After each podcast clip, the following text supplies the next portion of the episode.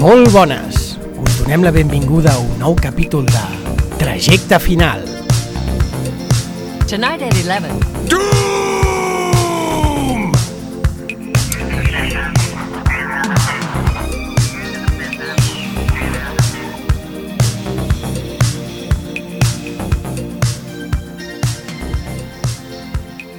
Molt bones, avui és dissabte 21 de març de 2020, setè dia de confinament, soc Guillem Pongilupi i m'acompanyen a través de les ondes en Xavier Rubio Hola, què tal? i en Guillem Bruguera. Hola. Temps de pandèmia, temps de podcast, Hem tornat, I a... avui- hem tornat al micro, no? Al podcast Hem tornat a través al- de, de l'internet. correcte, hem, trobat, hem tornat a través de l'internet i, um, i res, doncs avui ens disposem a fer un especial de- d'aquest, Xavi. Mm, doncs del tema de l'any, suposo, que és la, el tema de les pandèmies en general, l'epidèmia. Eh, com que és un tema, diguem-ne, força actual i força delicat, si voleu, eh, doncs res, el que farem és intentar fer un capítol on expliquem una mica eh, la història de les, de les pandèmies, què és una pandèmia, i una mica també a nivell de ficció, que és el que, que, és el que ens ha portat no? a la fantasia de la ciència-ficció a, aquest tema, aquestes malalties infeccioses. Eh, després d'això sí que li donarem molta importància a un, a un punt de debat, és a dir, que farem diversos debats o comentarem diverses coses importants al voltant, del, òbviament, del coronavirus i el Covid-19 i intentarem sempre donar-li un punt així eh, reflexiu no? que ens caracteritza eh, sobre quines són les conseqüències a nivell de societat de la pandèmia, d'aquesta pandèmia i també en relació una mica, si voleu, a distopies, perquè, hòstia, no sé vosaltres, però a mi ara mateix em dóna la sensació que estic vivint una distopia de les que he llegit moltes, no? A Sí. nivell de ciència-ficció, aleshores mm, intentarem explorar una mica el tema en relació a aquestes, a aquestes idees. Vale, fantàstic. Doncs, sense més dilació, començarem amb el primer apartat, que ens el, que començarà el Bruguera, El nostre biòleg de capçalera el nostre biòleg. Així que, res, eh, comencem. Bueno, jo l'únic que faré és, uh, a més, com que... Bueno, l'únic que volia fer, de fet, era parlar una mica d'això, de posar el context amb, amb quatre dades de què és, què és eh, això, què és una bactèria, què és... O, al, alguna de les paraules que sortiran quan parlem d'aquest tema, pues, uh, posar-les en context. Llavors, per no fer-ho molt llarg, perquè evidentment sóc jo i, i A veure, saps I que ho faràs llarg, vull dir que no té per més. fer-ho per fer molt sintètic, no, perquè més vull dir, com que la gent, en, tots estem en la mateixa situació i hem tingut tot el temps del món, suposo, uh, per mirar la tele o per informar-nos, aquestes paraules ja les haurem sentit, molta gent tindrà um, idees o, o més o menys precises del, del que són, així que fer, per fer-ho molt ràpid, bàsicament. Però, Bruguera, una cosa és de pensar que per primer cop a la història la gent té tot el temps del món per escoltar-nos. O sigui, Portarà- I nosaltres per parlar. O sigui Tots que... tindrem un temps en trobar la, el, el punt, la dinàmica, allò en què podem aprofitar el temps i no es converteix en un bucle de eh, dia i nit, però, però em refereixo que són paraules que segur que tothom ha sentit, més o menys en els, en els, últims, en els últims dies. Llavors, per entrar així en context, bàsicament, um, parlarem de malalties, llavors, uh, uh, la primera categoria, diguem, que fem servir per classificar les malalties, aquests desordres de les funcions o de les estructures normals del cos, um, és que ja es poden classificar de moltes maneres, però a grans trets diem que hi ha dues, dues, dos tipus o dos uh, grups de malalties. El que diem malalties infeccioses i les malalties que no són infeccioses. I com diu la paraula, eh, l'única diferència entre unes i altres és que les infeccioses es poden transmetre entre eh, persones que les pateixen, entre un infectat, diguem, o entre una persona que l'està patint i una persona que no la tingui, doncs la persona que l'està patint li pot passar la malaltia a la, a la persona que no la té i aquestes malalties infeccioses són infeccioses i es poden transmetre perquè la causa d'aquestes malalties, a diferència de les no infeccioses, la causa de les malalties infeccioses sempre és el que diem un microorganisme patogen. Això vol dir un, algun tipus d'organisme, eh, organisme, ja veureu per què això és el clau i el més eh, complicat d'entendre, però és algun tipus d'organisme normalment viu eh, que interactua amb, el, amb un altre organisme i li provoca algun tipus de, de, de desordre. Vale? Aquí O es podria algun- fer una cita, és per més referències sobre el concepte normalment viu, veure el capítol de vida, no? Clar, Sí. no, ja, el, el tema, i ho menciono només aquí perquè més fa, té molta relació amb el que ens està passant ara, és que bàsicament de microorganismes patògens n'hi ha molts, molts tipus, però a grans, grans trets, eh, els més importants, diguem, en quant a provocar malalties en éssers humans, malalties infeccioses, són les bactèries i els virus. N'hi pot haver d'altres, hi, hi ha nematodes, hi ha protozoos, hi ha, mm, hi ha diferents tipus d'organismes que poden provocar aquests tipus de, de situacions, però els més importants i els més rellevants, els que provoquen les malalties infeccioses que tenen més impacte en les societats humanes, són en, en, en quant a número i en quant a freqüència, els més importants són les bactèries i els virus. Llavors, um, a veure, per, per no mencionar-ho més, perquè ja hem parlat en altres podcasts, però el, el, la diferència entre bactèries i virus, a grans trets, és una de les qüestions que fa molt diferent la, les estratègies um, per, um, gestionar, bueno, en alguns casos les estratègies per gestionar um, virus o bactèries, és que les bactèries són uh, formes de vida, um, tal com les definim, encara que aquesta paraula sigui molt tramposa, són procariotes, són bactèries, són éssers unicel·lulars, molt, molt eh, evolutivament eh, per, eh, pertanyen a un llinatge molt antic, diguem, més antic que el nostre, eh, porten molt de temps aquí i bàsicament doncs, això són eh, organismes, que, eh, formes de vida que es reprodueixen, es nutreixen, es relacionen, etc. I, i bueno, que l'evolució ha, ha, ha fet d'alguna manera que alguns tipus de bactèries tinguin aquesta relació eh, amb els nostres organismes que dona lloc a malaltia.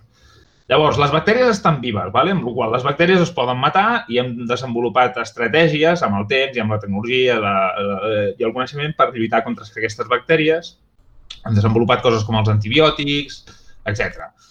Però total, les bactèries es poden matar i quan mates la bactèria que provoca la malaltia, en principi la malaltia, almenys la, la causa principal de la malaltia, desapareix. El problema amb els virus és que els virus, com vam parlar amb el tema del podcast, els virus no es poden considerar, i de fet no els considerem formes de vida són una mena de cosa estranya, un sistema que és allò, la interfície entre les coses vives i les coses no vives. És una, està en aquella zona gris en què eh, eh, durant una part, diguem, de, del que és el cicle, no vull dir de vida, però del cicle d'un virus, un virus es comporta com una cosa viva, però fora de, o quan no està interactuant amb cèl·lules estrictament vives, un virus és una cosa estranya, és una peça d'informació eh, coberta eh, per proteïnes i per alguna cosa més que està a l'ambient i ja està. Llavors, eh, ja parlarem, ja m'encarregaré de mencionar perquè això fa molt més complicat gestionar les malalties provocades per aquests agents que en diem virus, ¿vale? Però, bueno, per grans trets, això, malalties infeccioses es poden transmetre entre persones i els principals causants d'aquestes malalties són bactèries i virus. La que tenim a dia d'avui, eh, corrent pel món, és una malaltia provocada per un tipus de virus molt particular. Que Llavors, una cosa important i que diferencia les malalties infeccioses de, jo que sé, el càncer i coses així, és que, clar, el, basar-se en el contagi, les dinàmiques socials i culturals són molt, molt, molt més importants per explicar la malaltia, cosa que en un càncer, doncs, home, eh, a nivell social no hi ha... És a dir, la manera en què la gent es comporta en grup no té cap impacte, bueno, en té, però no és el mateix que una infecció i, mm. i clar, això és, jo crec que el fet rellevant, no? el fet primordial que la diferència de les restes de malalties. Segur, segur que és un dels importants bueno, només, només per acabar amb el tema i deixar de pagar xapes, eh, altres paraules que poden sortir en el context del podcast d'avui seran paraules com epidèmia o com pandèmia. I per fer-ho molt, molt ràpid, bàsicament, la paraula epidèmia refereix a, a, una epidèmia és una situació en la qual la freqüència i el, el número d'afectats, d'alguna manera, o sigui, la freqüència en el temps i el número d'afectats en quant a, a quantitat de persones per un tipus de malaltia en particular, um, en una zona molt concreta, quan aquesta freqüència o, o, o el número de persones afectades creix molt i es converteix en algo més o menys estable, o sigui que la malaltia d'alguna manera està representada en una part de la població de forma um, estable en el temps durant un, un període llarg, això es considera una, una, una epidèmia, però ha d'estar localitzat en un lloc geogràficament i llavors quan aquesta situació eh, s'extén a més d'un continent, eh, els, bueno, hem decidit que li posem aquesta etiqueta de pandèmia. Pot ser a diversos continents, pot ser tot el món, etc. Um, llavors, això va començar com una epidèmia que es va desenvolupar, a, sembla ser, a, a, a Wuhan, a Xina, i, evidentment, en el món que hem creat, eh, aquesta epidèmia ràpidament, eh, en menys d'un mes, es va convertir en una pandèmia global en la qual ara estem muntats tots. Eh, no sé, si us acudeix alguna cosa més, alguna paraula que heu sentit últimament que haguem de comentar o alguna així, perquè si no jo entraria directament a, a parlar de casos de, de no sé, de, de històrics, diguem. De... Hòstia, et veig molt Mm. contingut, eh, Bruguera? És que vull, vull fer-ho perquè tinc tant... O sigui, m'agradaria parlar de tantes coses que penso que és més important anar al grano i després ja veurem per on, per on Bueno, tirem. jo crec que al comentar els diversos temes, doncs ja anirem, eh, diguem Ampliant la informació. Ampliant la informació. Jo sí que una cosa que, que et volia destacar és el fet, que suposo que ho destacarem més endavant també, per- però que eh, en general les epidèmies són la causa de mort més important que hi ha al planeta. El que passa és que no ens n'adonem perquè en general, per, perquè en general estan en relació, o el seu èxit com a epidèmia està en relació a coses com la pobresa o la falta de recursos, assolen normalment països pobres. Um, I jo crec que la gran diferència amb aquesta és que està afectant o que s'ha disparat precisament en les zones que no són pobres, no? Mm. Um, però clar, el sarampió, la malària o el còlera són les malalties que més gent maten cada any i diguéssim que sudem completament del tema perquè en el nostre context no, no existeixen, no? Clar, hi ha una altra, hi ha una altra joder, la grip comuna, Sí. aquesta sí que mata tot arreu, però suposo que està tan, està tan establerta, no? I, i la, vull dir, ja conviu tant entre nosaltres que és com que no la consideres, però segueix sent una pandèmia que també mata un fotiment de gent cada, cada any. Sí, de fet veurem que les dues últimes grans pandèmies són grips, o sigui que, eh, o, o coses que s'assemblen a la grip, si Mm. més no. Um, bueno, doncs, si voleu, comencem una mica a comentar casos històrics. Sí, Val. som-hi. Um, aviam, el tema és que um, és important destacar que és difícil analitzar l'impacte de les pandèmies anteriors al segle XIX perquè, clar, mm, no tens documents o informació suficient ni per quantificar la mida de la població. Tot són estimacions. Clar, si no pots quantificar la mida de població ni saps quanta gent realment va morir, doncs és difícil eh, conèixer l'impacte.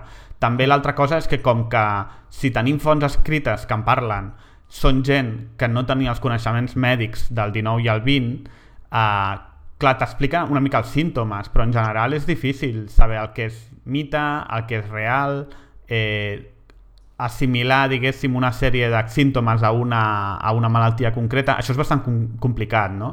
Aleshores, eh, ja veureu que fins al 19 molts cops és una cosa, encara que s'hagi estudiat molt, eh, és a vegades conjectura perquè és difícil saber què és el que va passar. I mm, des d'aquesta perspectiva l'arqueologia l'arqueologia tampoc ens ajuda gaire perquè bona part de les malalties infeccioses, i això sí, sí, sí ja s'ha de matitzar, Bruguera, ja ho faràs, però la, la, la malaltia d'infeccions no deixen empremta en els ossos, eh, que és el que trobes com a arqueòleg, no? Aleshores, clar, si afecten el cos però no deixen empremta en els ossos, eh, no ho trobes, no saps si Clar. aquella persona va morir d'una infecció o d'una altra cosa. I en el cas que ho fan, que a vegades sí que ho fan, tampoc pots estar segur si és que el 100% dels casos tenen aquella mm, patologia en els ossos o si només són una part que van desenvolupar aquest símptoma o els casos més greus i per tant és molt fotut fins i tot saber els orígens d'aquestes malalties a nivell temporal si van sortir al... Sífilis! Què? bueno, no, que estava parlant mentre, evidentment... Bruguera, això de tossir ara mateix no... Ja, ja. Fora de context, però és que les meves habilitats socials estan una mica rovellades. Um, Bueno, no, no passa res, realment, ara mateix No, és irrellevant. Xavi, mentre tu parles, el que faig sempre és anar del rotllo apuntant i això, el que Clar. haig de dir, que no és així, tal, no sé què. No, estava pensant en casos en què, que sí, que, que trobo que tens raó i, i m'imagino de què parles, però d'altra banda estava pensant en, en casos, eh, diguem, paradigmàtics en què s'ha pogut això, eh, determinar això, l'historial mèdic, diguem, d'esquelets que han viscut fa moltíssim temps, saps? De, de, Sí. Que a vegades, que, és veritat el que dius, que entenc el que dius de que és, és difícil amb rigor eh, fer estudis quantitatius i més si te'n vas enrere en el temps segur, però que vull dir que, que a vegades és, és, és, re- és inclús a vegades relativament fàcil el identificar amb un esquelet el dir, ui, mira, aquest va patir sífilis i la va superar. Ah, no, aquest no. Una, El, una el, problema, el, el problema no és identificar malalties, és algun ti, alguns tipus de malalties que Clar, no deixen clar, clar, clar, ossos. i tant, i tant, La sífilis sí, però la grip no. Per tant, mm, si hi va haver una epidèmia de grip fa 5.000 anys, ni Ja. puta idea. Mm. Aquest és el tema. Um, sí que podries trobar més fosses o, o mm, si trobes fosses comunes intentar entendre el per què i pots dir, bueno, igual hi va haver alguna malaltia bèstia, però és complicat. Uh... Bueno, una cosa que, mira, ara que estàs parlant d'això i només com a, com a afegitor, per començar, una de les coses que no he dit al començament però que té a veure també amb el que ha passat ara per, per, per, posar, en, per, bueno, per posar sobre la taula el fet de que el que ens està passant per més uh, um, xocant i, i uh, impact, uh, per més impacte que tingui en la nostra vida, no és res, absolutament res que sigui nou en, en la història humana, perquè bàsicament totes les malalties de les quals parlarem i que hem mencionat fins ara, el sarampió, totes les malalties, eh, diguem, víriques importants i gran part de les que són bacterianes, eh, ens les passem entre organismes i ens les passem entre animals. I, de fet, eh, moltes d'aquestes malalties, l'ésser humà fa 30.000 anys no les patia. No existien, sí. bàsicament. Les formes, eh, les formes de la malaltia que afecten a éssers humans no existien encara. Eh, I van aparèixer, eh, no, han aparegut de les 10 més importants, et diria que 9 almenys. Eh, les, eh, totes aquestes malalties han aparegut en els últims 10.000 anys, que és bàsicament el temps que portem domesticant animals o que portem sí. vivint en poblacions d'animals de forma eh, constant. Vale? Sí, en principi, en principi el, el culpable del concepte de la pandèmia és el neolític, no? és la domesticació de plantes i sobretot d'animals, eh, que que, que clar, és el que fa que com que estàs molt més en contacte amb animals doncs es produeix el que s'anomena zoonosi que és bàsicament que es passen malalties no només dels animals als humans però també dels humans als animals Sí, sí, sí, és, una, és un, un, date, un, un toma i daca constant. El que passa és que aquí, Bruera, um, jo veig una diferència entre dues coses diferents. Una és malalties que afecten al mateix temps a animals i, i humans, no? que és uh mhm. -huh. la malaltia simplement que si la té l'animal i si estàs en contacte amb ell doncs la pots pillar, però l'altra és les mutacions, és a dir, entenc que, que això...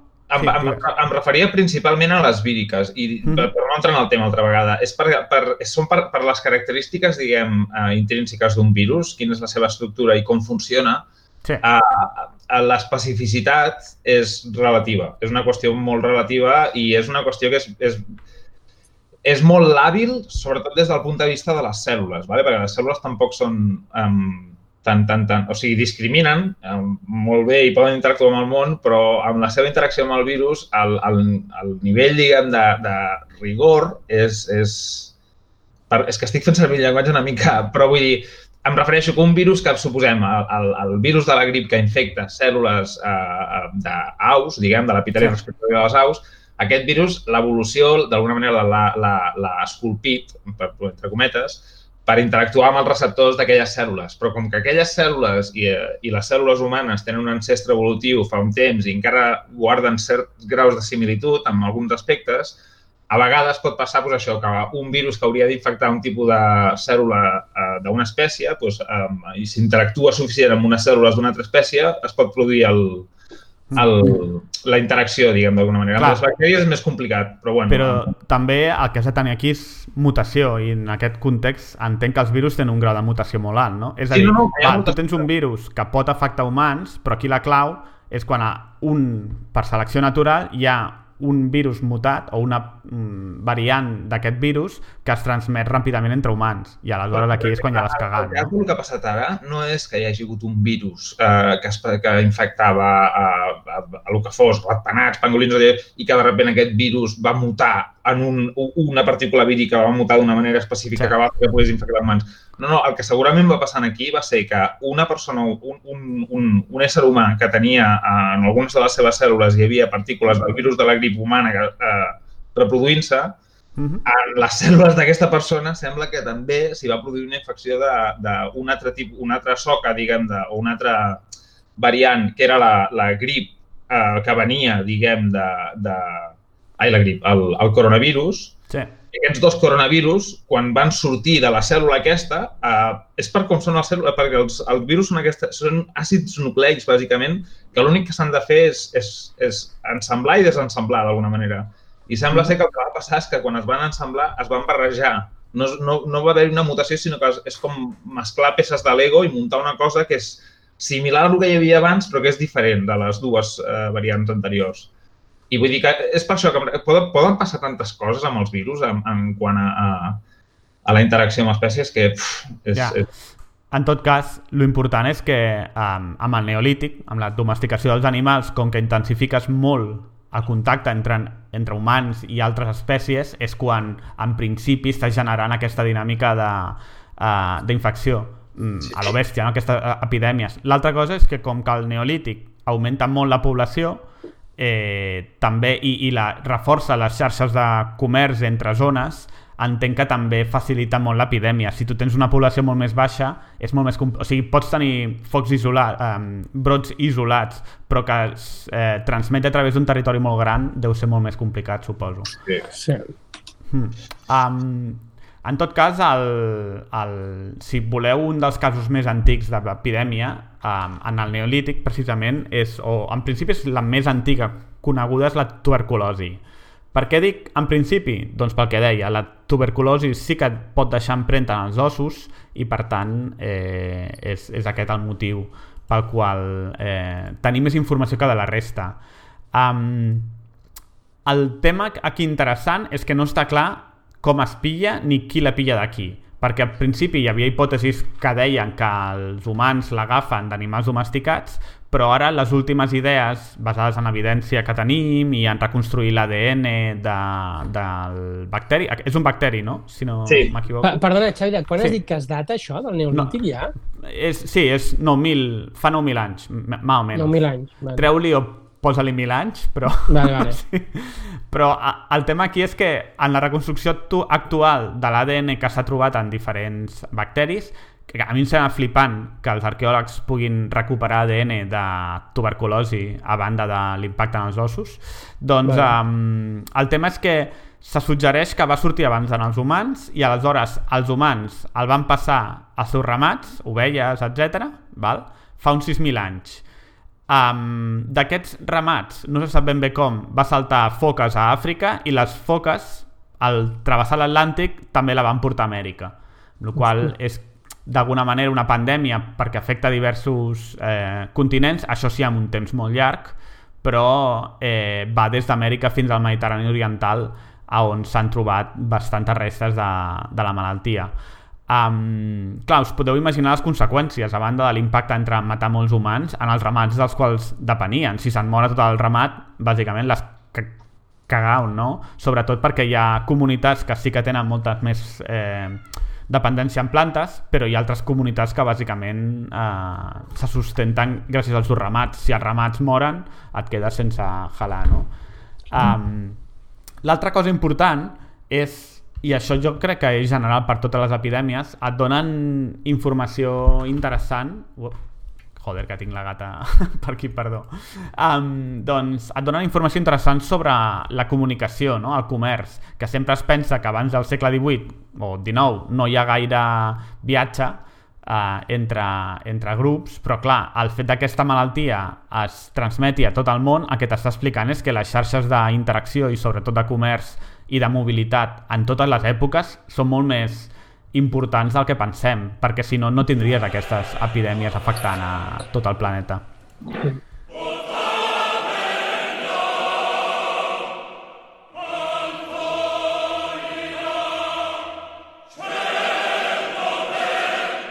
Um, val, doncs si voleu jo passaria ara a la primera plaga diguem-ne documentada històricament a Europa que seria la plaga d'Atenes de la guerra del Peloponès um, que va ser documentada per l'historiador Tucídides. Eh, la guerra del Peloponès és aquesta guerra entre Atenes i Esparta uh, més o menys cap al, al 400, 400 i pico abans de Crist que és, bé, diguéssim que a Grècia hi ha un moment, després de derrotar Pèrsia, la batalla de Salamina, etc etc, um, que té un predomini important al Mediterrani Oriental i això desem, bueno, desemboca una guerra entre Esparta i Atenes pel domini del Mediterrani, de Grècia sobretot.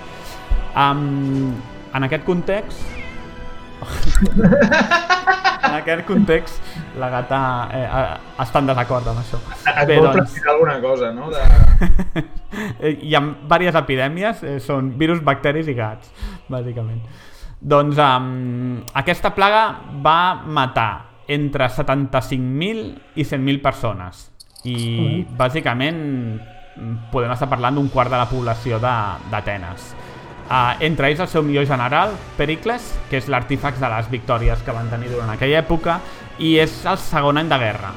És bastant curiós perquè en aquesta guerra Atenes té el domini del mar per la seva flota superpotent que tenia, um, mentre que Esparta té el domini de la terra pels seus mítics soldats de la falange espartana. Doncs el que passava és uh, Atenes bàsicament um, subsisteix, diguem-ne, mig assajada pels espartans gràcies al port del Pireu, i del Pireu, diguéssim, té comunicació amb la resta del seu imperi. Uh, a les seves colònies. A través d'Etiopia i passant per Egipte arriba la plaga a dins de la ciutat d'Atenes i que com que to tothom estava allà eh, confinat, doncs eh, va fer estralls, però als espartans no els va afectar cosa bastant curiosa. És a dir, només va afectar una, una de les bàndol, un dels bàndols de la guerra. Es veu que els espartans al veure el percal van dir, bueno, nosaltres pirem i ja, ja tornarem més tard. Això són les virtuts de la Gauguer, no? Què? Les virtuts de, de la Gauguer, allò que feien d'agafar els bebès i... Sí.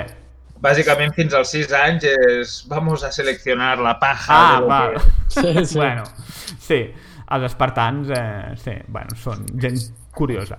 Um, el tema és que la plaga va tornar diversos cops a, a Atenes i l'impacte va ser tan bèstia que segons Tucídides fins al cap de 15 anys Atenes no va ser capaç de diguem-ne sobreposar-se a la plaga i planejar ofensives a la guerra com per exemple la campanya a Sicília que, joder, potser es podrien haver quedat a casa perquè no els hi va anar gaire millor. Um, el que és bastant interessant és el que explica Tucídides sobre la reacció dels atenencs. Una de les coses que diu és que van perdre la fe i fins i tot van perdre el respecte per la llei. Clar, aquí cal matisar-ho. Estem parlant de Tucídides, que és un autor que té una sèrie d'idees al cap i, per tant, quan escriu sobre la guerra vol explicar unes coses en concret i no unes altres. Però eh, és un tema eh, que es repetirà en les altres pandèmies, que és aquesta idea del pànic moral, que és el següent. Quan tu estàs desesperat com a societat perquè veus que tothom està morint i, eh, diguéssim, els déus o el déu en el que creus no fa res, o penses que és un càstig que t'ha enviat, no? Això per una banda. I per l'altra, el govern també és completament impotent perquè, bàsicament, o no està fent res, o no sap què fer, o, bueno, o intenta fer coses però que no serveixen. Doncs això genera una situació on hi ha un canvi cultural molt bèstia, perquè la, els valors que defineixen una societat se'n poden a la merda i poden ser substituïts per uns altres. Aleshores, en aquests contexts, Tucídides el que diu és que la gent va perdre la fe, i que va desembocar en un govern molt més autoritari que va començar a obligar, en lloc de ser aquella democràcia, diguéssim, clàssica tanenca, doncs va ser molt més dictatorial eh, perquè qui no estava d'acord o, o qui rebotava, doncs eh, nyasca. Sí. Eh, cosa que té paral·lels bastant interessants fins i tot avui en dia amb la pandèmia, que òbviament comparada no és res, però eh, amb aquesta i les crítiques als governs i tots els governs parlant de la unitat, no? I, i etc etc. Bueno, suposo que això comentarem més tard. Però eh, l'arqueologia ha, ha confirmat aquesta plaga. Eh, L'any 1994 es va excavar una fossa al costat del Keramikos, que és el cementiri més gran i més antic de la ciutat d'Atenes, i van trobar uns 240 individus de totes les edats i condicions eh, tenien molt, pocs, eh, molt poques ofrenes amb ells, és a dir, que sembla que els van en, en enterrant allà sense no fer ni capes, els, anaves, els anaven tirant, i estaven rodejats per una petita muralla, val?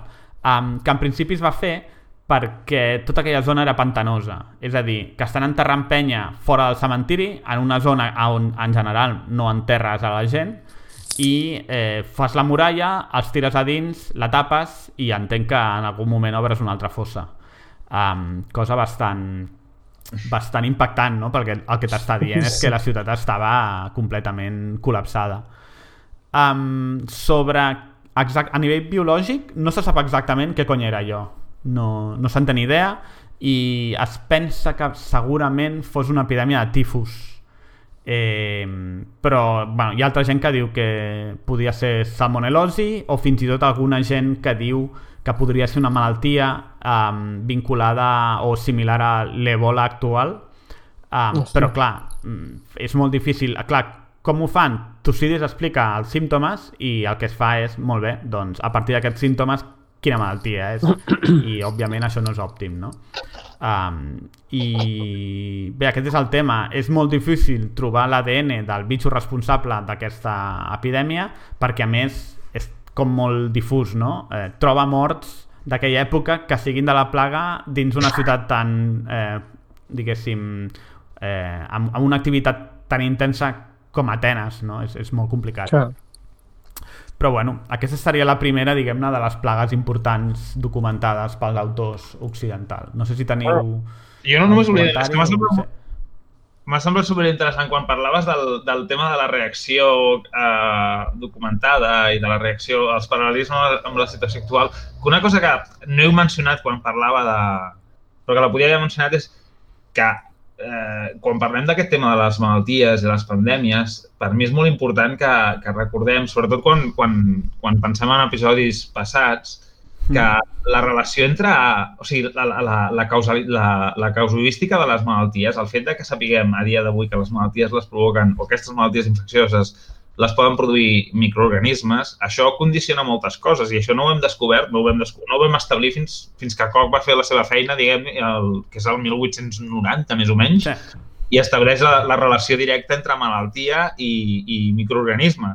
Fins llavors, eh, les malalties és el que havia dit el Xavi, era eh, pren-t'ho com vulguis, però o mala sort o un càstig dels déus o que eh, eres un pringao i vull dir que el...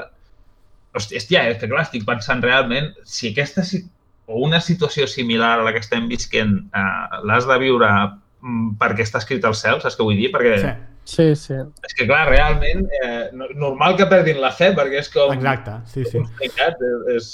També et diré que potser no ho veig tan similar, perquè, el, o sigui, en aquell temps, si creien en algun déu, doncs la, el, què cony fa aquest déu? I avui en dia potser seria la ciència, no? Que és... Eh, la gent ja no creu en res perquè són tots uns descreguts, però um, li No, no, fos és la culpa als científics, no? O Segur, ells han creat... Sí. A- Això segur, però em referia més a, a...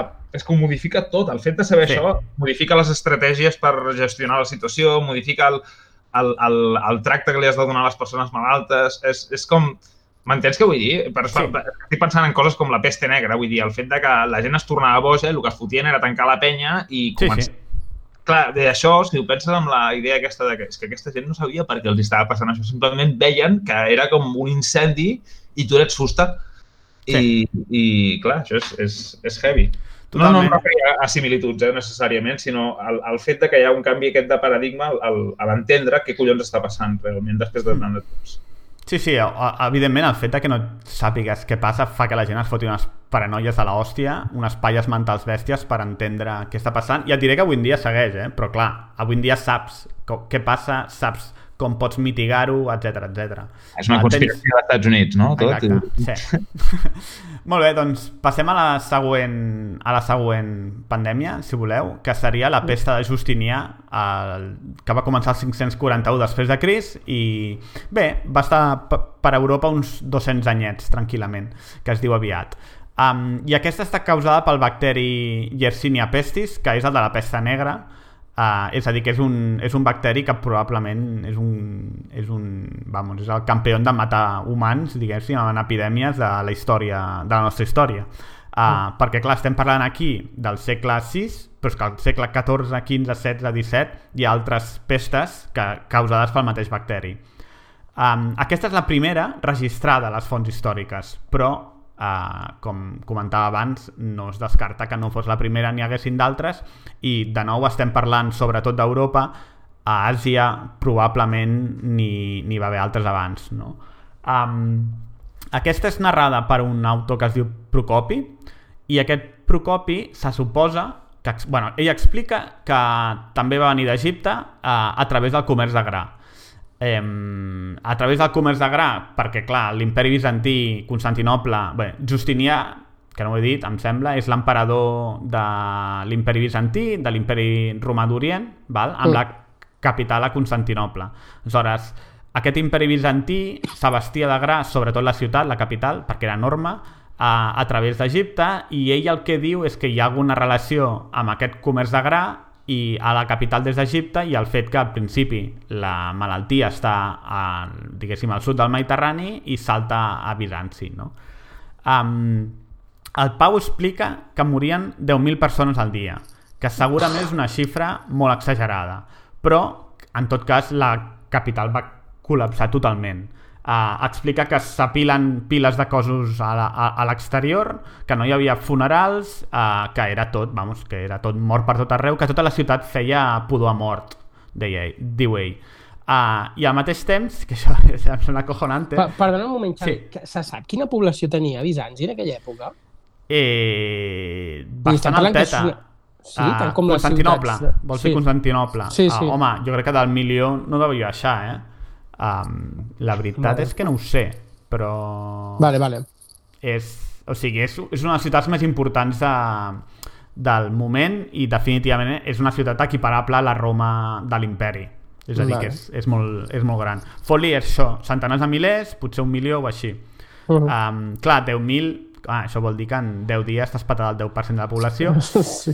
Eh, bé, a veure, les xifres que mm, parlen ara seria 3-5.000, és a dir, que tampoc a tan lluny, eh?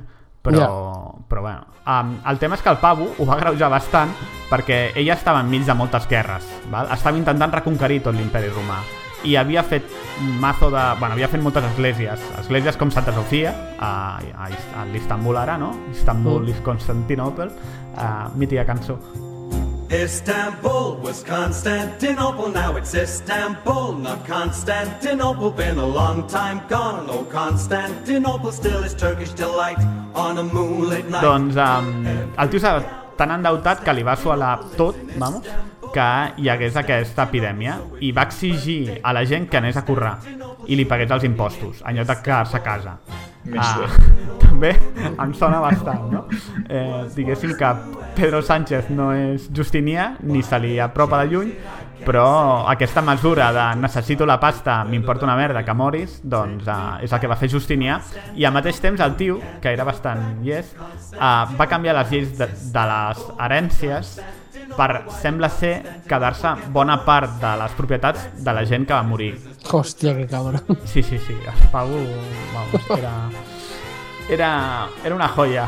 Um, en tot cas, la ruïna causada per la pesta aquesta, uh, per la pesta del Justinià, va fer fracassar els plans de Justinià de reunificar l'imperi romà perquè ell, que havia reconquerit grans parts d'Itàlia i del Mediterrani Occidental, incloent les Balears, doncs, diguéssim que al quedar-se sense diners i amb aquesta crisi interna brutal, doncs va haver de parar aquesta reconquesta. Uh, bona part dels territoris van ser reconquerits durant el, les dècades posteriors o, o segles posteriors pels gots, els ostrogots i posteriorment els àrabs també, per exemple, les, a les Balears. Mm. Um, Sabem, el, sabem les conseqüències físiques d'aquesta peste? de la pesta bubònica a Sí. Bruguera, si, si ens vols El, símptomes, els signes físics.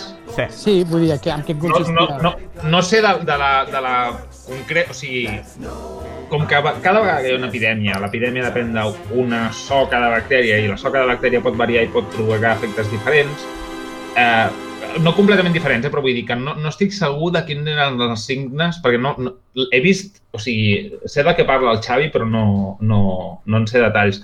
Vale. Si és eh, peste negra eh, i va ser similar a les epidèmies que hi va haver després a, a, a l'edat mitjana, eh, normalment era...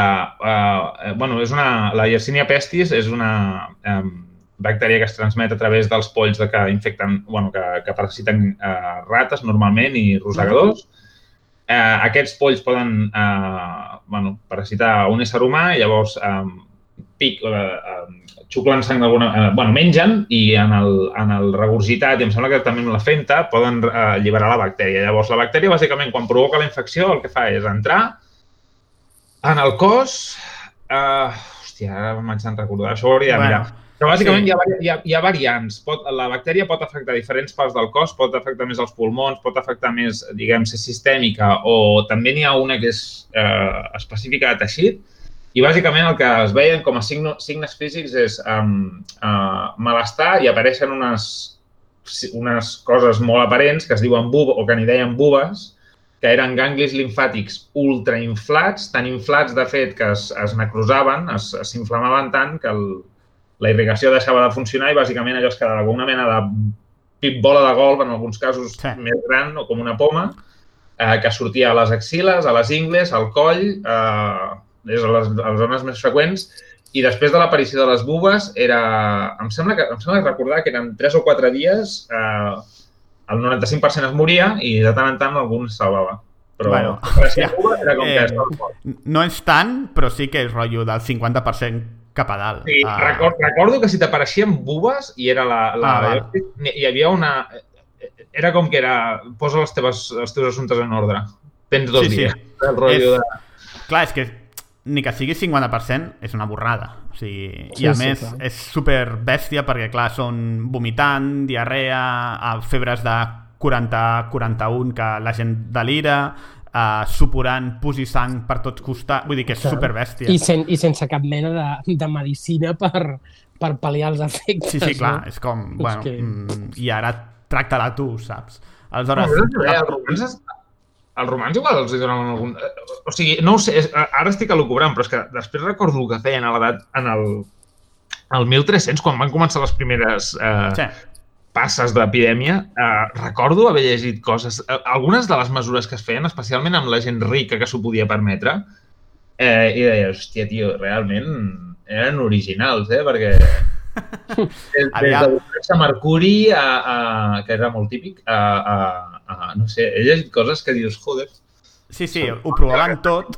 El que sí que és cert és que en general tothom reconeix que el confinament i, la, i evitar el contacte amb, altre, amb altres humans i, i sobretot no estar a ciutats, això ajuda i el que, els rics el que feien era fugien de la ciutat, bàsicament, o es tapiaven a casa durant unes setmanetes. que aquesta és l'altra, que veu molt bé. Um, però ells sabien que el confinament o, o que estar en llocs amb molta gent era el que transmetia, transmetia la malaltia, el que passa és que no sabien, crec, que fos a través de les rates i de les pusses. Però sí que la gent fugia, és a dir, que les ciutats eren els focs de, els focus de, la, de les epidèmies, tant a la pesta negra com a la pesta de Justinià. Um, ho, ho comento igual perquè és bastant similar. Aquestes pestes normalment es mouen d'est a oest, uh, travessen Europa i no només és una, són diferents onades. La, en aquesta Justinià, per exemple, com, com he dit, la bèstia és al 540 i poc, però després n'hi va haver d'altres um, que no van ser tan bèsties, que estaven més localitzades i que um, es van anar estirant durant tota, diguéssim, la baixa alta de mitjana, renaixement, és a dir, que aquí no es fan distincions de períodes històrics fins que, gràcies a la ciència, comences a entendre què cony és, no? Um, Això és el que deies abans, no? De que, això és el que dius, les que es devien registrar devien ser les que per alguna raó és ui, hay muchos muertos, ¿no? Ahora en la... hay, más, hay más del normal. Hay más que normal, ¿no? El rollo Sí. de... Sí, sí. Uh, un apunt de sci-fi, si voleu, uh, relacionat amb Justinià, i és que el, el, totes aquestes conquestes de l'imperi d'Occident uh, les va fer, o bona part d'elles, les va fer el comandant Belisari. No sé si us sona, en, el senyor aquest, que era el cap de les forces bizantines auxilians. Doncs és la inspiració a aquest context de Justinià i Belisari pel Bel Rios de la fundació d'Asimov. Hòstia. Ah, pensava que Um, anaves a dir per la de Missió Impossible del... Quina és la que tenen el virus aquell? És la més dolenta, és la 3? Hòstia. Que es diu Belisario, també, joder. Ah, coño, no, no. Jo parlo més de l'Asimov i de... És, és aquest geni estratega, no?, que quan la- l'imperi galàctic està ja en decadència, de cop surt el que és l'últim gran emperador, que és el Cleo II, i amb, amb, un, amb un comandant brillant, no?, que és el Belrios, que re, uneix de nou l'imperi per últim cop abans del col·lapse final, no? Um, ara faré un spoiler, però el llibre té 50 anys, o sigui que... O, o bueno, més de 50, però al contrari que Belrios, Belisari no va ser executat, però sí que es va jutjar. Uh, el van jutjar per conspiració contra Justinià, que és la, idea, la història de la fundació és la mateixa. Uh, I va haver d'estar una temporada a la presó. I el motiu és aquest, bueno, és molt simple, el Belisari cada cop agafa més poder i encara que ell és completament lleial a l'emperador, pues la cort que hi ha al voltant, al veure que el Belisari cada cop és més important, pues comencen a, a sembrar mal rotllo fins al punt que l'emperador es pensa que el Belisaris el volia, fer un cop d'estat i petar-se'n, no? Que d'altra banda era bastant usual a l'imperi bizantí. Però bueno. Um, doncs això, el tema és... Uh, és difícil, uh, tornant una, al, al tema de l'epidèmia, és, és difícil assessorar l'impacte a nivell de números, però s'estima que la pesta de Justinià es va patar la meitat de la ciutat, tal qual. Uh, I potser un quart de la població total al voltant del Mediterrani. És a dir, que... Sí, sí, Celita. bastant, bastant bèstia. Um, És, és perquè pensa, pensa en la important... O sigui, és un factor que a vegades no se'n...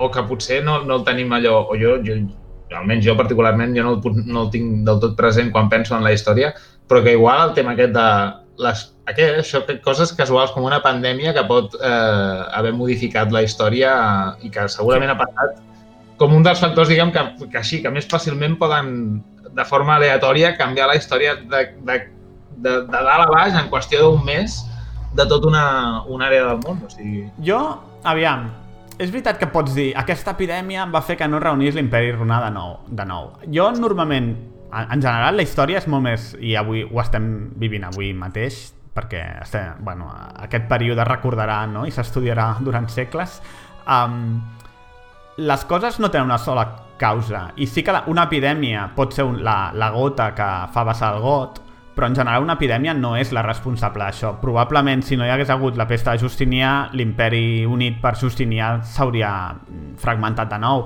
perquè les dinàmiques socials són molt fortes, les dinàmiques, diguéssim, en un moment determinat, i vulguis que no, val, tu pots tenir un, un fet que les canvi bastant, però mm, que el canvi radicalment fins al punt de fer girar, diguéssim, la trajectòria, és molt difícil. Jo en això, tornant a Simov, uh, estic bastant d'acord amb el Harry Seldon, no? el de la psicohistòria, que ell pot predir la, la dinàmica general i excepte alguns casos molt, molt, molt concrets, com el cas del Mulo, no? um, doncs realment el que prediu és el que passarà, perquè no és tan... A, a, aquestes coses, aquests incidents aïllats, sí que poden tenir un impacte brutal, però encara que no existissin, les, diguéssim, les dinàmiques haguessin continuat pel mateix cantó.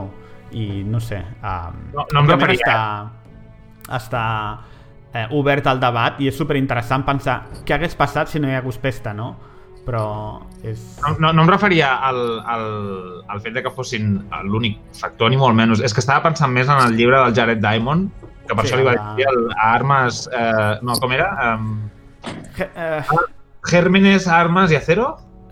acero, gérmenes... Sí, sí. A, a, no? no sí, les, les tres paraules aquestes barrejades en un altre ordre, però que Exacte. parla molt d'això, de com que evidentment tot és multifactorial i en la història tot s'ha de tenir en compte, però que les malalties i la transmissió de malalties infeccioses entre poblacions humanes és una de les coses, és un dels factors que, no es, que, que ha, ha sigut molt rellevant al llarg de la història Sí. sí. que, que és un mes, però, però que, Sí. sí. és que a vegades tendim a oblidar perquè no volem pensar-hi, potser. I, i a, a, sí, estic d'acord en el sentit de que no és que el vulguem oblidar, és que l'oblidem activament, perquè com no és una cosa humana, si vols, és a dir, no és un humà que ha fet una cosa, com que no ens agrada, no? Ens agrada que els humans tinguin el control de la seva història, del seu destí, i per tant que un bitxo molt petit, uh, o un bitxo que no està ni viu, uh, condicioni la, la societat humana i la seva història no ens fa puta gràcia. Aleshores és més fàcil parlar dels conquistadores com a genis que van agafar les, uh, que van colonitzar Amèrica en lloc de parlar de que les epidèmies van matar el 70% de la gent que vivia, no? Um, això és una, però clar, després hi ha l'altra, és que em fa gràcia perquè relacionat amb això hi ha molta gent, no? Jo he escoltat penya dient que aquest virus segur que l'havia fet un laboratori i bla bla bla.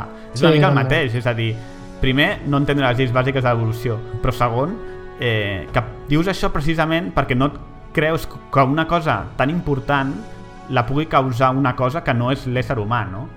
I, um, no sé, em sembla super veure, no, no, interessant. Això, això en podem parlar després, que és, no, no la crea l'ésser humà, però les condicions per les quals aquesta situació és, és possible, sí que les crea l'ésser Sí, humà. No? sí, clar. és, és, és complicat.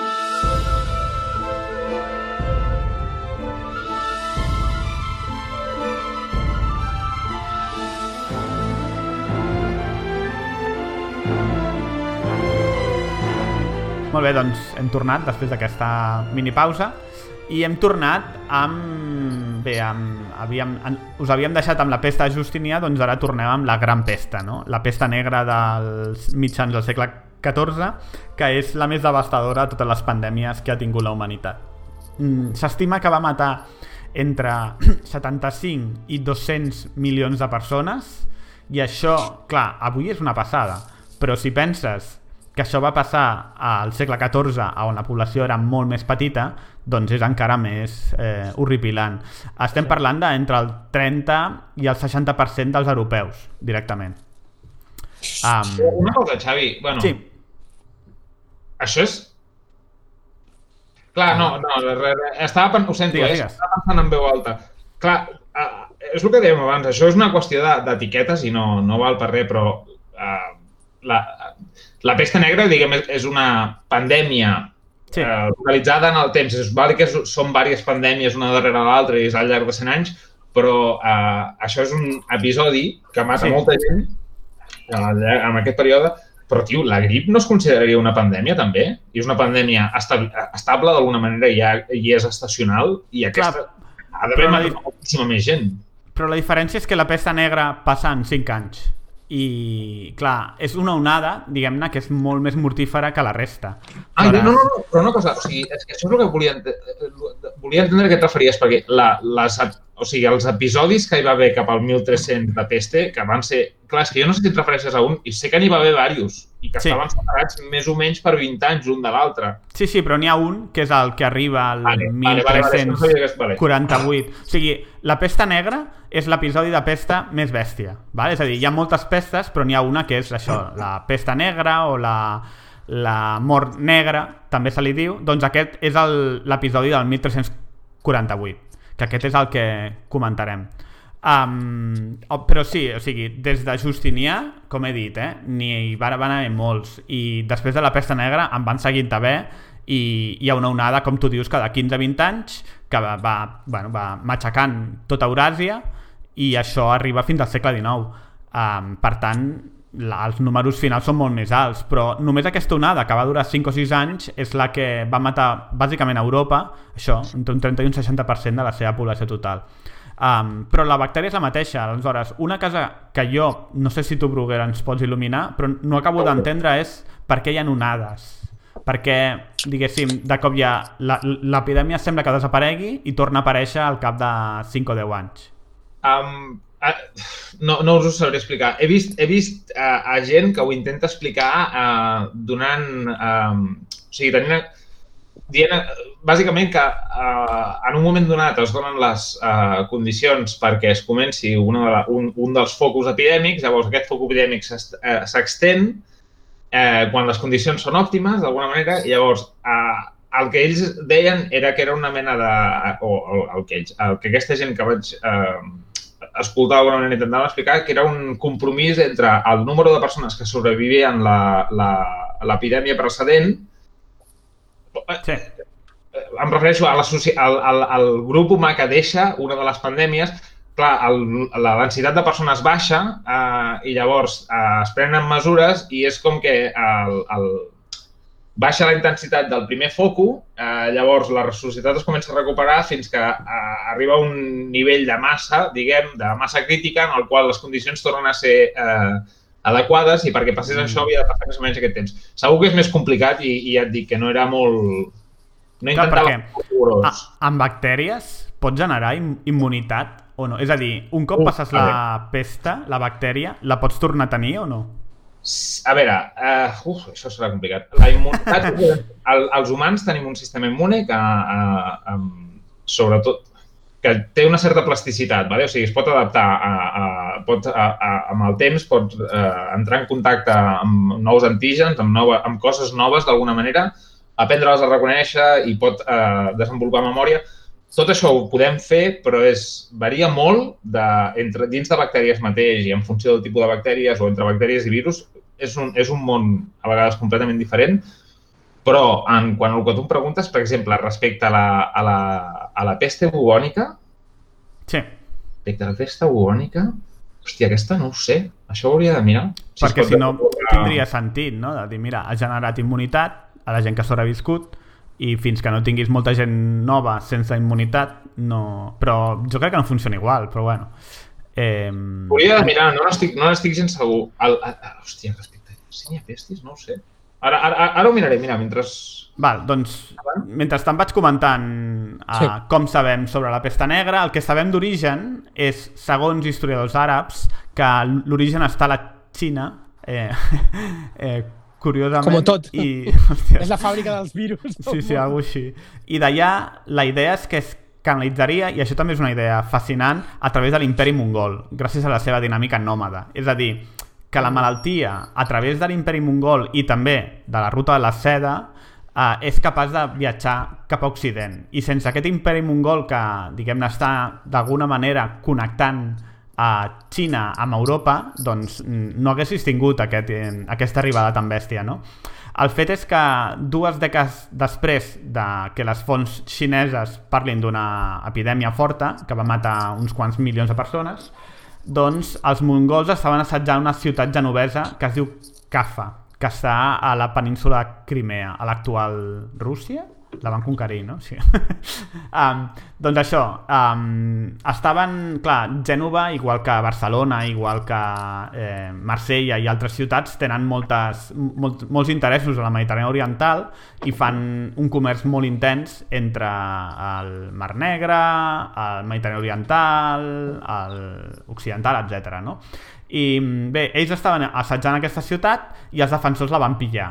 Uh, hi ha històries que expliquen que van llançar cossos de gent morta no? als mongols cap a dins. bueno, uh, això és Sí. bastant típic, o sigui, és la típica cosa que surt en moltes, en moltes historietes i per tant, bueno, vés a saber si és veritat o no. El fet és que la van pillar i al tornar a Itàlia a l'hivern la van portar amb ells um, i la van portar al 1348. Um, en aquest any la pesta negra comença el seu tour europeu que duraria fins al 1353. Per tant, estem parlant que aquests milions i milions de morts van passar en un període de només 5 anys.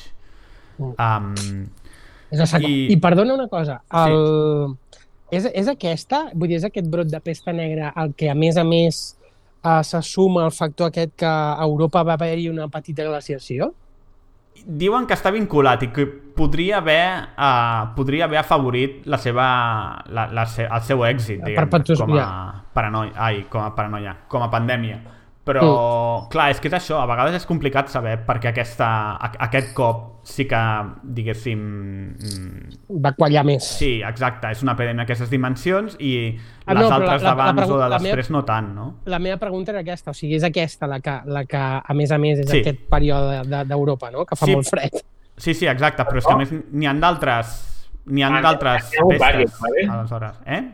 No, que, que hi ha hagut diverses... O sigui... Sí, n'hi ha hagut vàries, sí, sí. Diversos a, a, a petites edats de gel, almenys dues importants, sempre amb merder. I, o sigui, sempre he coincidit que l'hem liat, perquè em sembla que l'altra és la que desenvolupa, eh, la que desemboca en la Guerra dels 30 anys. Ja, però que- saps allò de causació no implica correlació? Ai, El mateix de correlació no que causació. No és un únic factor, però vull dir que és allò de que és una, una, la, la, una moneda més en la balança, saps? Que decanta la cosa cap a, cap a un... Sí, que ajuda. Exacte, sí, Mm. pot ser que ajudi, exacte, sí. No, Um, com, el, com el virus de la grip que diuen que, clar, que a l'estiu més o menys dorm i és el, el, no? quan fa fred que es propaga més. No, no, no, no, no, no dorm. O sigui, simplement... El, el, Sí. recorda que no està viu, que el, el, el, les condicions No durant l'estiu fa que el, el, la quantitat de virus eh, inactiva sigui molt més gran. Hi ha menys humitat a l'aire per transmetre'l, etc. Vale. Sí. Doncs, uh, tornant a la pesta negra, això, que va ser, va assolar de, diguéssim, de, de, a partir d'Itàlia tota Europa de forma bestial i la paranoia que es va generar us podeu imaginar que va ser superbèstia perquè de cop tothom estava morint uh, al voltant dels supervivents. Uh, la majoria de gent que la pillava moria, no la, no la superava, molts reis van morir, és a dir, que no respectava tampoc, tot i que entenc que les classes més altes uh, tindrien un ràtio de supervivència una mica més alt, simplement mm. perquè estaven més aïllats, però eh, aquesta paranoia va fer, bueno, va passar el típic, com que no se sabia de què venia, doncs a banda de Déu i bla, bla, bla, doncs el que fas és li fots la culpa a les minories i als pringats. Per tant, Sí. això també va generar eh, purgues de la- leprosos, purgues de jueus i, o sorpresa, eh, purgues d'estrangers. Uh, és a dir, que a banda de tota la gent que va morir per l'epidèmia mateixa, doncs també tens milers i milers de persones que van morir doncs, perquè la resta tenien por i, mm. i van dir que ells tenien la culpa, no? Es va decidir així.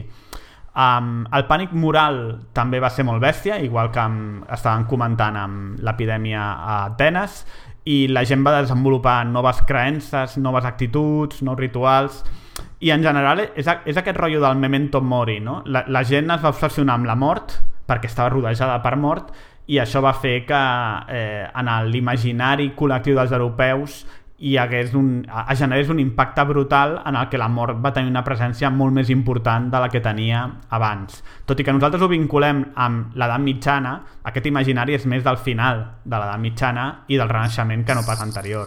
I a- Xavi. aquí estem... Sí, digues. Perdona, no, no et volia interrompre, però sempre em pensava que... Tu sabràs això, el, el tema de... És un bulo, allò de que diem Jesús quan la gent es, es estarnuda arrel d'això. Hòstia, ni idea. Hola, hòstia, Però doncs ja podria coses- ser, eh? Això sempre ho he sentit, de que el- la costum de, de mencionar a Déu eh, ve d'un dels episodis de pest, bueno, de- de- d'aquest segle, bàsicament, de que quan la gent eh, tossia o estossegava o feia alguna cosa així, era com, me cago en la puta que ja aquest ja se'n va. I que llavors mencionava Déu com d'alguna manera de dir no te m'acostis i tant de bo Déu estigui amb tu, saps? De... Ja. Hòstia, que bo. L'etimologia de les paraules sempre és apassionant. No, no, no. Sí, sí, no, és que em, em, em, és una cosa que sempre, sempre m'ha sem- m'ha semblat massa, massa, massa perfecta, saps? Com a explicació, com perquè A sigui veure, veritat. Però... Jo crec que és la típica cosa que és impossible saber l'origen, no? No sé. Sí, però que podria perfectament ser així. Podria perfectament ser, però clar, altres coses més evidents com el, en, aquest, en el nostre país la dansa de la mort de Verges ve de la Mm. pesta D'aquí. Negra. Um, i, i en altres coses similars um, però o sigui, hi ha altres rituals similars a tota Europa relacionats amb la mort generats per aquesta epidèmia tan bèstia no? Mm. Um, el que sí que jo crec que és important destacar és que nosaltres que associem sempre la pesta negra amb l'edat mitjana no és així, és a dir, que el renaixement a nivell mèdic no és gaire diferent de l'edat mitjana. Uh, S'inventen paranoies diferents, però l'efecte pràctic és nul, com el d'abans, i Clar. fins al segle XIX n'hi ha d'altres de pesta. Simplement va passar que la pesta negra al segle XIV va ser molt més agressiva però vaja, que no, que no és allò de ve el renaixement i s'acaben les epidèmies no, ni de conya no? Uh, Ah. Mira, Xavi, he estat mirant el que m'estaves preguntant abans molt, molt ràpid. Sí. No és que fos més agressiva, uh, és que el, el... hi ha tres soques principals de Yersinia um, que provoquen uh, Sí. malaltia. La Yersinia pestis és la que està associada sempre amb la, amb la plaga. Mhm. Eh, aquesta no és que canvi, sinó que el, el, totes les soques de Yersinia tenen, un cop han entrat en el teu cos, tenen un mogollon de mecanismes. L'evolució les ha, les, ha- les ha de- d'alguna manera eh, eh, eh, modificat perquè tinguin mogollon de mecanismes diferents per eh, combatre i per anul·lar eh, les, respostes, les respostes immunitàries del cos i per, en cas de no poder-les anul·lar, per persistir en l'organisme, eh, quedant-se dins les cèl·lules, etc. I bàsicament, el que em deies de la immunitat, Sí. eh, es pot desenvolupar un cert grau d'immunitat adquirida, o sigui, de, de cèl·lules de, respo de resposta contra Yersinia pestis, però com que la, la bactèria aquesta lluita de moltes maneres contra el, el sistema immune, encara que tu tinguis cèl·lules de memòria contra eh, la soca prèvia, eh, això no et garanteix eh, eh, immunitat al 100% ni molt menys. Llavors, una persona que hagi sobreviscut a un episodi de pest, en principi, eh, hauria de tenir més resistència que altres persones que no hagin passat per lo mateix, però no, això no l'hauria de fer um, necessàriament resistent a la, a la següent. Vale. És a Que, dir que... Val. potser per això és més fotut, perquè hi ha altres malalties contra les quals sí que desenvolupem uh, uh, immunitat pràcticament, mm. bueno, no, no és mai és completa, però molt efectiva. Mhm. Contra aquesta no. Val, bueno, de fet, doncs... doncs... és a la Índia ara, encara. Sí, sí, sí, és a dir, la pesta no s'ha erradicat ni molt menys. El que passa és que ara la mortalitat em sembla que està al voltant del 10%, en lloc del 50%, i entenc que gràcies a que entenem com, com funciona i a mesures d'higiene molt més avançades, eh, diguéssim, la seva propagació és molt més limitada. El fet de que tenim controlats els rosegadors, etc. Sí. Sí. Altres imatges icòniques d'aquesta pesta uh, són, bueno, ja sabeu, el típic metge de la pesta, sabeu els paus Sí. aquells amb les màscares, Amb el bec. un pic d'au, uh, Sí. un bec d'au. Doncs eh, a, a, a aquest tipus de persona és, eh, se li diu metge de la pesta, que no era un metge oficial, sinó era que algú que treballava doncs això tractant els malalts de, de pesta i els seus cossos quan morien. Se suposa que el bec aquest Uh, bueno, se suposa no, el bec aquest uh, està fet així perquè a dins li posaven aromes diversos. Mm. Plantes i coses que, segons ells, els protegien de l'aire podrit, que era Del- el causant de la pesta negra. Dels Ah. miasmes, no? Sí, exacte. La, aquests miasmes, el, el que ells pensaven és que les emanacions d'aigües impures i del terra brut el que feien era que si tu es respiraves et posaves malalt. I aquesta era la causa de la malaltia. Per què? Per, perquè no sabien que era un microbi. Per tant, mm, No, però s'anaven acostant, eh? Havien passat dels déus a algú que Exacte. portava l'aire. És com ja... Sí. sí. És allò de que és cert i, i hi ha alguna... O sigui, les mesures que pots prendre poden ser efect, una mica més efectives, però clar, no, no l'acabes de, de pillar, és no? que és Però... cert com per ser una mica efectiu. És la situació aquella tan perillosa, no? De Sí. agafar algú sense... Sí. Sí, sí. I um, si parlem del nostre territori, a Catalunya va entrar Marsella, per Marsella el 1348, va passar per Pinya i d'allà va travessar cap al sud dels Pirineus. I es calcula que va matar l'entorn d'un terç de la població. I clar, això, com hem dit, són estimacions. El que passa és que aquí sí que tenim més informació perquè tenim coses com els fogatges, que són eh, comptar quanta gent hi ha a cada poble, una espècie de cens una mica primitiu. Um, I se suposa que passar al Principat de 400.000 a 275.000 habitants en 5 anys. Per fer un paral·lel, val?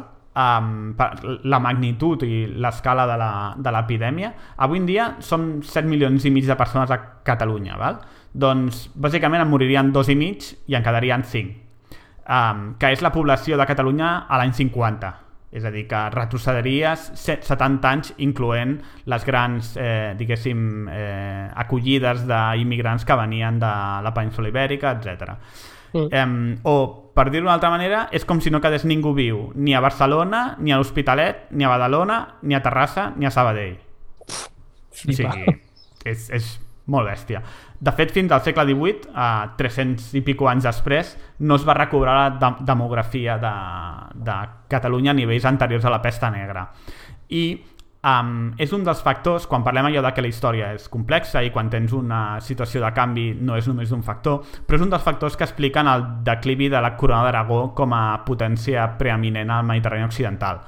Um, és allò de l'Homerany primer, no sé si us sona, que és del 1333, hi va una mala co- collita de blat, això va fer que la gent comencés a veure que, diguéssim, les coses anaven mal dades i va haver una sèrie d'allò de catastròfiques desditges, no? Entre elles, la pesta negra eh, va assolar la demografia del Principat a l'edat mitjana i en aquest període la, és a dir, la demografia que tinguis és un és una factor molt important en explicar la teva, el teu poder perquè clar, no tens màquines. I eh, doncs la collita de blat que va fallar eh, un període diguéssim de canvi climàtic si voleu que durant uns anys totes les collites van ser una merda. La pesta negra que va matar la meitat de la gent. I també una sèrie de diguéssim eh, actuacions o polítiques de la noblesa que no va ser especialment afortunada van generar una gran crisi a Catalunya que va acabar amb la Guerra Civil del 1462 i això és una mica, diguéssim, el, el que es considera el col·lapse o el declivi de la corona d'Aragó com a potència mediterrània. Hòstia, Um, que interessant, tio, no ho sabia, Clar, això. en aquest context la pesta negra és molt important perquè de cop et quedes sense gent i com collons eh, controles o segueixes controlant els territoris a, a Nàpols i a Sicília si no tens soldats per enviar, no? Clar. Um, òbviament que a nivell econòmic també tens un impacte. Um, com Bueno, he dit... Sí, digues. No, i que, que, és que és un episodi tan tan bèstia que li pots trobar les arrels de tot el que ve després, si vols. O sigui, en part les arrels del Renaixement estan aquí també, no? En certa manera. Clar. I altra vegada és, és, és molt més complicat que això, però, però és un dels factors que té, que té a veure, vull dir, el, Sí, el, un factor determinant, no? Vull dir, sense això hagués sigut diferent. Clar, és determinant o no determinant, però, però o sigui que, que, que amb tot això, amb, amb el fet de que de repent et quedes sense mà d'obra i, i Mhm. has de començar a pensar en que, com collons eh, fas el que necessites fer i que ara no tens gent per fer. I has de començar a pensar en... Vull dir, eh, són, és que és, quan ho, sentint-te parlar, Xavi, me'n dono compte que és tan, tan, tan, tan important i porta tant de temps sent tan important en, la, en, en tot, en la història humana, que és com... És raro. Les epidèmies, vols dir? La, la, la interacció, o sigui, Sí. el, tant, la, tant el, el, el fet concret en si com la reacció després i tot el que les conseqüències de, de la interacció amb la malaltia o amb l'epidèmia, I, i els canvis humana. socials que pot generar, no? És a dir, una barbaritat. Pots- canviar radi radicalment els pensaments o l'imaginari d'una societat arrel d'un trauma generat per una epidèmia i això pot generar actituds molt diferents. Mm. Um, un cas, que és el següent que volia comentar, una mica per sobre, perquè no és una, no és una pandèmia, però sí que és molt, molt important, és el tema de les epidèmies en el nou món, no? És a dir, quan Europa se'n va cap a Amèrica a colonitzar-la, però no només eh, Amèrica, sinó també a, a la resta del món, les epidèmies aniran del bracet dels exèrcits europeus per exterminar tot el, aquell que s'hi oposés, no? Um, el que passava aquí és que, clar, això és complicat, però entenc que els europeus, um, perquè potser per el grau d'interacció és superior en, en, perquè estan una mica en contacte amb Àsia i amb Àfrica, um, tenen, diguéssim, tenen més virus, tenen més infeccions i, i quan arriben en contacte amb, amb algun grup humà que no n'ha tingut tant, el matxaquen perquè li envien tots els, totes les malalties que tenen ells també, no? La, se les transmeten. Um, D'aquesta manera, l'imperi azteca, l'imperi... Uh, bueno, l'imperi... Uh, uh, les primeres nacions, uh, el que seria després Estats Units, etc, són completament massacrades per les epidèmies que porten els, els soldats europeus.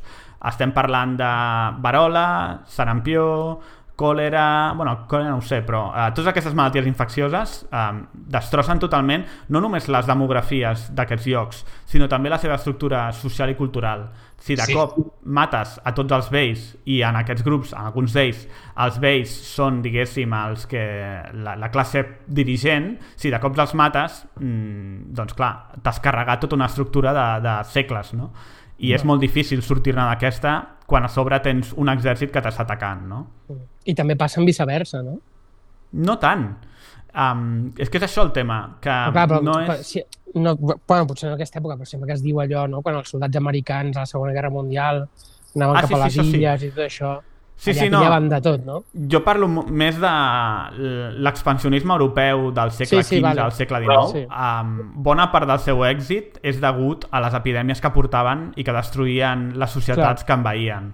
Sí, sí, sí. I és molt més, no, en aquest cas, a més, el, el, la trans, o sigui, és molt més asimètric pel que sembla, o pel que, pel que sé, va ser molt més asimètrica la transmissió dels europeus cap, als, eh, cap a les poblacions indígenes americanes sí. que al revés. Perquè, eh, i aquí és una cosa que això, em, quan ho vaig entendre, em va flipar. El tema és que a les, a les civilitzacions que han sorgit a Euràsia, Euràsia és un continent, és una massa de terra contínua que va d'est a oest. Llavors, la, bàsicament, l'eix principal va d'est a oest, el qual vol dir que tota Euràsia, des de Xina pràcticament fins a Europa, les condicions climàtiques són similars. El qual vol dir que les espècies i les persones es poden traslladar i, i és per això que eh, sobre una, una extensió molt més gran, el qual vol dir que hi ha molta més gent interactuant, moltes més malalties que es poden originar Sí. en llocs diferents i que poden transmetre's, i quan passen 5.000 anys així, les malalties ja han circulat i tens totes unes poblacions que estan separades per grans distàncies, però que més o menys poden haver eh, experimentat el mateix patró de malalties i han quedat Sí. aïllades completament de les poblacions que estan a l'altra gran massa, diguem, que és el, els continents americans, que són de- d'eix nord a sud, en el qual, la, la, la, pel fet que són de nord a sud i que els climes canvien molt més, la transmissió de persones de, serà menys freqüent, perquè la, la gent que està acostumada a viure en unes condicions necessàriament no voldran anar-se'n a viure, diguem, a, a, a un fot molt fred, si, si, si estàs acostumat a... a... Sí, Enteneu? també hi ha una altra cosa, que és que si, si tu tens una malaltia que afecta a 300 conquistadores, pues bueno, igual moren els 300 i ja està, però no afecta la població de Clar, clar, Castella.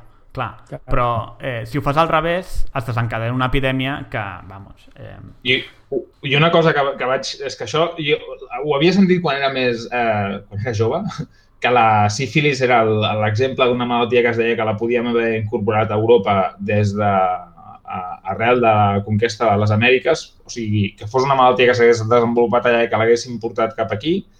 Eh, I ara ja s'han trobat esquelets de... Em sembla que es va determinar amb esquelets de, de monjos, és que més té gràcia la conya, esquelets de monjos que, havien, que tenien signes de sífilis terciàries i coses així eh, i que havien viscut al 1300 o 1200, o sigui que ja era una malaltia que teníem aquí d'alguna manera i que li van portar com a regal. Eh, Pecado para tocar los niños. Sí, sí, no només, amb, no només els vam matar amb malalties putes, sinó amb aquesta també. És que hi ha, hi ha aquesta idea que tu ja havies comentat de, en, que Euràsia, per la seva definició, per la seva dinàmica, eh, si voleu, des d'un punt de vista evolutiu, hi ha una pressió eh, adaptativa molt més alta, perquè tens una sèrie de gent al costat que, estan, que és molt agressiva, que està en constant, en constant diguéssim, interacció, de totes maneres, violenta o pacífica, i això fa, una, que els, eh, sigui molt més resistents vers totes les malalties i dos, que se suposa que a nivell tecnològic o militar siguin també més avançades perquè és una mica de... has d'innovar constantment perquè si no el del costat et fotrà una cleca. Um, això és tota una teoria de... Bueno, hi ha una sèrie d'autors que parlen d'això i de per què quan hi ha l'expansió la combinació de l'epidèmia, que ells són més resistents a les epidèmies i que militarment són més potents, conquereixen gairebé tot el món, menys la Xina, la Índia i el Japó, perquè aquests, eh, diguéssim, aquestes zones també era, estaven a un nivell tecnològic similar i a nivell d'epidèmies. Eh, clar, saber exactament quin factor és el més important és difícil. M'agrada quan, m'agrada quan aquestes... eh, eh, quan les normes històriques és del rotllo, tot, és, tot el que dius és cert, excepte si ets els mongols. Si ets els mongols, Clar. O els, o els xinesos, eh? malalties, només, directament. Ja. Sí, sí. Bé, um, passem ara a l'última de les grans pandèmies, uh, que és la grip espanyola del 1918, que és de llarg, en qüestió de números, la més bèstia. Um, tot i que percentual, percentualment sigui menys mortífera que no pas la pesta negra. Um, va aparèixer el 1918, per tant, ja ple segle XX, ja entens i coneixes, diguéssim, la ciència i la medicina al voltant de, dels virus i dels bacteris, o com a mínim molt més que la resta d'epidèmies, però mm, en dos anys va assolar tot el planeta um, i va infectar, se suposa, un quart de la població mundial, a uns 500 milions de persones, i en va matar entre 15 i 30. Um, que és curiós perquè va matar més gent la grip espanyola del 18 que no pas la Primera Guerra Mundial que va del 14 al 18 i òbviament hi ha infinites més pàgines parlant de l'impacte de la Primera Guerra Mundial que no pas de la grip espanyola no? Mm. Um, hi ha moltes coses una mica atípiques i úniques d'aquesta grip i, i diguéssim que les condicions de la guerra van fer que fos una espècie de tempesta perfecta pandèmica que no s'ha tornat a donar durant tot el segle XX i, i en el que portem de 21. Um, aleshores, una cosa que, que és important aclarir és el nom. No? El nom que se li diu grip espanyola, però no és que sortís d'Espanya ni res similar.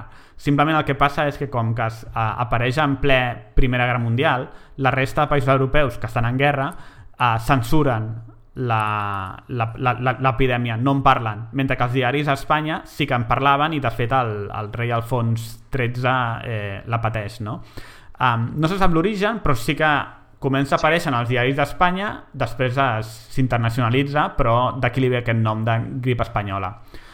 Um, una altra cosa que tampoc no és usual, a banda d'aquesta que no sap l'origen, és que aquesta grip no té res a veure amb animals salvatges i en principi sols es manifesten humans i alguns cops en animals domèstics, especialment gossos i gats. Per tant, és diferent de, diguéssim, la grip aviar, la, el, el Covid-19 actual, etc, on se suposa que té a veure amb, amb animals salvatges.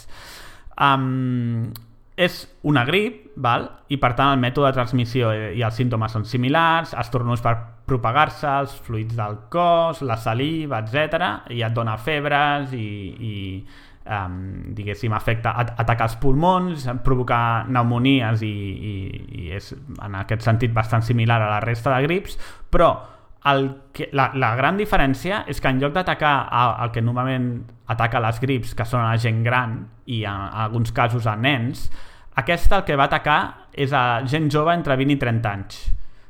Um, és a dir, la força productiva, productiva, Productiva, de qualsevol sí. societat eh, i, per, i sí, sí que va matar molts nens i gent gran, però va matar un número molt més elevat o percentualment molt més elevat de gent jove sana que la resta d'epidèmies de grip que hi ha hagut al món. I aquest Xavi. és el factor definitiu. Sí. Te puc precisar una mica? Què?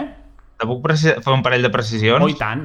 Precisa, precisa. Sí que, sí que es coneix l'origen de la grip espanyola, del que es diu la grip espanyola. Ah, eh, és, és, una, és una soca de grip eh, que ja corria pel món segurament des del 1872. Havia passat d'aus a cavalls, de cavalls segurament al Canadà va passar a humans, es va estar en humans uns 20 anys, fins que el 1918... Eh, o sigui, el, eh, segurament persones del Canadà, eh, soldats del Canadà la van portar cap a Europa, a, a Europa van infectar a gran part de a soldats d'altres exèrcits i de població civil, llavors, quan van tornar cap allà, eh, ja hi havia una pandèmia. Però eh, fliparies, o sigui, de veritat, aquest és un dels casos més... Perquè, més, s'ha pogut seqüenciar el genoma de persones que, que es van... Bueno, de, de cadàvers de tot el món, eh, i tant d'humans com de eh, bestiar que va morir llavors, s'ha pogut re reconstruir superbé la, diguem, el, el patró de transmissió i es, es té amb, amb dates, és que a més, um, com que ja hi havia diaris,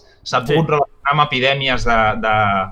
El 1872 hi va haver una epidèmia de cavalls que va arrasar les poblacions de cavalls de, de, de tota Amèrica fins al punt de que en aquella època, que no surt això a la, a la conquista de l'oeste, però la conquista de l'oeste es va fer eh, a peu i amb burros durant un temps. No, no, Hòstia, John Wayne amb burro. Gran imatge. No, no, però eh, és, molt, és molt bèstia el que es, el que es coneix, fins a quin punt s'ha pogut arribar a reconstruir la- l'evolució d'aquesta soca en particular. I el tema és, um, és, és, és una... Um, com molt bé dius, va ser la, la grip de sempre ha afectat això, a, a, a sistemes immunes que encara no estan ben adaptats, o sigui, gent molt jove, nens o, o infants, i després gent molt gran, persones que puguin estar eh, immunodeprimides o que tinguin altres malalties concomitants, altres coses a part de la, de la grip quan els arriba. Eh, en aquest cas, la grip aquesta, que, com deies, matava no perquè la grip matés, sinó perquè provocava una situació en el cos eh, sobretot en els pulmons, que facilitava molt que altres bactèries, que pogué, bactèries, o sigui, eh, organismes vius que poguessin provocar pneumonies, vinguessin i fotessin una destrossa que acabava de matar la persona, i va matar, sobretot, i si veus els pics de mortalitat, és molt heavy la comparació amb qualsevol altra soca Sí. sí. que hi ha hagut abans o després, a persones entre 25 i 40, i el que va ser molt heavy és l'efecte que va tenir amb dones embarassades. Amb dones embarassades, una persona que tinc, una dona embarassada que, que agafés la grip en aquell, era, allò era, Era impossible gairebé sobreviure. era, era, era, la meitat es morien. Més de la meitat, de fet. Eh, que, és, que és una barbaritat el, el, el, en quant a... Sí, Ah, a mi mortalitat. m'ha encuriosit molt això de per què es comporta diferent a nivell de... Perquè, clar, jo puc entendre que qualsevol malaltia, si afecta en, en bebès o a gent gran, tingui molta me, molt més impacte, però com collons tens un virus que afecta més a la gent que està Ara- més sana, no? Ara ho estem I- començant a entendre, això. I jo, és, ja, és, jo he entès, bueno, he, he trobat aquest concepte de tempesta de citocines, no sé si vols comentar Sí. una mica. Sí, mira, el, és el mateix, eh, d'això en volia parlar si vols després, però bàsicament el, el, el, és el mateix que està passant amb el Covid. Um, la, les, el sistema immune humà, per fer-ho molt, molt senzill, el, sistema, el, el cos humà és, un, és una comunitat de cèl·lules. Les cèl·lules totes venen de la primera cèl·lula, però tenen gens que poden llegir de forma diferent per fer diferents tipus de cèl·lules i diferents tipus de teixit que fan diferents funcions. I al final fas un cos humà, ¿vale? per això tens múscul, tens os, tens totes les coses que eh, les cèl·lules poden fer. Llavors, un grup molt concret d'aquestes cèl·lules té una missió molt concreta, que és eh, bàsicament eh, regular les cèl·lules del teu cos, fer que totes estiguin comportant-se com toca i interactuar amb les coses que vinguin de fora, amb cèl·lules o amb, amb antígens. Aquestes cèl·lules que tenen aquesta funció es diuen el sistema immune. N'hi ha de molts tipus, que fan funcions molt diferents. Però són cèl·lules, no tenen ulls, no tenen orelles, no tenen forma de comunicar-se, i la forma de comunicar-se per regular la seva funció és lliberant unes substàncies que es diuen citoquines i unes altres que es diuen interleuquines, que són menys importants. Però són com dos substàncies, n'hi ha de molts tipus de cada una de, de les dues categories, però són substàncies, són missatges químics que s'envien entre elles per eh, regular la seva funció. Llavors, la, el sistema immune humà és, és la rehòstia. És, és, un, és un sistema superelegant, eh, té capacitat de desenvolupar immunitat, de, desenvol- de, de, de, de registrar informació en certa manera i de, de respondre amb el temps, etc. però al mateix temps és un d'aquells sistemes que l'evolució ha dissenyat que quan el veus dius, oh, és, la, és, és increïble, sembla impossible, tal, no sé què, però després és un sistema que eh, posat en determinades situacions, eh, entra en una mena de bugs i bucles. Eh, sí, errors de selecció, no? El Maladaptació. més freqüent, i és un dels que amb, amb més malalties pot provocar eh, situacions molt, molt xungues, és el que es diu això, el que has dit, una tempesta de citoquines. Què vol dir? Vol dir que, bàsicament, la resposta immune, quan, ten, quan, el, teu, quan el sistema immune detecta alguna que entra en el teu cos, hi ha com un patró de resposta molt establert. Primer, fa una mena de eh, reacció que és com immediata i que no, no varia si és eh, polen o si és una bactèria, el que està entrant, que és bàsicament el que es diu la, la reacció no específica, i és una que és immediata i és, és, és eh, molt, molt... És útil, però diguem, però a vegades no és precisa, exactament precisa per la malaltia o per la cosa que t'està atacant. Llavors, amb, mentre aquesta resposta s'està donant lloc, en té una altra que és la, la resposta adaptativa, d'alguna manera, que vol dir que hi ha unes cèl·lules molt concretes que es dediquen a fer anticossos i el teu cos es dedica a seleccionar les millors cèl·lules d'aquestes, les que facin els anticossos més bons. I quan aquesta, que triga més temps en, desenvolu en desenvolupar-se, aquesta, aquesta resposta s'estableix, llavors es diu que tens immunitat, perquè ja tens unes cèl·lules que generen una cosa que lluita molt bé contra el que t'està atacant. ¿vale?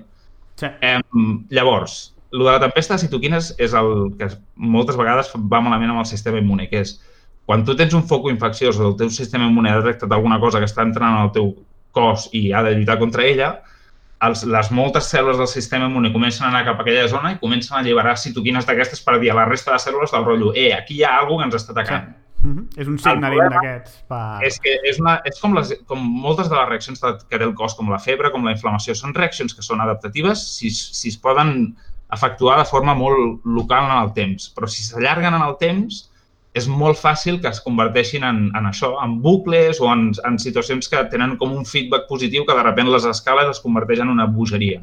La tempesta de citoquines és la més freqüent. Bàsicament, la tempesta de citoquines, per fer una metàfora amb una pel·lícula, us en recordeu de l'escena de Depredador en la qual eh, veuen o creuen veure el Depredador i de sobte un comença a disparar contra un tros de selva i tots s'apunten i comencen a disparar ah! a lo, a lo loco? Una tempesta de citoquines és això.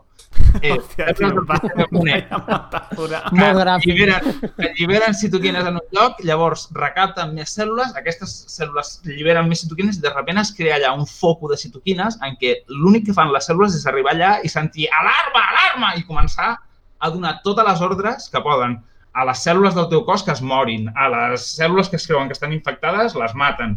I bàsicament el que provoquen és una destrossa tan bèstia en la zona que si és generalitzada això et matarà i si és, per exemple, en el cas del Covid, el que provoca això és eh, una reacció, una tempesta citoquina, sobretot en l'epiteli infectat, que acostuma a ser el pulmó, que és tan bèstia que encara que sobrevisquis al- al- a l'episodi aquest, encara que et puguin tractar i tal, les cicatrius, literal cicatrius que deixen en el teixit pulmonar tota aquesta destrossa, són tan bèsties que ja et quedes amb, amb, amb uns pulmons de merda que, bueno, Sí. que poden bàsicament. Que suposo que comentarem després amb el tema de la immunitat i tal, quan Vale, fem el debat. i- Ah, perdona, immunitat eh?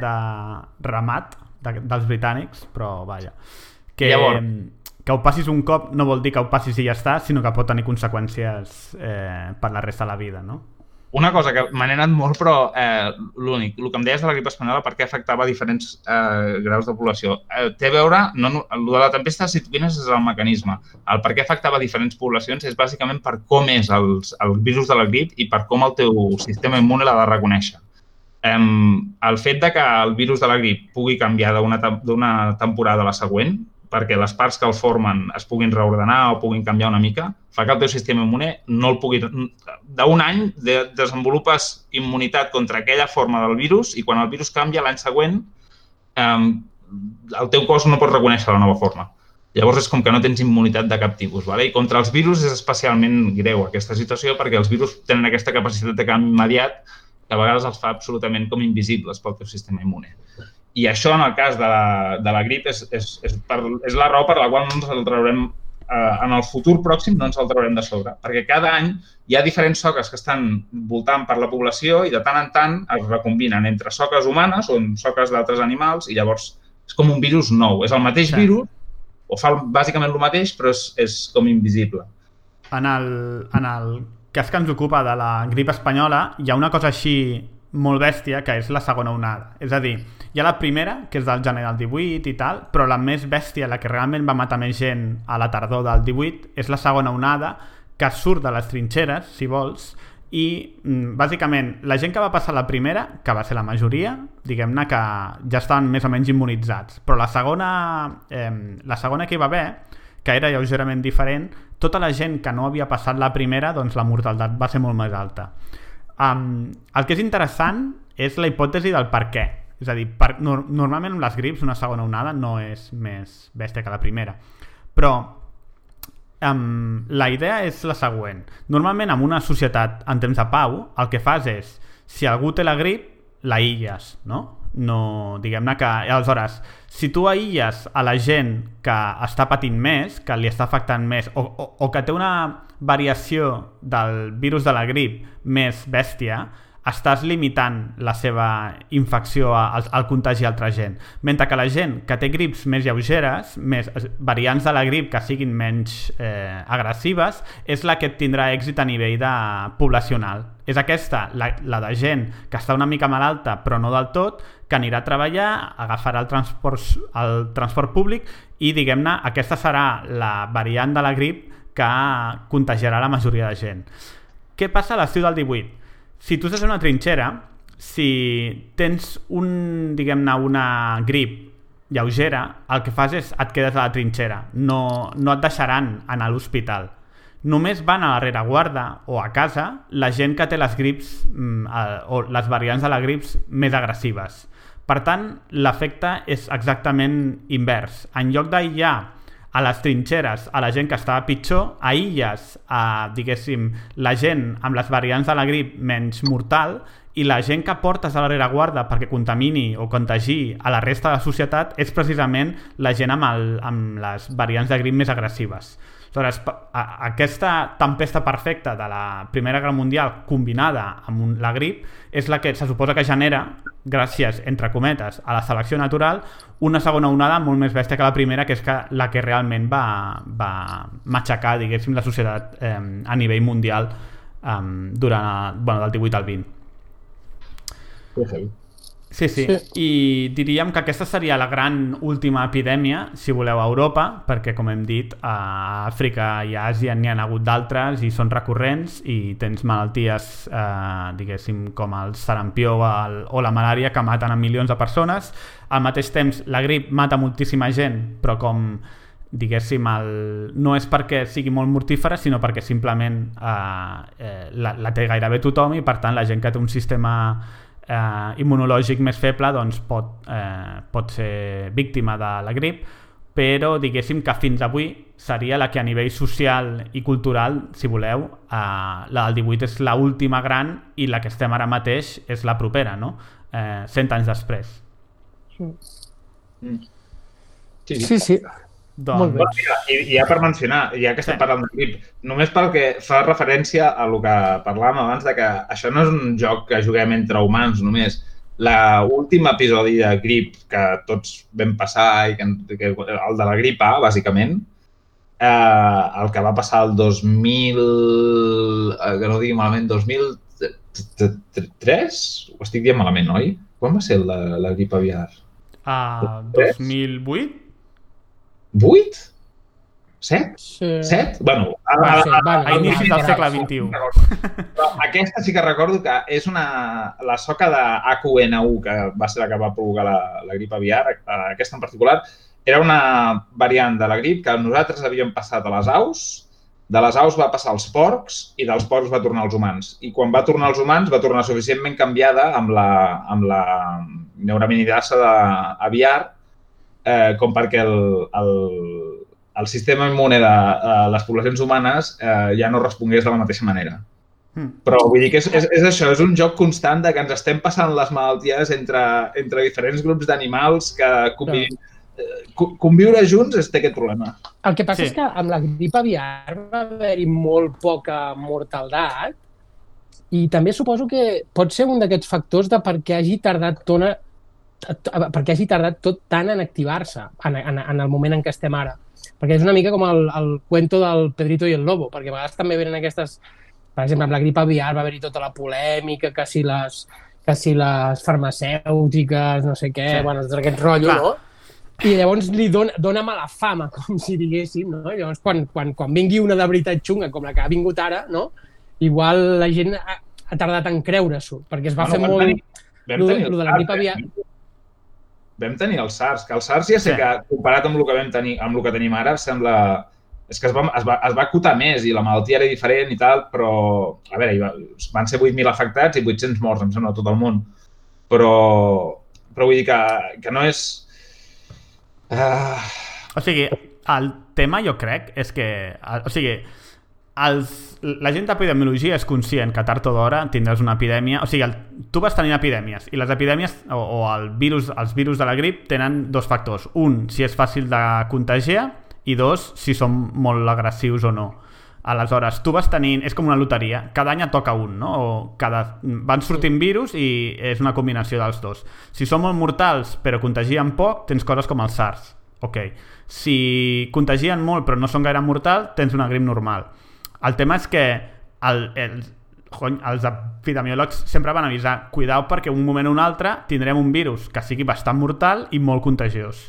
I el I pitjor això és el que ha passat ara, bàsicament. I el, i el pitjor d'aquesta situació que comentes, per mi, és que, uh, com amb tantes altres coses, que, ens, que a més nosaltres ho estem patint perquè crec que nosaltres som una generació que podrà veure les dues vessants d'això.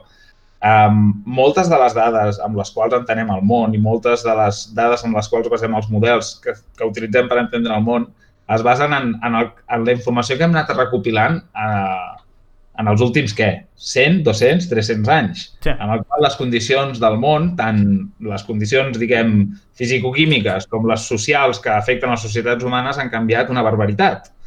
Llavors, eh, a vegades, suposem, parlem de inundacions que es donen cada 500 anys, saps? Una inundació com aquesta només es donarà cada 500 anys, o una pandèmia com aquesta es, es dona cada...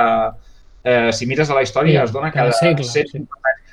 Però clar, això són números que es van fer amb models basats en les dades de com era el món fa això, fa 100 anys.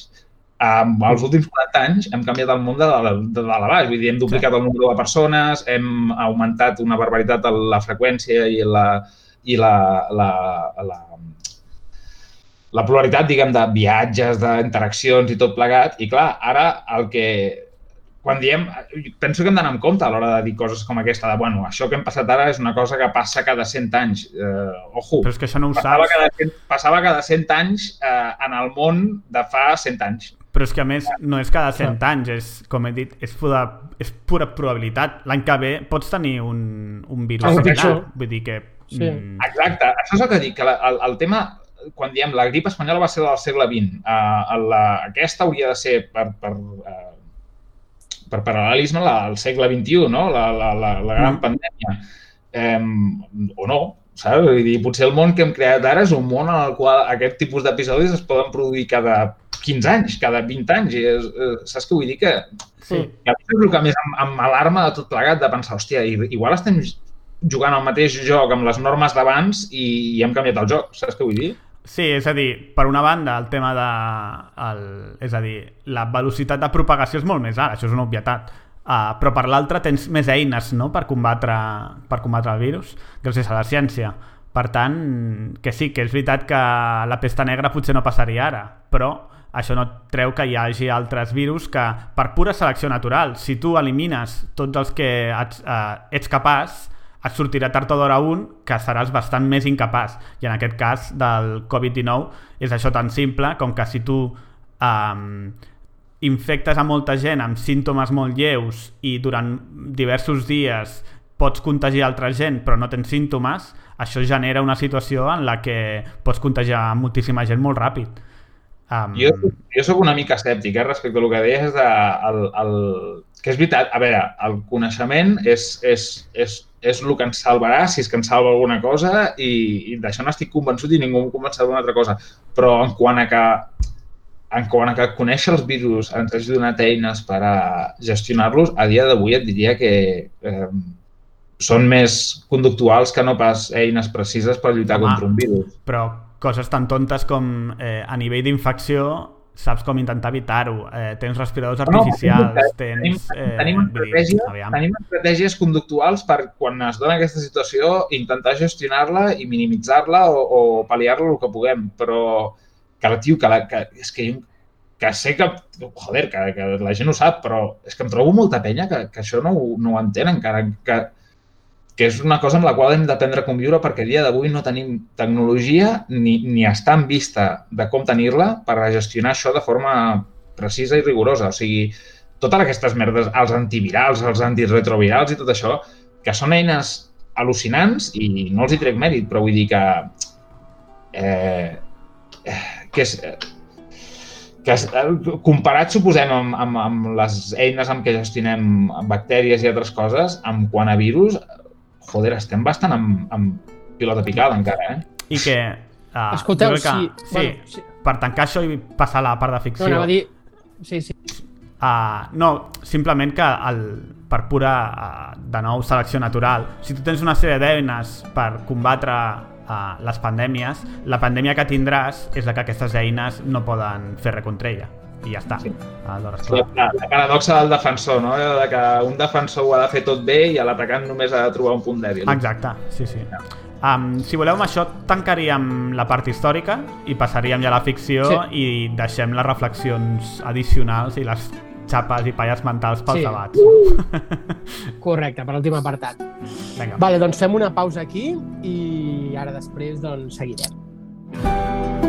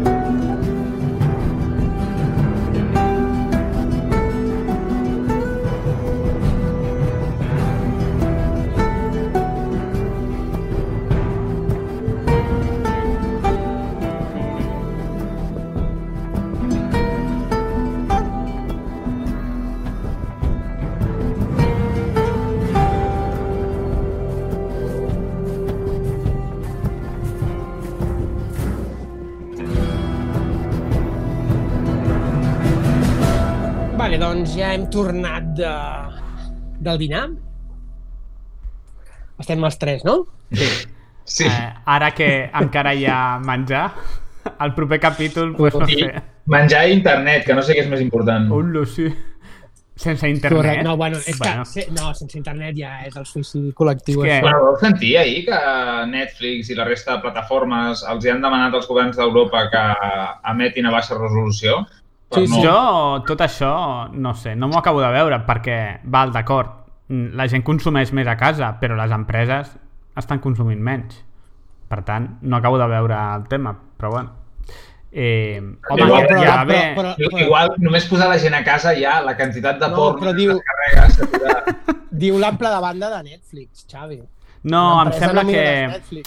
El, han dit alguna així com que hi ha alguns països que Netflix podria emetre a més baixa resolució perquè per prioritzar l'internet de, dels hospitals, però a mi tot això em sembla Ah. operació de màrqueting i publicitat perquè no acabo de veure el tema, però bueno, vull dir, jo què sé, les empreses generen una quantitat, un volum de dades brutal que ara mateix no està, no està passant. I entre un dissabte i un dia de confinament tampoc crec que hi hagi gaire diferència. Per tant, jo crec que és Netflix fent propaganda més que res, no sé.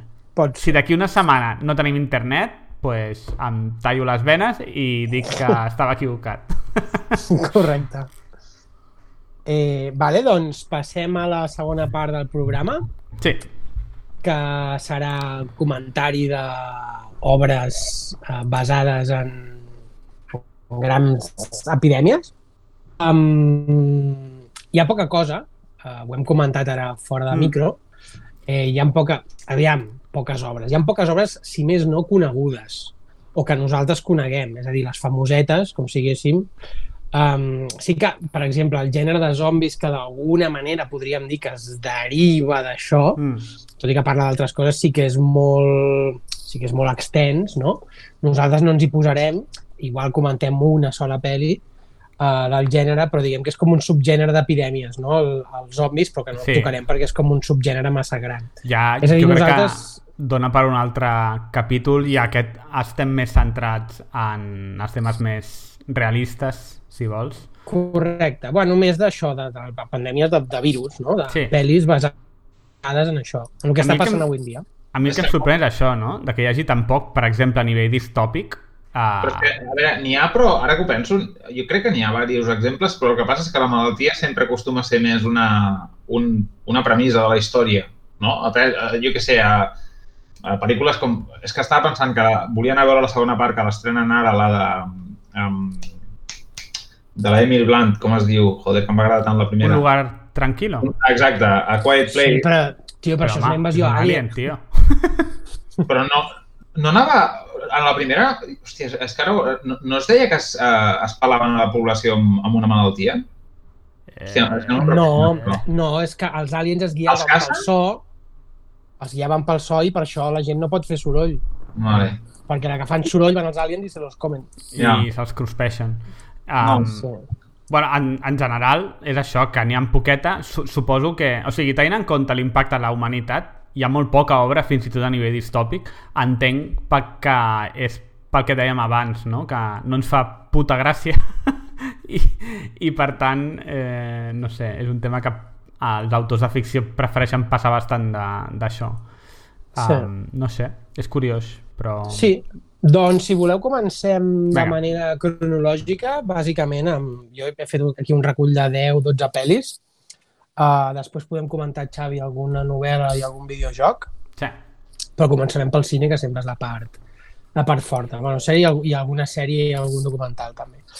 Um, així que el 1971 tenim el clàssic de l'amenaça de vida per Robert Wise, basada en la novel·la de Michael Crichton. Michael Crichton, que sempre va tocar...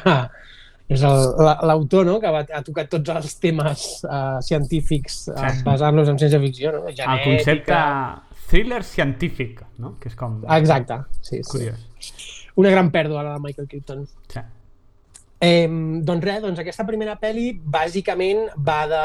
Bueno, hi ha una mena de satèl·lit de... Bueno, una mena no, hi ha un satèl·lit dels Estats Units que cau a, cau a una ciutat de Nou Mèxic i, i de cop els, els habitants eh, els habitants on hi ha hagut aquest estavellament del satèl·lit doncs, comencen a morir, no? I aleshores, doncs, bueno, van allà els científics i se n'adonen que, bàsicament, doncs, que és un, és un, bueno, un, un virus o un algo no, de l'espai exterior que està matant a la penya. Aleshores, doncs, en aquesta... És que no recordo si era una bactèria, si era un virus, no, no, no recordo com, com era, però bueno, l'anomenen Andròmeda. I aleshores, doncs, tots els supervivents de la, del, tots els supervivents del poble i les restes que queden del satèl·lit les agafen, se'n van a sota a terra no? a, a, a investigar-ho.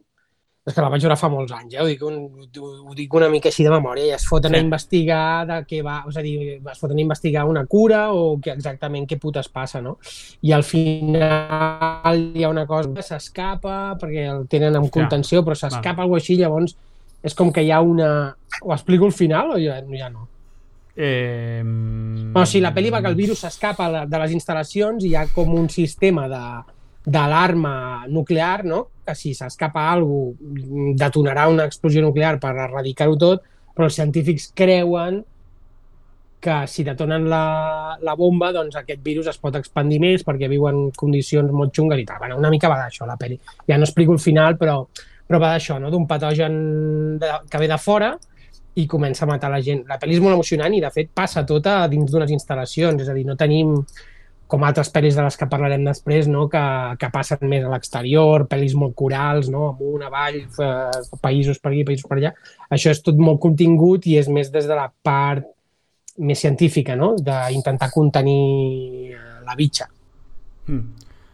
Sí, uh, jo no he vist la peli. Recordo llegir-me el llibre, no sé quina edat tindria, igual 16 anys, després Mm. de llegir Parc Juràssic. Vaig dir, hombre, un Mm. altre llibre de... I em va horripilar. Me'n recordo que em va horripilar de el que explicava i la paranoia, no?, de tema infeccions, epidèmies i això. Mal rotllet, eh? Però la peli no l'he vist. Eh, entenc que segueix el llibre i això? O... Sí, bueno, jo, jo, jo el llibre no l'he llegit, jo he Ah, vist la pel·li. Eh, però vaja, si, si el llibre anava de lo que he explicat, més o menys, doncs és això. Aviam, normalment Sí, sí. les pel·lis, les pel·lis del, basades en novel·les del Michael Crichton són bastant fidels en general, perquè Mm. ell escrivia ja de manera molt guionitzada, per dir-ho així. Sí. Així sí. que, bueno, doncs aquí tenim una de les primeres pel·lis que parlaven d'això. Després, el 1995, uh, Wolfgang Petersen dirigeix aquesta pel·li amb Dustin Hoffman, René Russo, Morgan Freeman, Kevin Spacey, Cuba Gooding Jr. i Donald Sutherland, que era Estallido. Era una mena d'exploit del, del, del virus que es va posar de moda en aquella època, que era el virus de l'èbola, no? I era una mena de... Era, com, era similar no? als, als efectes allò erupcions, um, Sí, una febre hemorràgica. que, exacte, que es van, es van perdent sang allà a tope. I bueno, la pel·li bàsicament pues, anava de, de que el 1967 el Billy Ford, que era el Morgan Freeman, descobreix al Zaire un virus que s'anomenava Motava, eh, amb un índex de, de mortalitat superbèstia, pr pràcticament del 100%, després de les 20 hores de, de ser infectat, i aleshores pues, el, el govern americà envia, envia l'exèrcit allà a bombardejar el poble eh, i destruir, com si el brot i silenciar-ho tot. No? I al cap de 30 anys pues, sembla que el virus torna, no? perquè diria que era d'algun tipus d'experiment que havia fet als Estats Units. I aleshores Ah, el virus torna, envien el Dustin Hoffman aviam què està passant i, bueno, total, la, el, el virus s'expandeix perquè hi ha un mico que hi ha un caçador, de, un caçador furtiu que s'endú un mico que està contaminat cap als Estats Units, el ven, esgarrapa no sé qui, i, bueno, i aquí comença tot el percal. I aquesta sí que és més d'això, no? de, de començar a contenir la ciutat, a penya amb trajes grocs i tot el, tota la pesca aquesta, no? Aquesta és de les primeres pel·lis, diria jo, almenys que recordo, no? que es veu més aquest rotllo de- d'epidèmia. És d'aquesta onada de pel·lis de catàstrofes, no? De Mm. mitjans dels 90. Correcte. L'heu el- vist, aquesta? Hòstia, és el mateix Que fa anys, eh? és, són antigues, sí. Mm. Eh, jo, re- jo també la vaig veure fa molt de temps. Mm, la vaig veure al cine, de fet, i mm, recordo que estava força bé, però vaja. Bueno, és de la, és, a veure, és la primera que van fer, que recordo jo també així, més de, més de la malaltia que de, la, de, això, de la possibilitat d'una pandèmia global, global. I que fa gràcia perquè, més, és això, que ara ho veus comparat amb la situació real i et dones... O sigui, eh, entens perquè diuen que l'Ebola és complicat que creï una, una situació com, com aquesta, o sigui, uh, una pandèmia d'aquestes característiques. I perquè, és el, perquè una malaltia tan xunga com l'Ebola eh, té unes característiques que fa que sigui poc probable que passi. Però què és? Però Perquè sí. és massa xunga. Perquè m'has de, o sigui, clar, la, el problema de- del, del Covid és això, és que l'expansió és difícil de contenir perquè passa molt de temps entre que tu eh, adquireixes la malaltia i, a més, et comences a convertir en vector de transmissió i al moment en què tens símptomes físics o, o, o signes físics que et diuen que tens la malaltia i llavors et pots aïllar. A Clar, l'Ebola, però ja pots haver, ja pots haver contaminat a mogollon de penya. Clar, i a l'Ebola, l'avantatge entre cometes, mentre algú que no tingui un Ebola galopant se'n vagi al mig de l'aeroport de Mumbai i es dediqui a fer petons a la penya, eh, és poc probable que generi un problema d'aquestes dimensions. Més que res perquè és més fàcil de contenir perquè la gent, si està localitzada, és més complicat que es... Que es, que es... I també entenc que si hi ha molta gent que la pateix, però diguem-ne que el ràtio de mortalitat... És a dir, si el ràtio de mortalitat és molt, molt alt, aleshores eh, es fa front de manera més radical. El- si el la majoria de que- gent no mora, doncs Sí. aleshores t'ho prens menys en sèrio, no? Sí, sí.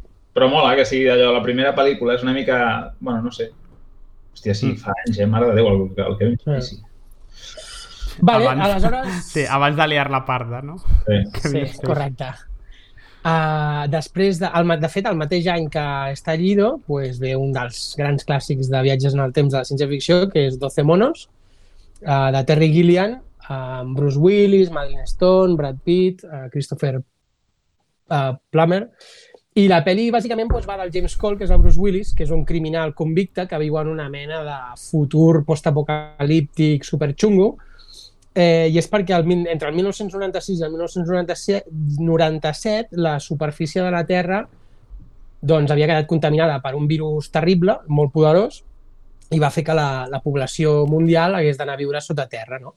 I aleshores, doncs, el que a, ell, com si diguéssim, per intentar um, que li treguin anys de condemna, es presenta voluntari per anar a fer viatges en el temps, no? per recopilar informació sobre aquest virus i a veure si hi ha alguna manera per uh, trobar la cura. Aleshores, bueno, la pel·li bàsicament són tota una sèrie de, de... perquè els científics cada vegada que l'envien al passat doncs la caguen perquè no l'envien l'any que l'han d'enviar, que és el 1996, i per exemple la primera, el primer enviu l'envien al 1990 i s'ha de passar uns quants anys en un manicomi on coneixerà el Brad Pitt. bueno, tot això és secundari perquè la pel·li, vull dir, el virus, com si diguéssim, és, és circumstancial, no? No és lo important de la pel·li, Sí. sinó que és d'aquestes pel·lis del el fet que tu fas, que han vist a no sé qui és el que... Bueno, la típica paradoxa, no? Mm, Les el temporals segle. que tant li agradava a Bruguera. Sí, Mm. però bueno, tot i així és divertit, no? Home, 12 monos és un clàssic, no me la toqueu. Sí, no, no, és un pel·liculón. Però em refereixo Sí. que, que el del virus, bueno, és només anecdòtic. Com és la frase aquella? Me acaban de asaltar una puta loca y un dentista encocado. És una frase gravada d'aquesta pel·li. Sí, sí, Però... sí. Uh, bé, passo a la següent. De fet, um, a- aquestes les, coment les comentem una mica més, després us en recomanarem. Només és per fer una mica de catàleg, no? per si aquests dies esteu avorrits i voleu peli i voleu veure pel·lis d'aquest- d'aquesta temàtica. Si sou una mica masoques, no? Exacte. Eh, vale, la següent pel·li és, aviam que la tinc aquí apuntada, seria ja el 2009, Infectados, dels germans Pastor, que són dos directors catalans, germans. Uh, I bé, aquesta pel·li uh, també és una mica és una mica el rotllo de pel·li zombis apocalipsis, no? On el món s'ha anat a la merda, i llavors pues, són dos germans amb les seves dues parelles que um, decideixen anar a intentar passar la, la, com si diguéssim, la crisi del virus en una illa. Llavors és el viatge que fan per arribar fins aquí, amb la penya que es van trobant, com es van infectant i bàsicament és d'aquestes pel·lis que en una situació de crisi o en una situació molt xunga pues, parles de la condició humana, que tots som una colla de cabrons i, i que i bàsicament això. També és d'aquestes pel·lis amb, on el virus és més circumstancial que una altra cosa, no? És més el, con- és el marc, no? Sí, el fet de que el la marc, gent el context, no respecta el metre de distància als súpers, no? correcte. Llavors, doncs, parles bàsicament de la gent. Al 2011 tenim la pel·li que probablement una de les pel·lis, si més no, que més eh, es fica en la part... O sigui, on on el virus és el protagonista, no? és a dir, on la pandèmia és el protagonista, que és a Contagio, de eh, Contagion, de l'Steven Soderbergh, amb un gran elenc des de pues, a Matt Damon, Kate Winslet, Marion Cotillard, Lawrence Fishburne, Jude Law, Gwyneth Paltrow, i bàsicament la pel·li ens explica um, bueno, um, és un grup de persones que queda infectat a la Xina, juraria, i, um, sí, i llavors pues, anem seguint aquests primers personatges, uh, com moren i com van infectant a la més gent. La pel·li tracta pues, bàsicament sobre una crisi mundial d'una pandèmia i com s'intenta resoldre. De fet, la pel·li és una mica com si el coronavirus hagués sigut, diguem, jo que sé, un 50% més mortífer de lo que és, o un 60%, no? I de fet és una pel·li com molt realista, és a dir, és a dir, és molt el que està passant ara, però hi ha un punt en què va una mica més passat de voltes, és a dir, assalt a farmàcies, assalt a, a botigues, no? És una mica, una mica Només més... portem, només portem una setmana, eh, Guille? Sí, sí, per això, vull dir que és una cosa a la que es podria arribar a arribar. Però Ah. és veritat que és més mortal el virus. Mm. Bueno, el, sí, és veritat, no? El. I després, En la pel·li, sí, en la pel·li aquesta és una mica més bèstia, el virus. Però dius és allò, que, perquè em refereixo que és, un, que és una pel·li molt realista i que enfoca molt bé el que podria arribar a passar si ens passi, si, si el virus que ens hagués atacat o que ens ataqui en un futur fos una mica més uh, xungo, no? Sí, perquè, a més, a mi m'agrada la visió coral. Recordo començar a veure sense saber de què va, de què anava, i que als 5 minuts o 10 mor un dels, dels actors famosos, no sé si el Jude Law o el Matt Damon. No, la, la Gwyneth Paltrow. Ah, Paltrow. vale, la Gwyneth Sí. Paltrow. I és de, hòstia, cagater. Que, per cert, la Sí. Gwyneth Paltrow no va aprendre gaire, no?, de la pel·li, perquè després... Sí, rotllo correcte. De fet, i tal. en, aqu en aquesta Bien. pel·li és gairebé tan odiosa com la vida real, però no. Um, però també que la pel·li tracta temes com la penya de la, que fa conspiranoies, homeopatia i merdes aquestes. Sí, Um, està molt bé perquè és- està tractat bo, a, tots, sí. a tots els nivells, és a dir, des del nivell polític, a nivell mèdic, a nivell social, no? A, Mm. a tots els nivells, fins i tot el, el, el, el Jude Law, que és el primer que troba la vacuna, no? que uf, pràcticament el segresten, uh, penya entrant a les cases de la gent que sap que té la vacuna, bueno, és, Sí. és, està molt bé, és molt interessant. És una pel·li una mica lenta, no? És, és que és una pel·li com molt documental, no? Com si Bueno, estiguessis és veient el- pràcticament un documental. És que el, so el Soderbergh ja ho té, això, no? Que raro. Sí. Que Sí, està sí. guai, perquè prova a fer... Perquè és una pel·li molt atípica. Uh, no té protagonista, en realitat. No? Bueno, al final Mm. mm. potser una mica més, però és el que tu dius, el protagonista és el virus i Sí. intentar veure... Eh, en aquest sentit, s'assembla a la que comentarem després de Guerra Mundial Z, sobretot el, el llibre, no? A, a aquesta Mm. Sí. espècie de relat de ficció sobre què podria passar si eh, si una cosa, això, una cosa així passés, no? Mm. Sí, I sí, sí. des d'aquesta perspectiva el Soderbergh mola molt perquè intenta ser com més eh, no sé, una visió cinematogràfica com més objectiva, no? Del que es va Sí. passant en pantalla. Sí, Correcte. perquè dius tu, que fa la pel·lícula per, per intentar tocar tots els temes que no havia tocat ningú. O sigui, la perspectiva de la pandèmia des de la perspectiva de totes les persones que puguin tenir un paper rellevant, des de persones normals de carrer que pateixen la malaltia, la seva família o ells mateixos, fins a Sí. epidemiòlegs que la segueixen i intenten reconstruir um, a la gent de les organitzacions que intenta gestionar la resposta internacional i al final, que a mi és el que menys m'agrada de la pel·li, però que igualment, que és una pel·li que trobo que veient el que està passant ara la veus i dius, hòstia, el fill de puta, eh, que, que bé que ho va... Perquè no, en cap moment... reflexar. Mm. O sigui, és una, és una pel·li que, no sé, jo trobo que ara veus que és molt fidel, diguem, el que realment passa. Mm. Em, però és això, que té també el final d'aquell, el tros més de crítica a la indústria farmacèutica i el, el no sé si recordeu el que, bueno, no explicar la història, però que ha, diguem, que té, a mi em va, em va fallar això, que potser intenta tocar masses coses, però, hòstia, és una pel·li que, ja et dic, que trobo que veient el que ha passat, xapó pel senyor Sí, que va escriure. sí, sí. Està molt bé.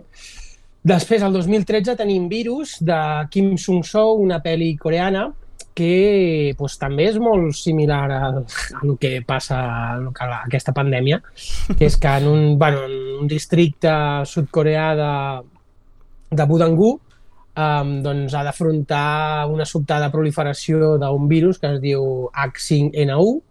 Eh, és una malaltia que mata les seves víctimes després de 36 hores. És a dir, és bastant més mortal que aquí, però diguéssim que és, veus molt bé doncs, com comencen a confinar la ciutat i totes aquestes És, coses. és una grip, Guille. És una, és una grip. H, H, H, H un número, N un número és una grip. Sí. Vale, vale. Mm. Pues sí, pues, pues sí, perquè a més la pel·li tot el rato estan tossint i vomitant merdes negres i... Bueno, en fi. Però que està... Bueno, és una més, uh, també de, molt de personatges, però és una mica un mix entre pel·li de personatges i el que seria Contagio. No tan no tan ben documentada com Co- Contagion, però, però força bé. els de Netflix, no? Perquè aquestes dues pel·lis m'han aparegut en els dos últims dies en el, Sí. en el menú de Netflix. Ah, està, ah, està a Netflix, la de Virus? Sí, la vaig veure l'altre dia. Per això t'ho preguntava, perquè eh, recordo veure la portada. Vale, vale, doncs mira, pues la podeu veure a Netflix, aquesta. Bien. O a més, ara amb l'auge de les pel·lis coreanes, pues mira, doble, doble combo, virus i Corea. Que de moda les Eh, dues coses, sí. Correcte. Eh, el 2013, aviam, el llibre és del 2006, però ja fem, si voleu fem el pack o, la- o la voleu deixar pel final, Wolver Z? No, bueno... Mm, Com vulguis tu. Sí, com, com Bueno, doncs ja, explicar? doncs mira, el 2006 surt la novel·la de Max Brooks, el fill de Mel Brooks.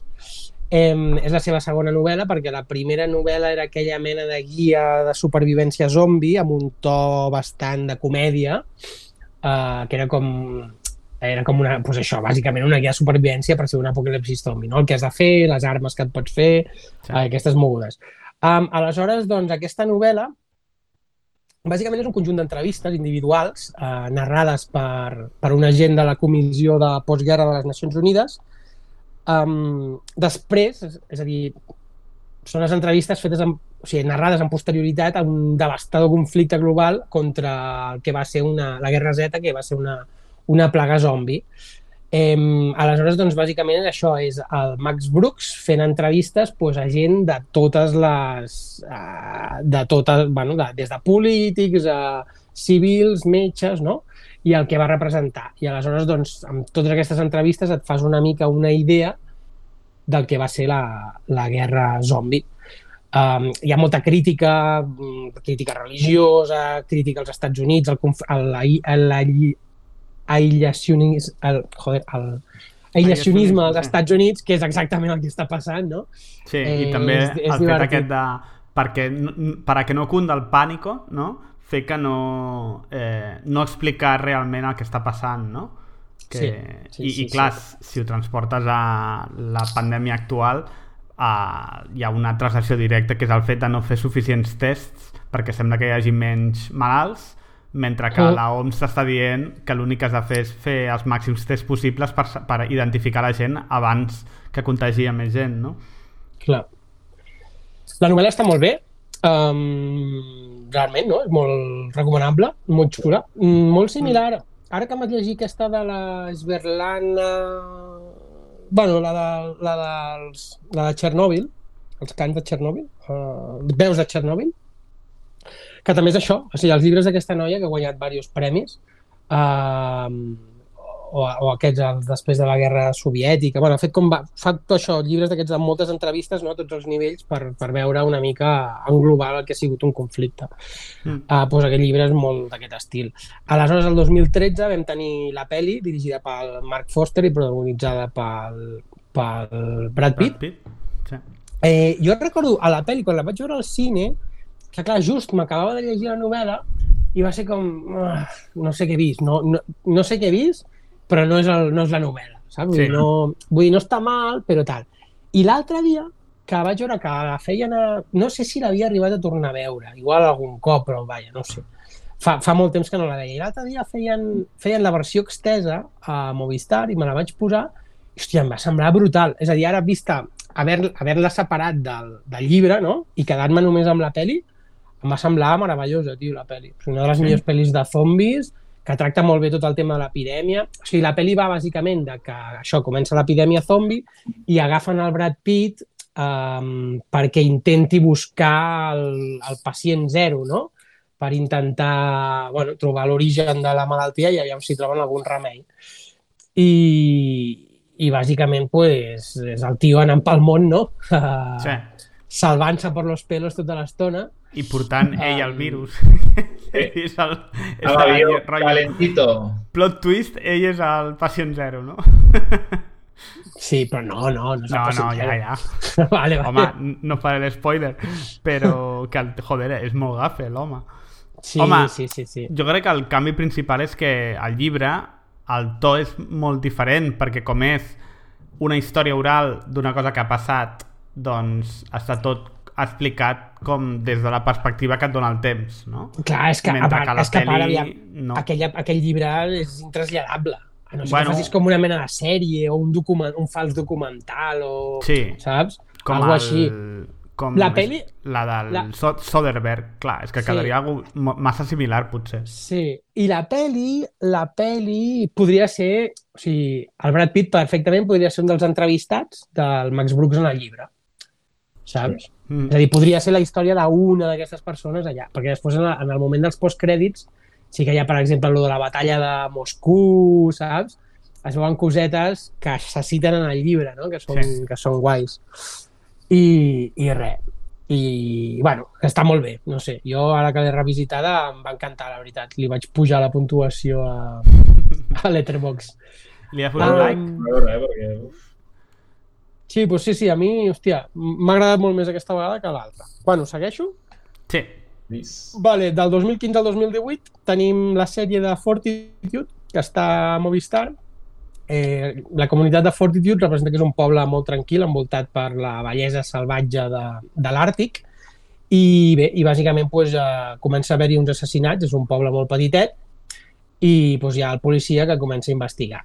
Bueno, total, són tres temporades, és molt llarga, però tot el tema mm, va dirigit a que um, uns científics que treballen allà van trobar un... És a dir, des, desperten, descongelen sense voler un virus que afectava els mamuts a l'edat de gel. I aquest eh, virus comença a tenir impacte sobre la població. No explico més per si algú la vol veure la sèrie. Uh, no està mal. A mi aquesta sèrie sempre de llocs aïllats i neu m'agraden. I està divertida. Crec que són tres temporades, crec. Però és Vale. com més... Està més posat amb el tema científic, en el tema de... O és rotllo Mm, zombies? o... és que, aviam, la primera temporada pràcticament ni te n'entera. O sigui, he fet una mica l'espoiler de lo del virus. Tardes en saber-ho, perquè comença sent una sèrie pràcticament d'aquestes policíaques d'assassinats noruecs, saps? Aquestes així... Que Sí. jo és el que em pensava quan vaig començar a veure-la. És a dir, que tardes a saber una mica com va la trama. Uh, sí, bàsicament això. Aleshores, després tinc del 2019, és, una, és un documental del National Geographic que encara no ha sortit aquí, però que és probable que el dimecres, ai, el dilluns que ve, amb la plataforma de Disney+, Plus, com que ha National Geographic, surti, que es diu The Hot Zone, i és un documental que segueix eh, l'origen del virus de l'èbola i com va arribar a Estats Units mm, en un, en un suburbi de Washington, diria, el 1989, que de, de cop i volta va aparèixer en uns primats que estaven en un laboratori, doncs el, el, el, els primats aquests tenien el virus, i bàsicament doncs, el documental va de, doncs, d'una veterinària i una sèrie de- d'equips de, de militars de SWAT de l'exèrcit americà com intenten parar aquest brot. Vull dir, és- un documental real, d'un episodi real que va passar i que diuen que està molt bé. Així que aquest, els que, tinc, els que es poseu Disney Plus, és probable que la setmana que ve el pugueu veure. The dius com Zone. si, com si tu no el pillis el primer dia que estigui disponible, no? Ah, no, no, jo sí. No, jo ja el tinc. De, jo ja el tinc. Com el pots Eh, tenir, exactament? No, perquè, bueno, el tinc. Me l'anava a comprar, o sigui, me l'anava a pagar perquè es pot, si el pagues abans del dia 24 és més barat, Sí. uh, si fas la subscripció anual, però vaig veure que amb la meva subscripció de Movistar el tinc inclòs. Ah, Per tant, el dia 24, quan surti, jo ja el tindré, és a dir, ja el, no, vull dir, ja el tindré a través de Movistar. Vale, aleshores, uh, ja per últim, uh, us deixaré parlar vosaltres perquè jo no l'he vist, el 2020, uh, Netflix, uh, de fet fa un parell de setmanes, no?, que treu aquesta sèrie documental que es diu Pandemic, How Sí. to Prevent an Outbreak, que jo ja et Mm. dic, no l'he vist, per tant, si voleu comentar-la vosaltres un moment. No, sí. Bruguera, tu l'has vist sencera? no, he vist els quatre primers capítols, em sembla. Vale, en, en té 6 o 7, no? Mm. Um, doncs si vols... Eh, bueno, un resum, no vagis a Índia.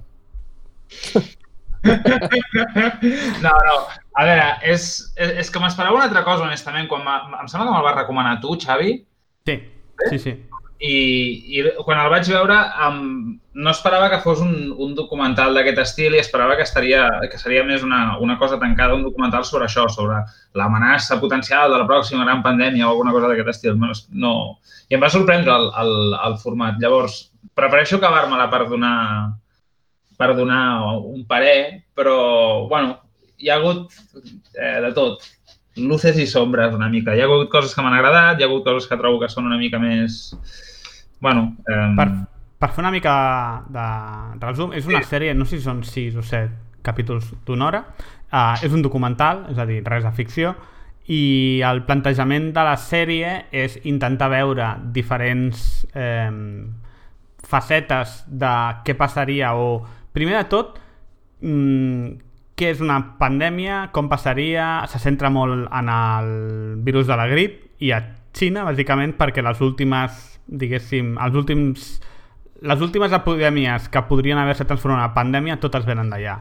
Um, I des d'aquesta perspectiva, clar, la, el docu es va fer abans del coronavirus, per tant, hòstia, és bastant impressionant perquè la, és bastant terrorífic veure com ells van dient el que podria passar, que és exactament el que ha passat. El que ha no? passat, clar. I hòstia. jo crec que a mi el que m'agrada molt del docu és que no se centra ni en la ciència, ni en... tot i que ho explica, eh? Ni en els governs, ni res així, se centra en els científics i en la gent a primera línia que hauria de combatre la pandèmia, um, en la gent que, per exemple, està passant-se voluntària per vacunar a immigrants a Mèxic, diguem-ne, que estan tancats en els centres aquests del, del Atenció, sí. Trump, uh, com les retallades de la sanitat americana podria afectar, etc etc etc. Aleshores, aquest focus en la gent i en, en gent de tot el món no se centra als Estats Units, sinó que és, va des d'un metge a la Índia uh, que corre en un dels hospitals de pobres de la Índia, o sigui, podeu imaginar, fins a un tio que té una startup que està fent recerca per eh, crear una vacuna universal de la grip que funcioni amb totes les mm, grips anuals que hi ha, fins a, jo que sé, eh, pues, una persona responsable de la formació dels hospitals yanquis sobre temes de prevenció de, de contagis, no? Um, I tota aquesta perspectiva general a mi em sembla superinteressant en, en lloc de... És a dir, de- t'explica una mica la vida d'aquesta gent, la seva vocació o no, coses com si creuen en Déu o no i quina relació té això amb el que fan dia a dia, etc etc. Em sembla superxulo. Sí, aquest, aquest punt està molt bé, el que sigui tan, tan, tan divers en quant a... des d'antivacunes fins a... i posar-lo... Està molt bé, això, sí és veritat. Mm, uh, Bien. menció especial a la antivacunes. amb el Bruguera, pel Telegram, parlaven que hi ha dues persones en el docu que, hòstia, eh, et generen violència, diguem. Una reacció molt visceral. Sí, sí, una reacció molt, molt agressiva en contra. Una és una, mm, una tia antivacunes, una hippie, vaya, yankee, que, bueno, és això, que no vol que els seus fills es vacunin i aleshores una de les històries del docu és ella i altres mares que estan en contra, estan fent campanya contra uh, una proposta de llei d'una senadora, si no m'equivoco, a Ohio, que vol, bueno, vol obligar a dir, val, tots els nens que vagin al col·le s'han de vacunar. Si no es vacunen, no poden anar al col·le i, per tant, mm, a mi no m'expliquis què fas amb el nen, però que no contamini la resta de nens, no? Mm. Um, I bàsicament això ho fa perquè ha augmentat força el número de malalties infeccioses als col·legis yanquis per culpa del moviment anti antivacunes. I, mm, hòstia, és, és, és molt heavy la senyora. Perquè, a més, la veus que no és tonta. És una tia molt intel·ligent. Però, no sé... La hippie. Sí. La hippie. Sí, sí, sí, clar, quan ella parla és una tia que parla molt bé, i... però, clar, tot el tema que tracten és aquesta obsessió dels yanquis per la llibertat individual, no? Aleshores, tot l'argument que tenen és a mi el govern no m'ha de dir com he d'educar els meus fills. Jo sóc responsable d'ells. I, per tant, no em poden obligar a que jo vacuni el meu, fi el meu fill um, que és demencial, clar, perquè això es mescla amb, amb sa salut pública i clar, la gent que vol aprovar la llei, el que t'està dient és "Aix- això no és qüestió d'aquests, si van a un col·le, a una escola a, a on a la classe hi ha nens amb el sistema immunològic molt feble, els poden matar directament. És a dir, que el teu fill mori, mira, és cosa teva, però no que infecti la resta de la classe, no? i mm, sí, sí, està, està molt bé l'altra, la segona, és una metgessa que al principi, joder, a mi que ja ve és una metgessa de l'Amèrica superprofunda que està en un hospital rural no? el que passa és que hi ha un punt hi ha un capítol que veus que la tia és super creient però, però molt, eh? o sigui, una cosa que la filla és atea i té una discussió que sembla que gairebé li estigui dient que preferia que estigués morta a que fos atea. Hòstia. Sí, sí, Bueno, molt que, que, anirà, que anirà a l'infern. És que és, Sí, molt, sí. és, és una situació delirant, tio. Només de, de, de veure allà, ja, però, mare... Sí. El que sí que et mostra és la situació precària dels hospitals a l'Amèrica profunda, a on, com que no són rentables, el govern els està xapant. I, clar, jo entenc que avui, ara mateix, amb la situació que hi ha, eh, tenint en compte que el 2019 van xapar desenes d'hospitals, doncs serà divertit veure què passa, no? Perquè si estaven precaris abans, amb una càrrega com la que els hi vindrà a sobre, doncs no sé què cony faran. Interessant aquest documental, sí, sí. Mm.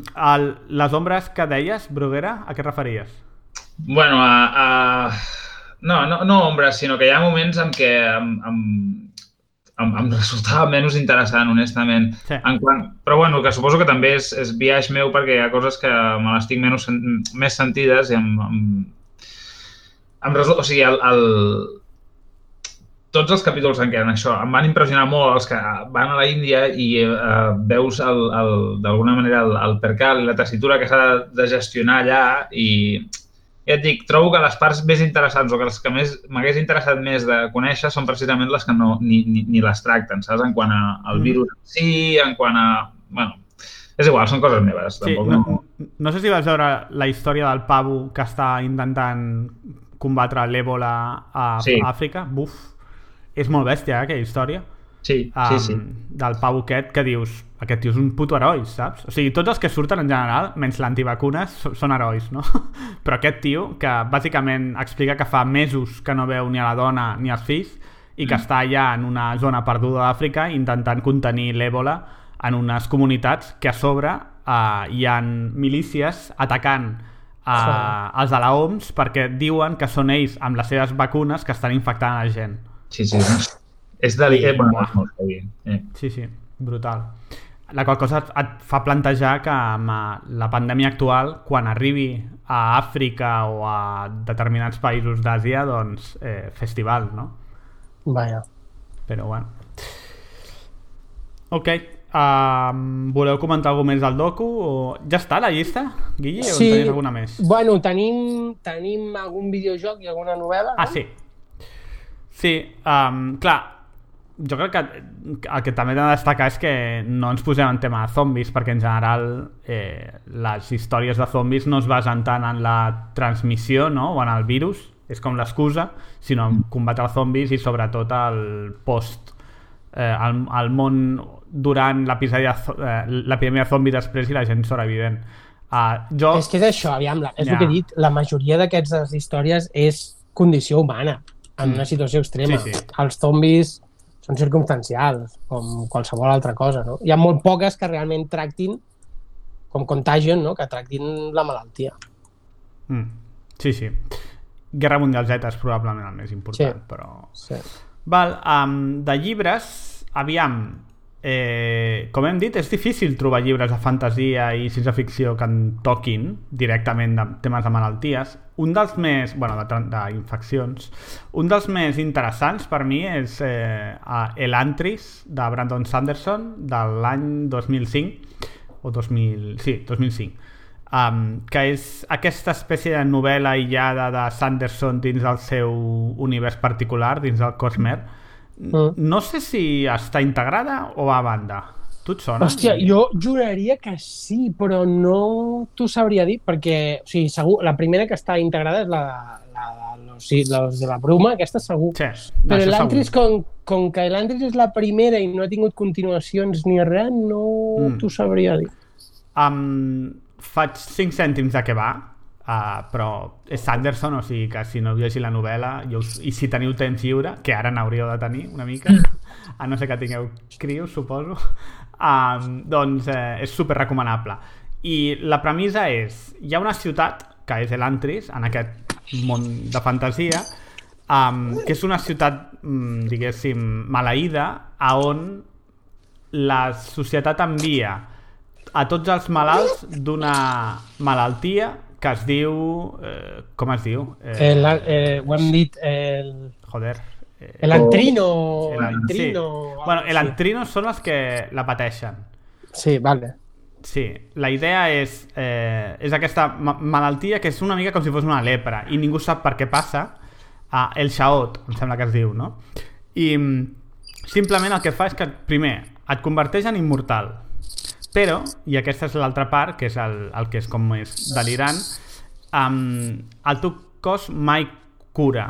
Per tant, qualsevol ferida, qualsevol cosa que et facis, se't quedarà i a més el dolor de la ferida no baixarà mai. Per tant, si ets algú que és com molt sapastre com jo, que em vaig donant cops amb les coses, doncs al cap de 3 dies et pots suïcidar. Però de, del dolor. El problema és que, clar, no pots perquè és immortal. Um, I és una mica el És- mateix. Si tens És terrible. O sigui, Sí, sí. és, li- és l'infern. O sigui, Sí. coses com no moriràs de gana, però sentiràs la gana. Per tant, si no menges, tindràs sempre gana. I representa que és això, agafen a tota aquesta penya, la tiren a dins la ciutat i, i ja està. Aleshores, eh, se suposa que és una espècie de ma maledicció contra els habitants de la ciutat i el llibre comença que un príncep, o sigui, un tio, un noble d'aquesta societat, fora de la ciutat, es transforma, és a dir, pilla la malaltia, l'envien a dins i, i, i és una mica el tio acaba d'aterrar allà, no sap què cony passa i, i la, la seva història, no? Um, no explicaré gaire més, és, a mi em va encantar el llibre, et diré que Mm. em vaig llegir la trilogia de la Bruma i aquest i crec que em va agradar més aquest, eh? Um, el que passa Jo és el que primer- l'altre és jo- una trilogia i tal, però Sí. Jo vaig començar per aquest, és el primer que em vaig llegir del Sanderson. a mi em va semblar molt original uh, Mm. i és això, dins, dins del món de fantasia jo no he vist cap altra o no recordo cap altra obra que tracti eh, un, un tema com una, com una malaltia no? Sí. A més, és que, hòstia, és que jo me recordo quan, just quan entra ja a la ciutat, que es fot un tajo i a més hi ha uns tios que la pallissen i no sé què, sí, sí, i dius, vale, ja hauré de conviure amb aquest dolor pel reste de l'eternitat. és com, Déu meu, però què és aquesta bogeria, saps? sí, sí, i a més que està molt ben escrit aquest jo diria que és dels que millors ha escrit i mira que és dels Mm. primers eh? però està superbé És dels més curtets, també, cal dir-ho.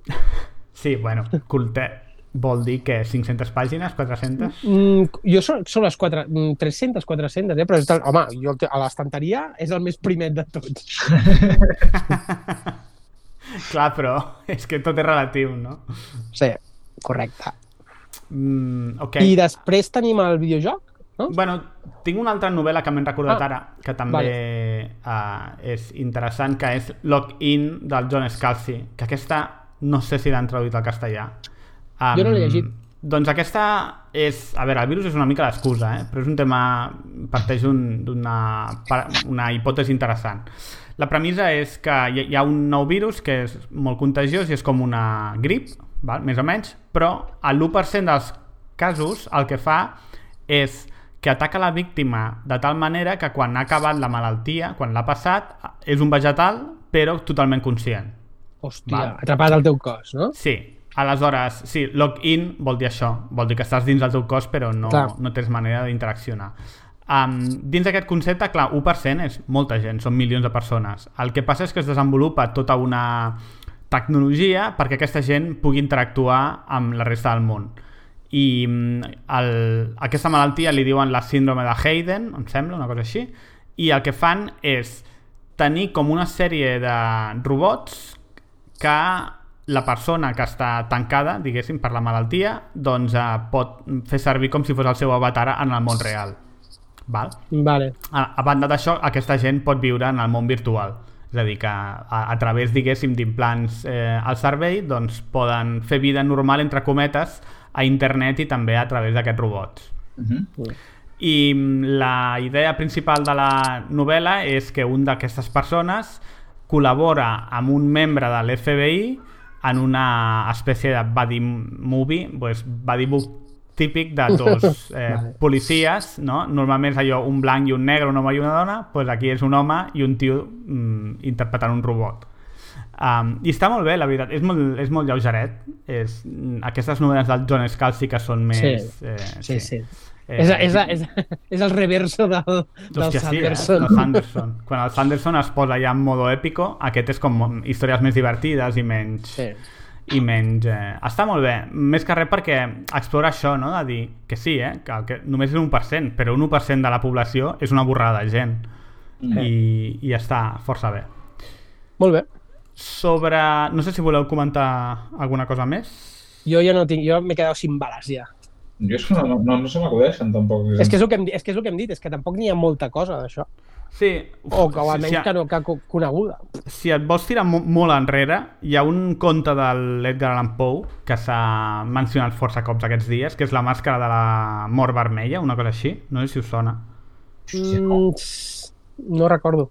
és una història d'aquestes al Pou que va de... Hi ha una plaga super mm, pe- perillosa i una sèrie de gent, diguem-ne, rica, si vols, o, o sí, nobles i coses així, que es tanquen i fan un baile, una mascarada i tal, completament aïllats de la resta del món. Val?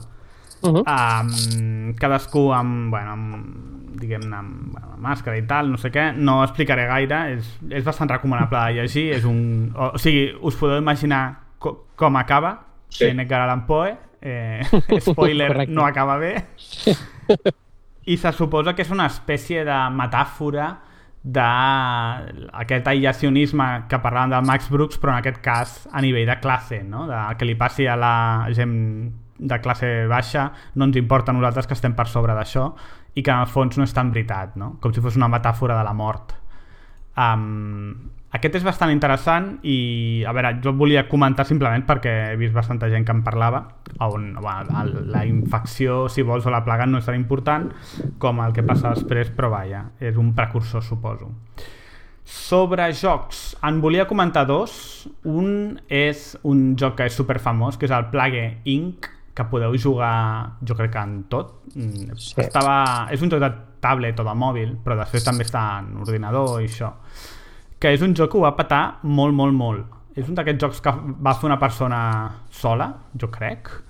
Eh, L'empresa es diu Endemic Creations i jo diria que és un... Hòstia, ara estic buscant el pavo, però... Tu, tu, James, James Bohan.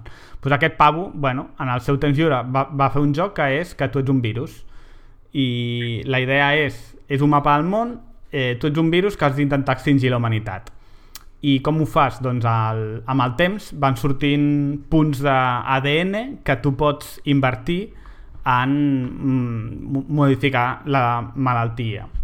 Um, a més és bastant guai perquè els escenaris són pots triar ser una bactèria o un virus o un fong o un nanorobot un, així, virus, sí. un, un virus de disseny i ara Sí. hi ha les versions fantàstiques que és molt Sí, guai. hi, hi ha de tot. Um, I aleshores és això, no? Tu tens els punts ADN que van sorgir i aleshores és, mm, tu tries què vols, eh, ser més eh, infecciós a través de l'aire o de l'aigua. Quins, eh, una, una, o sigui, inverteixes l'ADN en tres coses. Una és el mode de transmissió. Vols infectar, pots per exemple gastar 7 punts si vols infectar a través de les aus, 8 si vols a través de les rates, no? I cada cosa té unes... Mm, unes Característiques conseqüències sí, diferents, diferents. Després els símptomes, coses com si eh, vols que el teu virus faci que la gent tingui, es cansi molt, o que la gent estornudi, o que la gent tingui febre, no? etc etc. I després les habilitats, que podrien ser coses com que es transmeti més ràpidament en països freds o humits o coses així. Aleshores, eh, tu comences en, en un país, diguéssim un país a l'atzar, Xina, i a partir de Xina doncs, vas intentant um, um, extingir la humanitat de tot el món i en, algú, en un moment, diguem-ne, que la humanitat comença a reaccionar contra tu, no? Aleshores, el que has d'anar fent és una simulació on tu vas contrastant aquesta carrera de la humanitat per vèncer-te. Mm. Mm, I és bastant... A veure, el joc ho va patar molt perquè és molt addictiu i molt divertit i entenc que això d'intentar extingir la humanitat doncs té la seva gràcia. Potser ara no tant, suposo. Sí. um, però és bastant xulo. Mm, a més, amb aquesta premissa inicial, si jugues com a virus, bactèria o altres coses, doncs la veritat és que la dinàmica canvia moltíssim. Sí. I, I això sempre està bé. És xungo, eh? Jugar amb el, el... Jo em va costar molt treure'm els tots amb Mega Brutal, tio. El, Joder, el... hòstia. Els has tots amb No, no, una brutal. eh, porto molt temps jugant aquest joc, tio, que me'l eh, me'l vaig baixar, fa, bueno, t'ho miraré, però quan, amb el primer iPad, em sembla. Collons. Sí, sí, té anys, eh? Eh, Sí. I, I xulo. aleshores... Sí, digues, digues. No, no, que, que, que tot el que hem dit, que em mola molt d'aquest joc, que és, a veure, amb totes les... Eh, que és un joc, vull dir, que amb, amb totes les llicències que es puguin donar, que està molt guai perquè això que estàvem dient de quina, com ha de ser una malaltia perquè pugui ser una pandèmia efectiva i tot plegat, en aquest joc es veu molt bé, tio, el que si vols, o sigui, primer quan t'expandeixes i comences amb, amb un país i amb, un, amb poques persones, has d'intentar passar desapercebuda i extendre, fer-te molt infecciosa, i llavors quan ja t'extens has de començar a fer-te més virulenta i a lluitar. Que està, està guai perquè veus realment el, el... No sé, penses en coses, en això, en com, com, com hem creat un món que és com un escenari de, de joc diferent per totes aquestes malalties que han sigut Mhm. sempre de la història, però que ara juguen d'una altra manera, d'alguna manera. Sí, um, aviam, hi ha coses que dius, puf, o sigui, clar, primer mm, primer cosa és que el joc en el, fons, en el fons és disseny intel·ligent, no? Ets tu darrere del virus, per tant, com a simulació això no... Però clar, és que si no, no seria No, joc, no? A veure, sí, però que, que, que, que, que és un joc, és el que dius tu, però que també té el punt aquest d'aleatorietat, de que Sí. depèn de... Les coses poden mutar o poden canviar, les respostes poden... No sé, està... a mi és un joc que m'encanta, tio, per jugar això quan tinc una estona abans d'anar a dormir o sí, uf. Sí. Ara està al metro jugant a aquest joc segur que la gent del teu voltant no se t'apropa, no? Sí. Mira, Ah. i, en aquest, mira, i una de les versions, bueno, que aquest joc té a part de, si vols, pots jugar com, una, pat- com un patogen, diguem, realista, entre cometes, Mhm. o ara també han, han fet les versions per si voleu jugar eh, de, que pots, la plaga vampírica, la Sí. plaga del planeta de los simios i Hòstia, que bo. El, un, el gusano neural i també una que pots, per, o sigui, que, que no és una malaltia, sinó que ets un joc de taula i que t'has de fer popular i t'has de, Sí. t'has de difondre per tot. Estan bé aquestes versions. La, la vampírica de la plaga dels simis, a mi personalment, i la, bueno, i la dels zombis és espectacular, però com ja ho hem tocat, però aquestes dues trobo molt divertides. És un bon joc, tio, de- d'iPad. És l'únic, a part d'escacs, és l'únic que jugo dia amb el... Doncs podries provar també l'altre joc d'aquest tio que es diu Rebel, Rebel Inc, em sembla que es diu. Ah, m'ha sortit la... Rebel la... Inc. Sí. Es pot descarregar, sí, la... la... És l'única que em Sí. falta. És interessant, és un joc diferent, eh? però té un punt similar. Um, la, o sigui, és un joc també d'estratègia del, del mateix autor i el joc va de la següent premissa. Tu ets el responsable, diguéssim, de gestionar el que seria, mm, si vols, Afganistan o un país similar amb una insurgència i un exèrcit. Val? Aleshores, controlar la zona vol dir que tu tens l'exèrcit al teu mm, costat, diguéssim, els yanquis i els seus aliats, si vols l'exèrcit d'Afganistan o el que sigui, i uh, tens uns insurgents por ahí. I la majoria de la població és població que està allà i que pot donar suport a un o a un altre. Vale? Aleshores, um, la, la idea que té el joc és aquesta, que en lloc de centrar-te en la part militar, te centres en la gestió del territori i en allò dels corazones i mentes del Vietnam, no? d'intentar convèncer a la població que tu, tot i que ets l'invasor, diguem-ne que ets, uh, eres bona persona. Però es juga Clar. només a un país. Eh, com? Es juga només en un país, no? Hi ha diferents escenaris, sí. Ah, és un escenari amb rius, muntanyes. Clar, si hi ha muntanyes, per exemple, la insurgència ja es farà forta, no? Um, però clar, si tens una ciutat al costat de les muntanyes, el perill és que de les muntanyes baixin cap a la ciutat, o que si no els controles, en algun moment doncs, con, bueno, baixin cap a la ciutat, te l'agafin i aleshores et muntin allà una defensa de l'hòstia. Uh, has d'anar invertint, en lloc de ADN, en ADN, has d'anar invertint en millores, en infraestructures, en carreteres, llibreries, escoles, bla, bla, bla. És a dir, que és una mica la inversa. I, I és una mica un virus en el sentit que tu tens una població indecisa, una a favor i una en contra. I el joc o els escenaris els guanyes quan la majoria de la població està a favor teu. No, aviam... Sí, digues. No, no, dic que potser el provo, que ara que me l'estàs venint bé. Um, el joc, a mi el tema de primera no m'interessava, perquè no, però és que a mi m'agradaria ser la insurgència, no? si de cas, però bueno. Um, però és veritat que està molt ben dissenyat el joc i és bastant divertit. Per mi no és tan addictiu com el Plague Inc., però està força bé, la veritat està molt ben dissenyat i és, és un joc molt elegant. O sigui que sí, sí, jo, si t'agrada el Plague Inc., jo crec que aquest també t'agradarà perquè és bastant similar en quant a repte. No? Ok. I mm, per acabar, volia comentar un joc que és de tablet i també de taula, que és el Pandemic, que és, no sé si us sona, és un joc de taula basat en la idea contrària. Hi ha tres, si no recordo malament, tres epidèmies es, eh, pel món i tu has de, amb un equip de diferents investigadors, científics, soldats, etc, has d'intentar, mm, diguem-ne, parar-la, no? O trobar la cura a les... Sí, són quatre malalties. Um, és un joc de taula cooperatiu, d'aquests que juguen dos o tres persones, i, o quatre, i la idea és cadascú és un dels, dels eh, diguéssim, personatges principals i s'han de coordinar per intentar fer front a la- a l'epidèmia, a, les, a les quatre pandèmies. I està molt bé, la veritat. Uh, té una versió per tablet on tu jugues sol i portes els quatre tios, o ties, el que sigui, i funciona bastant bé, diguéssim, per una, un joc d'una horeta o així. I si voleu fer una cosa diferent als típics jocs mm, competitius que pots trobar a la taula, doncs aquest ah, està, funciona bastant bé. Bien, Bien, pues... comprem. Pues fins aquí, no?, la part de ficció i Sí. jueguicos i tal. Um, no sé si voldríeu passar ja al debat. Fem una parada abans, no? Sí, fem una pauseta i passem a, i passem a l'últim tram del capítol d'avui. Correcte. Molt bé.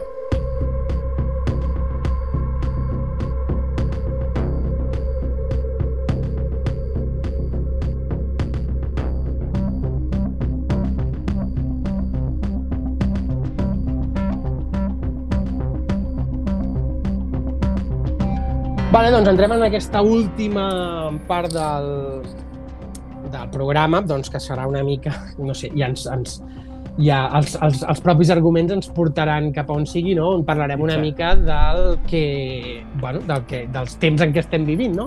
Que per començar, si voleu, eh, jo diria que, aviam, és una cosa única en la història de l'ésser humà, eh, no, per, no per pandèmia, sinó a la situació en què estem avui en dia, no? és a dir, amb internet, amb totes aquestes coses, amb la... Amb la collons, amb la, és a dir, que les notícies corren al segon no? per tot arreu del globus Sí. i aquest confinament eh, massiu de tota la humanitat, per dir-ho així, hi ha molts, òbviament que s'ho salten, i hi ha molts països que encara no, han, no estan aplicant totes les, les, bé, les, Mesures. a- les mesures que s'haurien d'aplicar, no? però Però és diguem que, que, és, és una fet- cosa que ha passat per primera vegada a la història. No? les mesures... O sigui, en realitat, els únics països que estan aplicant les mesures que toquen, i recomanades per la OMS, han estat Corea del Sur i Xina, ja està. O Mm. sigui que... Bueno, mm, Sí. Però bueno, És- vull dir, aquesta Sí. conscienciació global no? de que tenim un ente invisible que ens està atacant, no? sí. I que, clar, jo, jo una de les coses, per exemple, ara l'altre dia que estava mirant els, els seguidors de...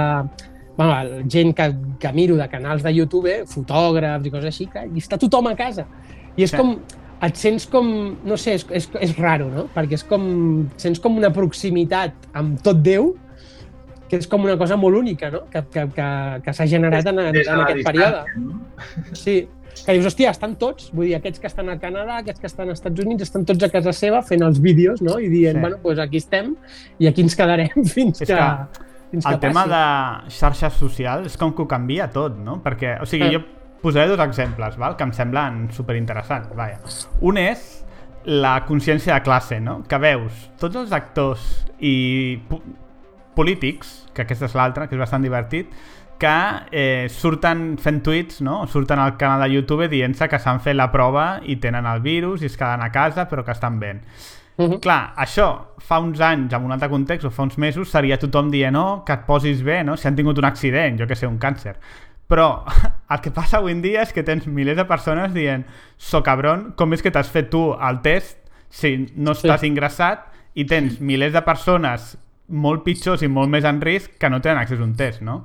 Aleshores, Sí. eh, és una cosa que al guanyar visibilitat veus molt clarament aquestes diferències de tracte amb una malaltia entre gent de diferents classes. Mm. Um, Mm. Aquesta és una. I l'altra que em sembla superinteressant també és la discussió entre... O sigui, la veu dels científics. Perquè amb totes aquestes obres de ficció o abans, diguéssim, amb les pandèmies que, que hi ha hagut abans, tu només tens la, el missatge dels governs que controlen, o, diguéssim, si vols, l'elit que controla els mitjans de comunicació.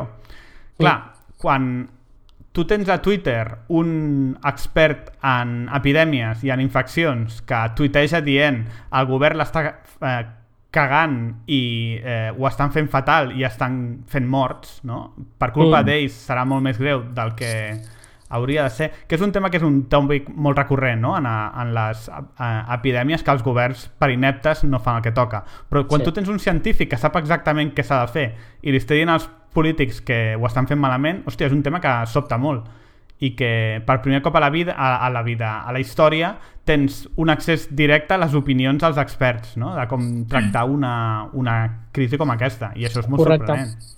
Eh. Sí, sí, totalment. Bruguera, algun comentari? No, és que és, és, és que és un problema que me n'adono que existeix perquè tampoc veig com el podríem resoldre o que s'hi pot Ah, no, fer. no. No, perquè és molt simple. El, els polítics sudaran... bueno, el que pa passa sempre, no? Els Mm. polítics suden dels experts i fan el que els hi convé a ell i, per tant, el que passa és que ho veus, no? Ho veus Sí. eh, de manera molt extrema. Eh, Mm. A mi una altra cosa que em sembla interessant és el tema aquest de els, les diferents estratègies i en aquest cas eh, l'estratègia del Regne Unit al contrari que la resta de gent. No sé si ho heu, sigut, ho, ho heu seguit molt, el tema. Sí, sí, No, sí. sí. És, és flipant.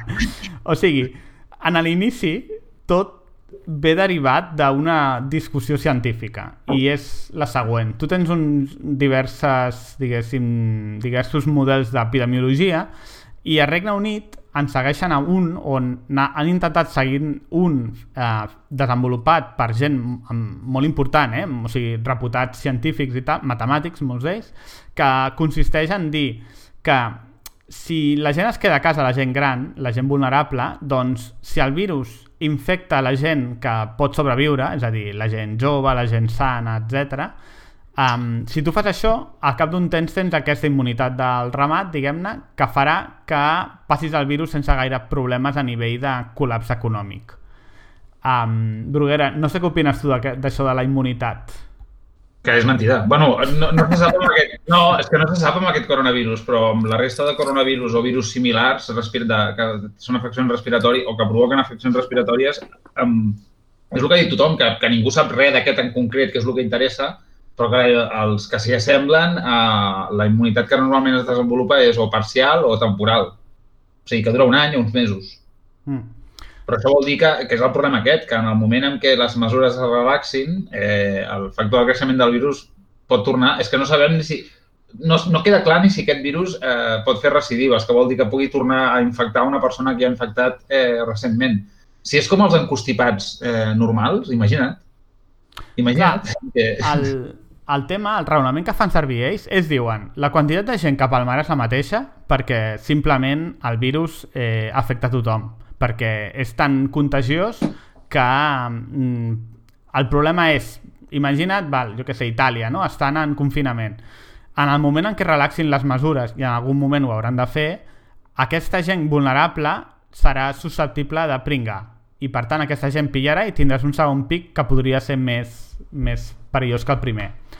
Uh, jo el que no he entès des d'un inici és l'assumpció aquesta que tenien o que tenen de que la gent gran es quedarà a casa i no, o sigui, la gent vulnerable no pillarà el virus i, hòstia, estat molt de temps mirant els models i tal, i, i en el fons i és molt surreal, eh?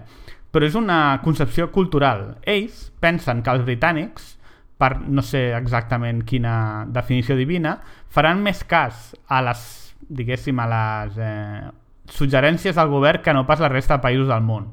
I per tant, tothom farà cas al que li diguin que ha de fer. Val? Això combinat amb una altra assumpció que em sembla surreal, que és que els britànics no, no faran res a banda d'això. Clar, què ha passat? Cony, que moltes empreses, universitats i tal, al veure que els altres països sí que estaven, que, estaven fent confinament, han començat a tancar. Han dit, no, no, i una merda, jo no em vull contagiar, per tant, a mi no me jodes. I total, que el govern al final ha hagut de canviar d'estratègia i ahir, per exemple, ja va tancar els pubs, cosa que és Sí. inaudita i mai a la història del Regne Unit havien tancat els pubs, no? Um, no sé, em sembla molt interessant perquè també és un... És, hi ha una moraleja, no? Que és... Tu tindràs molts models matemàtics, però si les teves assumpcions, no? si les premisses de base del teu, de, de la teva aproximació a la societat són errònies, eh, les conclusions que en treguis també ho seran. I, i en això estamos, que ara mateix Regne Unit té una corba de mortalitat més, in, més bèstia que qualsevol altre país del món, Mm. amb la qual veurem com, com els hi va. Però és que Um, però, estan tan a prop d'acabar amb el Brexit que suposo Ja, que ja. No, no han volgut tirar enrere. Ara no va, si van a morir unos cuantos, no Sí. pasa nada. Llegados aquí, con lo que ha costado... I, I a més, clar, va sortir el Boris, el Boris Johnson, no? dient no, clar, hem d'entendre que uh, moriran gent que ens, que ens és estimada, però és el que hi ha. Que té, home, però què dius, tio? Eh, bastant surreal tot plegat. Surreal Ah. i, i acollonant, eh? Perquè és, és molt... O sigui, per mi, que hi hagi un polític per, per trist que sigui que el Boris Johnson sigui un polític de primera fila, de Sí. primera línia, diguem, però que un, d'un polític d'una d'una nació important d'Occident com a surti o sigui, surti dient bàsicament que, bueno, pues que uh, hi ha una part de la societat que, que se la confiti. Eh, simbòlicament, eh, jo no ho he vist mai, tio. Aviam, això. no seré jo qui defensi el Boris, eh? Però en el fons, no creus que t'està dient ell el que els altres no et diuen però que en el fons és cert? Vull dir que, que és No, així. no, no, però si no és una crítica cap a ell, em refer... més- eh, per això dic que és algo simbòlic, el que un polític Ja. d'un estat que ha sigut un dels... Eh, joder, no defensors perquè és el Regne Unit, però... Eh, joder, que és, que, és, que és gore, tio, que tot de la societat de l'estat del benestar i tot plegat ara és de... Bueno, doncs mira, eh, l'economia no es pot parar, Sí. saps? I ja Però- està. La... Clar, eh, jo crec que també es mesclen aquí coses, perquè en el, no, el model... És a dir, l'estratègia que volien aplicar ells no es basava en l'economia, es basa en minimitzar el pic d'infeccions perquè no s'aturis la sanitat. Jo, el problema és que les assumpcions d'aquest model crec que són errònies, perquè la gent gran no s'hagués quedat a casa, s'hagués infectat i el pic el tens igual. Però bueno, uh, això és el que em no sorprèn. que abans, que, que clar que són errors els models. Segur que, que, que són errors, però és que més no és que no només això, sinó que aquests models els vam crear, tio, el que deies tu, en, en, en un món que funcionava d'una altra manera, Mm. Essencialment, i que llavors eh, els haurem d'ajustar, segur, i pff, a saber. Sí, és que no, he entrat en una fase de la vida en què el que passi la setmana que ve em queda Sí, tan sí. lluny, és com difícil de... Exacte. Relacionat amb això, hi ha l'altra cosa que és uh, que sí que tu dius estem molt connectats, internet, Twitter i tal, però en cada país, en cada puto país, ha passat el mateix que en l'anterior i les fases són les mateixes i no aprenem. És a dir, quan a Xina hi havia la infecció, a Europa passàvem del tema, no? Quan va començar a Itàlia, a Espanya, passava del tema, la gent... Al principi hi ha la fase dels memes, no? De fer xistes i tal. Després hi ha la fase de, conyo, que està arribant. I després hi ha la fase en la que estem ara, que és quan comença a haver el pic i ja te n'adones de la magnitud de la tragèdia. Pensa en quant de temps ha passat, Xavi. El primer cas Eh, de, de Covirus eh, 19 es diagnostica a Xina el, 30, de- el 31 de desembre del 2019. Sí, Si tot el que han reconstruït és cert, aquesta malaltia, la infecció, pas, l'incident de zoonosis, el, el, el pas, es devia produir en el mes anterior. sí. En tres mesos està a tot el món. Clar, però... Mm, I són dic, clar, milers, a nivell, milions, bueno, és que potser ja són milions d'infectats. Sí, sí, però a, a nivell personal, en els països que va més lent, perquè han començat més tard la infecció, no estan aprenent absolutament res dels que ja estan pringant, que és el que em fascina, de dir, sí, estem Sí. més connectats, però sudem del tema. Un, un exemple a nivell personal és ahir vaig tenir Skype no? amb professors de, de Regne Unit. Jo els estava explicant que, com estava Espanya i que jo no entenia que Regne Unit no confinessin a tothom perquè em deien... Una em deia ai, és una putada que la uni tanca-li a les 5 avui perquè volia estar fins mitjanit. I l'altre deia, jo sortiré quan pugui a fer excursions i tal mentre duri això, no? Clar, no sabia com fer-los entendre que d'aquí una setmana estaran tancades a casa collonides, no? Uh, I és una mica de dir, bueno, mm, em tracta, o sigui, em parlaven com si jo estigués mig loco i és, de, és el que fèiem nosaltres amb els italians fa una Sí. setmana, no? I el que els italians feien amb els xinesos fa, fa 15 dies. Per Ja. tant, a mi el, em sorprèn això de que, eh, tot i que pots llegir i escoltar a algú de la zona afectada més fortament, no aprens perquè et penses d'alguna manera que el teu país és millor i que a tu no et passarà. I, clar, eh, Hi havia un, pa... hi ha, hi ha un vídeo molt famós al YouTube, segur que us l'he enviat perquè té, molt, té més anys que anys. És una classe magistral d'un professor a Texas que el títol de la classe és una classe... A més, és que la, són 10 vídeos a YouTube que duren en total és una hora o així, però és espectacular. I la, el títol de la classe és uh, The greatest shortcoming of uh, mankind uh, is the inability, its inability to understand the exponential function. O sigui, l'inconvenient o el, el, el desavantatge més gran que té la raça humana és la, la impossibilitat d'entendre el que és una corba exponencial i com funciona. I, i els fenòmens que no, bueno, que segueixen corbes similars exponencials o logístiques, eh, clar, és que ens pillaran, no sé, no els entenem, no... no, eh, No, Funcionem amb una altra mentalitat, nosaltres, del. Això és una cosa, però també jo crec que aquí hi ha un punt de nacionalisme ranci molt potent, és a dir, jo crec que els britànics eh, es pensen que són superiors que els italians o espanyols.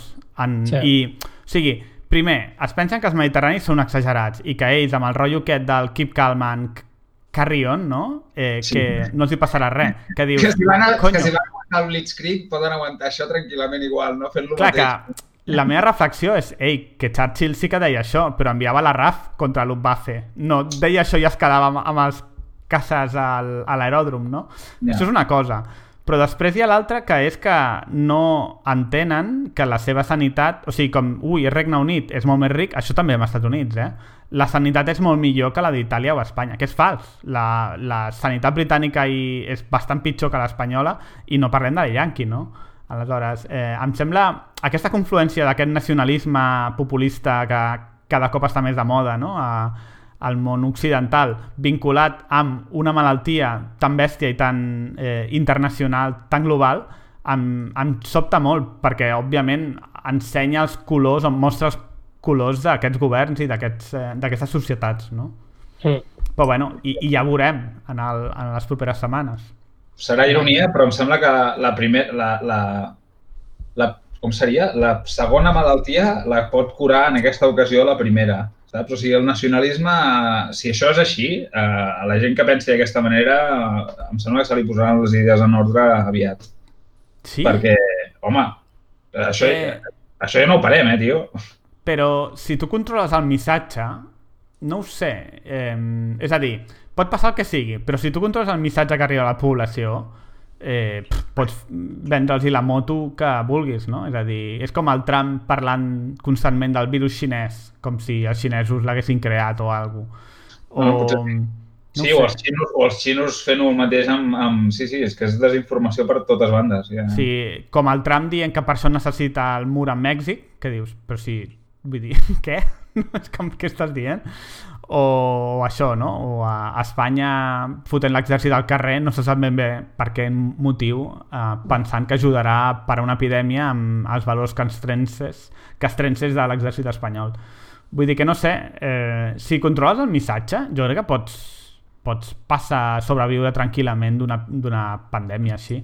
Total, la catàstrofe és si la el culpa missatge d'un és altre, no? 20.000 20 iaios morts, per dir-ho d'una manera molt crua, eh, és que no sé, igual sí, és que igual sí, tio, jo, jo ja m'ho crec tot, a aquestes alçades. És que en el fons, mm, en la meva opinió, no és tan diferent del 1984 d'Orwell. Tu tens un enemic, No. exter un enemic, un enemic extern, no? que pot ser mm, d'una guerra o pot ser un virus. I això et serveix per dir no vull cap mena de discrepància, ni els científics em poden dir que estic equivocat i, i punt. I tots somos unos, unidos i mejor unidos. I ja està. Aleshores, si tu controles el missatge, sempre pots dir que és culpa del virus i dels estrangers o de qui sigui i pots fer aquest roti i pots tirar endavant.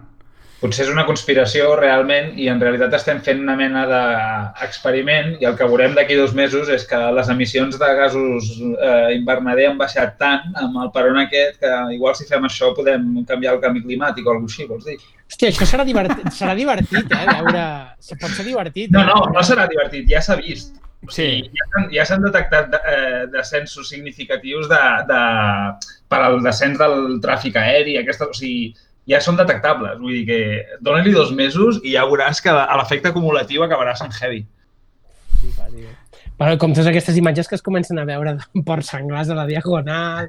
Vull dir, és, és, és increïble com la... O sigui, com en dues setmanes, que, i, i, i, no és, i, no és, i no és completament global ni, ni tothom fent-ho, però només en dues setmanes, dofins als canals de Venècia, porcs senglars per la diagonal, Sí, però... micos...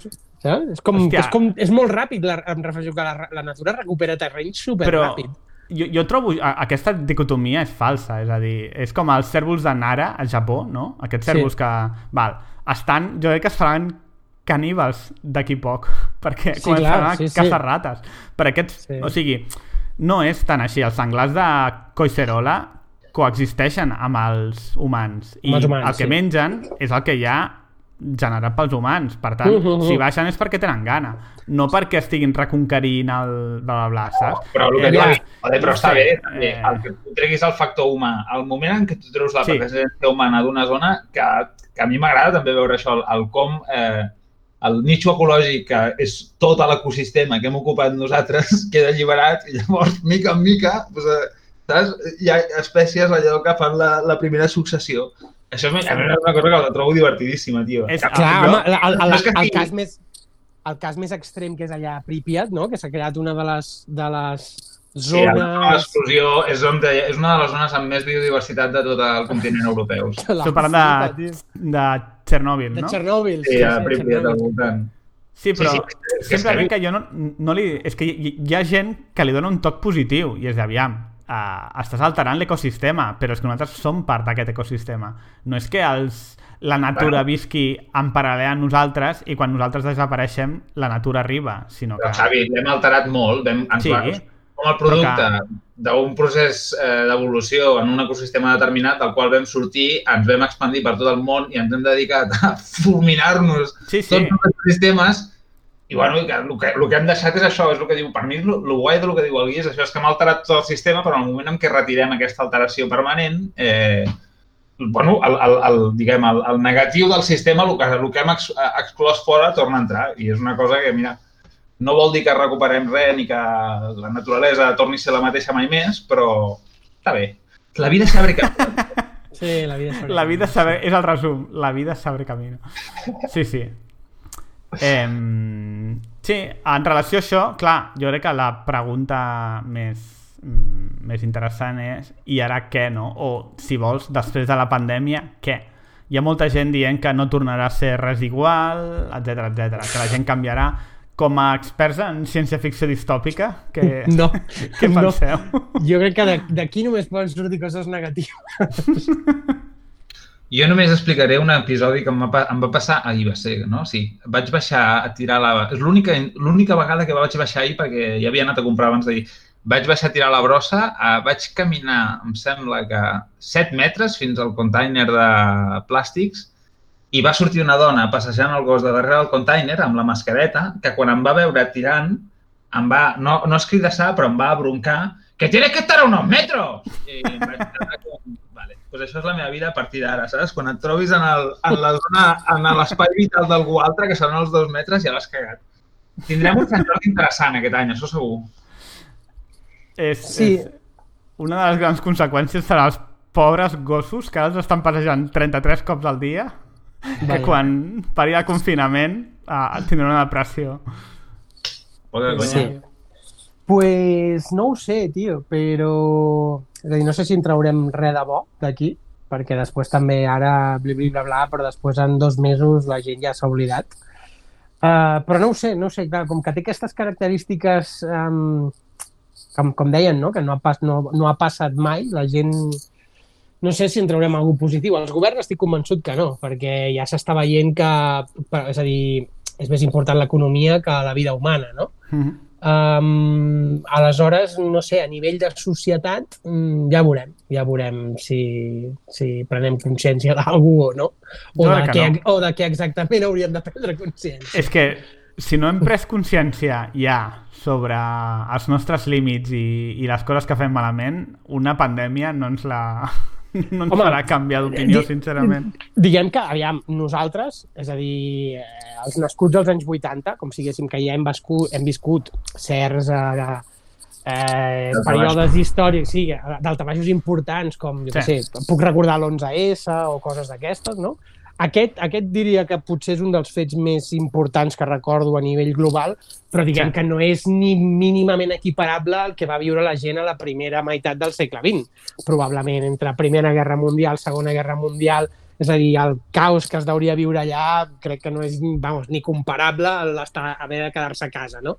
Perquè almenys que- no t'està bombardejant ningú. Però, Sí, sí, penses? però diguem que sí, que si la gent de llavors no va, no va agafar consciència de guerres, de, de el nazisme, vull dir, seguim tenint la mateixa merda, vull dir, de què hem de canviar, saps? Clar, és que precisament el que tu dius, si després de la pri- Primera Guerra Mundial i la grip espanyola no vas millorar la societat? Una mica al contrari. No, exacte, que, no, que no només no que vas la millorar, pandèmia... si, sinó que et va portar una segona guerra mundial a crear la Sí. bomba atòmica, saps? Bueno, tio, però, joder, que no siguem així, conyo, que durant 50 anys després de la Segona Guerra Mundial algú vam aprendre, alguna cosa vam fer diferent. Alguna Sí, cosa vam fer millor perquè creéssim almenys un període d'esta- d'estabilitat i prosperitat amb tots els efectes que vulguis i amb totes les injustícies que vulguis. Però, tio, que, que hem multiplicat eh, joder, que hem creat, és que és això, és que el món que ens estem menjant amb patates ara és el que vam crear en aquest període, el que vam reconstruir després de... Bueno, el que, Sí. vam, el que van reconstruir. El, el, El que passa és que és això. A, al final dona la sensació que és purament generacional. Quan, quan mor la generació que va viure tot allò, és com que tot torna a començar, no? És a dir, els nets no tenen... No, no som capaços de transmetre l'horror de certes situacions, no? Que te les veus amb, amb una perspectiva massa llunyana, com que no pot tornar a passar. Jo crec, jo crec que és una mica... Jo, honestament, mm. per, per no és per insistir, però em sembla que és el que es dèiem abans, que ens estem intent... que ens estem enfrontant a una situació que no és nova, que és veritat que fins, fins, fins fa relativament poc eren situacions suficientment estranyes perquè es donguessin una vegada o potser cap en una generació, però que sí que és un coneixement o una experiència que és difícil de traslladar, potser per això, perquè coses que passin amb tan poca freqüència, si les sobrevius ja les has sobreviscut i si no les sobrevius no t'has de preocupar.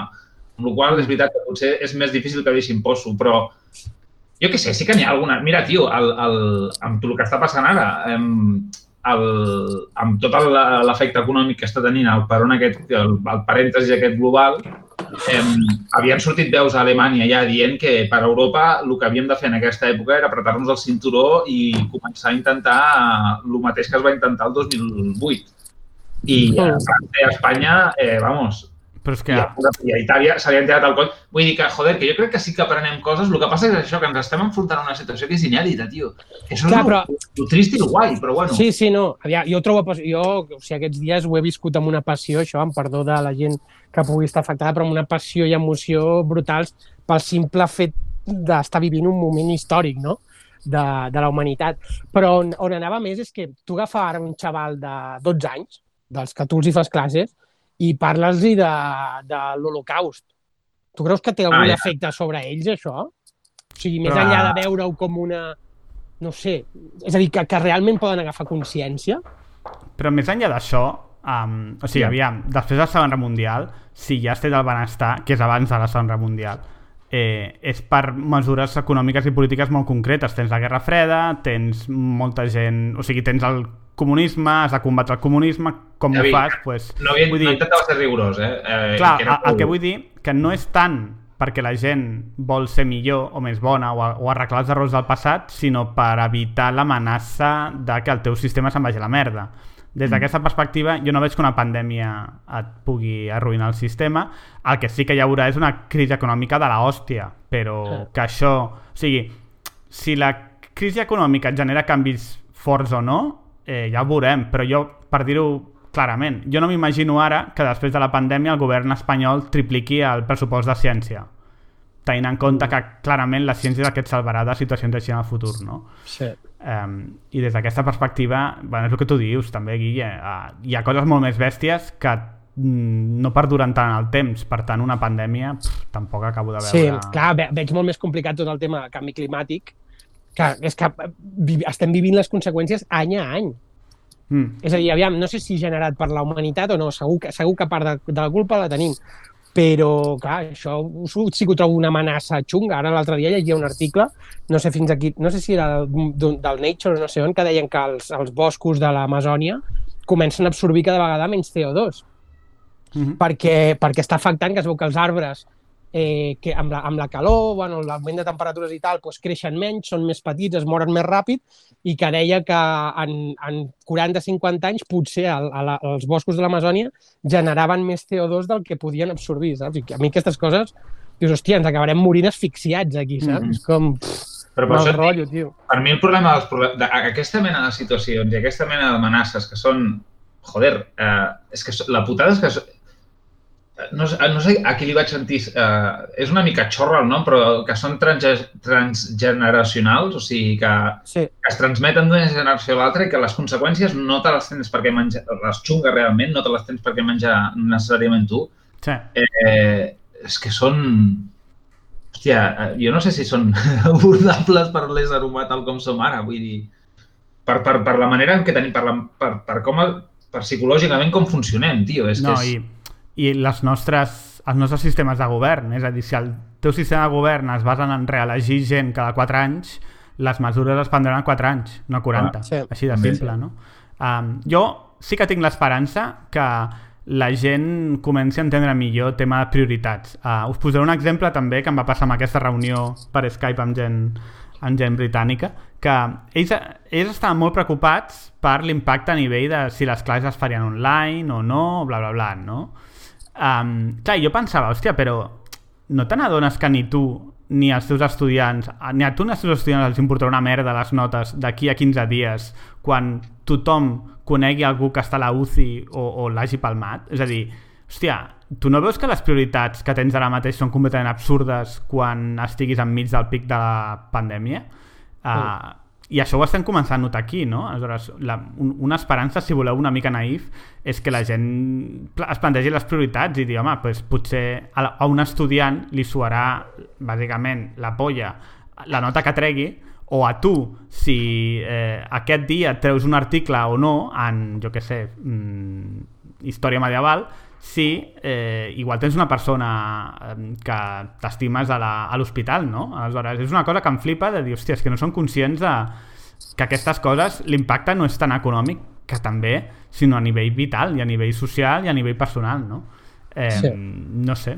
Mm, Ja et dic, a mi, que hi hagi una pandèmia i que tothom pensi primer en només, bàsicament, l'impacte a nivell laboral i econòmic, és com, vale, tio, mm, així, així ens va, no? Suposo. Sí, home, aviam, i al final també això que, que està passant crearà un precedent de, de modus operandi, almenys sigui millor o pitjor, no? Però és la primera vegada que es fa a nivell... No ho estem fent amb gran èxit, no? Però Eh, no? diguem que una Solo se segona, puede mejorar. en, en, en, en refereixo en una, en una possible següent pandèmia, diguem, d'aquí dos anys, ai, o deu, eh, ja es tindran certs... Eh, bueno, hi haurà un precedent, no? Això van dir abans. del que, del que pot passar a nivell econòmic, del que pot passar a nivell social, tot això. Sí, el problema és, eh, o, o la por, és que facin el que diu el Bruguera, no? Que és, home, si hem tingut una, una pandèmia, ja no ens hem de preocupar per les següents fins d'aquí 100 anys. Que Ja. seria, seria molt suïcida, però no m'estranyaria, la veritat. Ja, sí, sí. No, no, ja et dic, han sigut, és que fes números, eh? No han sigut gaires més de 10. Des del SARS i entremig hi ha Ja. hagut el MERS, o sigui que Sí, sí. són 5-10 anys entre... I bueno, i, doncs, en fi, Sí, Bueno, bueno, aviam, i des de que, i des de que, no, és a dir, des de que som adolescents, va haver-hi això també, la, les vaques loques, vull dir, ja n'hi ha, ha hagut vàries. No han sigut, com si diguéssim, supermortals, però n'hi han hagut, n'hi han hagut mm, quatre o cinc, com a mínim, no? Mm. Ara, ara, Doncs una, ara que has dit de les vaques loques, m'acabo de recordar que em, em vaig enterar fa poc d'una que, que no havia sentit fins ara. Si aneu als Estats Units o si aneu a Amèrica i coneixeu algú que us ofereix carn de caça, especialment si és cèrvol, eh, ni s'us acudeixi, tio. Però ni s'us acudeixi. Pas. perquè eh, i és una cosa que es porta seguint de fa uns anys. Sabeu, us en recordo que la malaltia, totes les eh, encefalopaties espongiformes, que són les, la malaltia de Creutzfeldt-Jakob, el Kuru, totes les variants aquestes de comes carn i te pones xungo, Sí. eh, les provoquen unes proteïnes rares que es diuen prions, que no se sap ben... Bueno, són una cosa molt estranya, eh, les tenim... o són, són proteïnes que estan de forma normal en els organismes, però que a vegades es pleguen malament i comencen a fer coses raríssimes i a més es fan com, bueno, s'au- s'au- s'autosustenten. I aquestes merdes, que són el que va provocar la malaltia de les eh, vaques boges amb, amb carn de vaca, n'hi ha una variant que afecta cèrvols eh, i que s'ha extès per la immensa majoria de poblacions de cèrvols dels Estats Units com, la, com el foc. I la penya el segueix caçant i se'l segueix menjant. I el que no saben ben bé és perquè encara no han vist un pic de la parra de penya amb malalties d'aquestes. I no Això. saben perquè el prió, en aquest cas, no és infecciós com ho era en la malaltia de Creutzfeldt-Jakob, però si s'hi fa, eh, ja ho veuràs tu.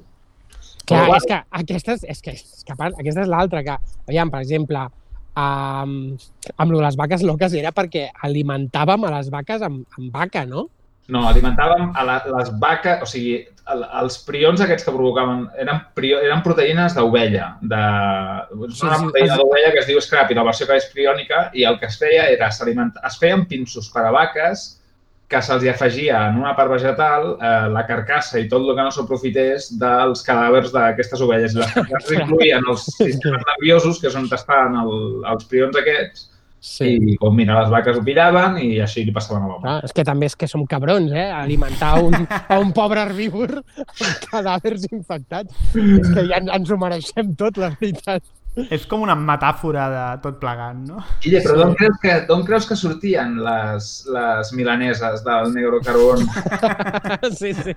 Aquella El cel. petxuga, aquella cel sí, petxuga, aquella petxuga era la Velociraptor, no, no. Allò no podia, no podia ser molt natural.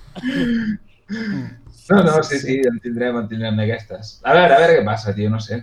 Sí, Mm. el... El que està clar és que també hi ha el rotllo aquest de que en situacions com aquesta de, diguéssim, extremes és quan surt el millor i el pitjor de l'ésser humà, no? El, el clàssic típic de les pel·lis, rotllo de Walking Dead, de zombis, pues això és tal qual, perquè Sí. ja veus indicis com el tema dels saquets de pap eh, paper de cul, no?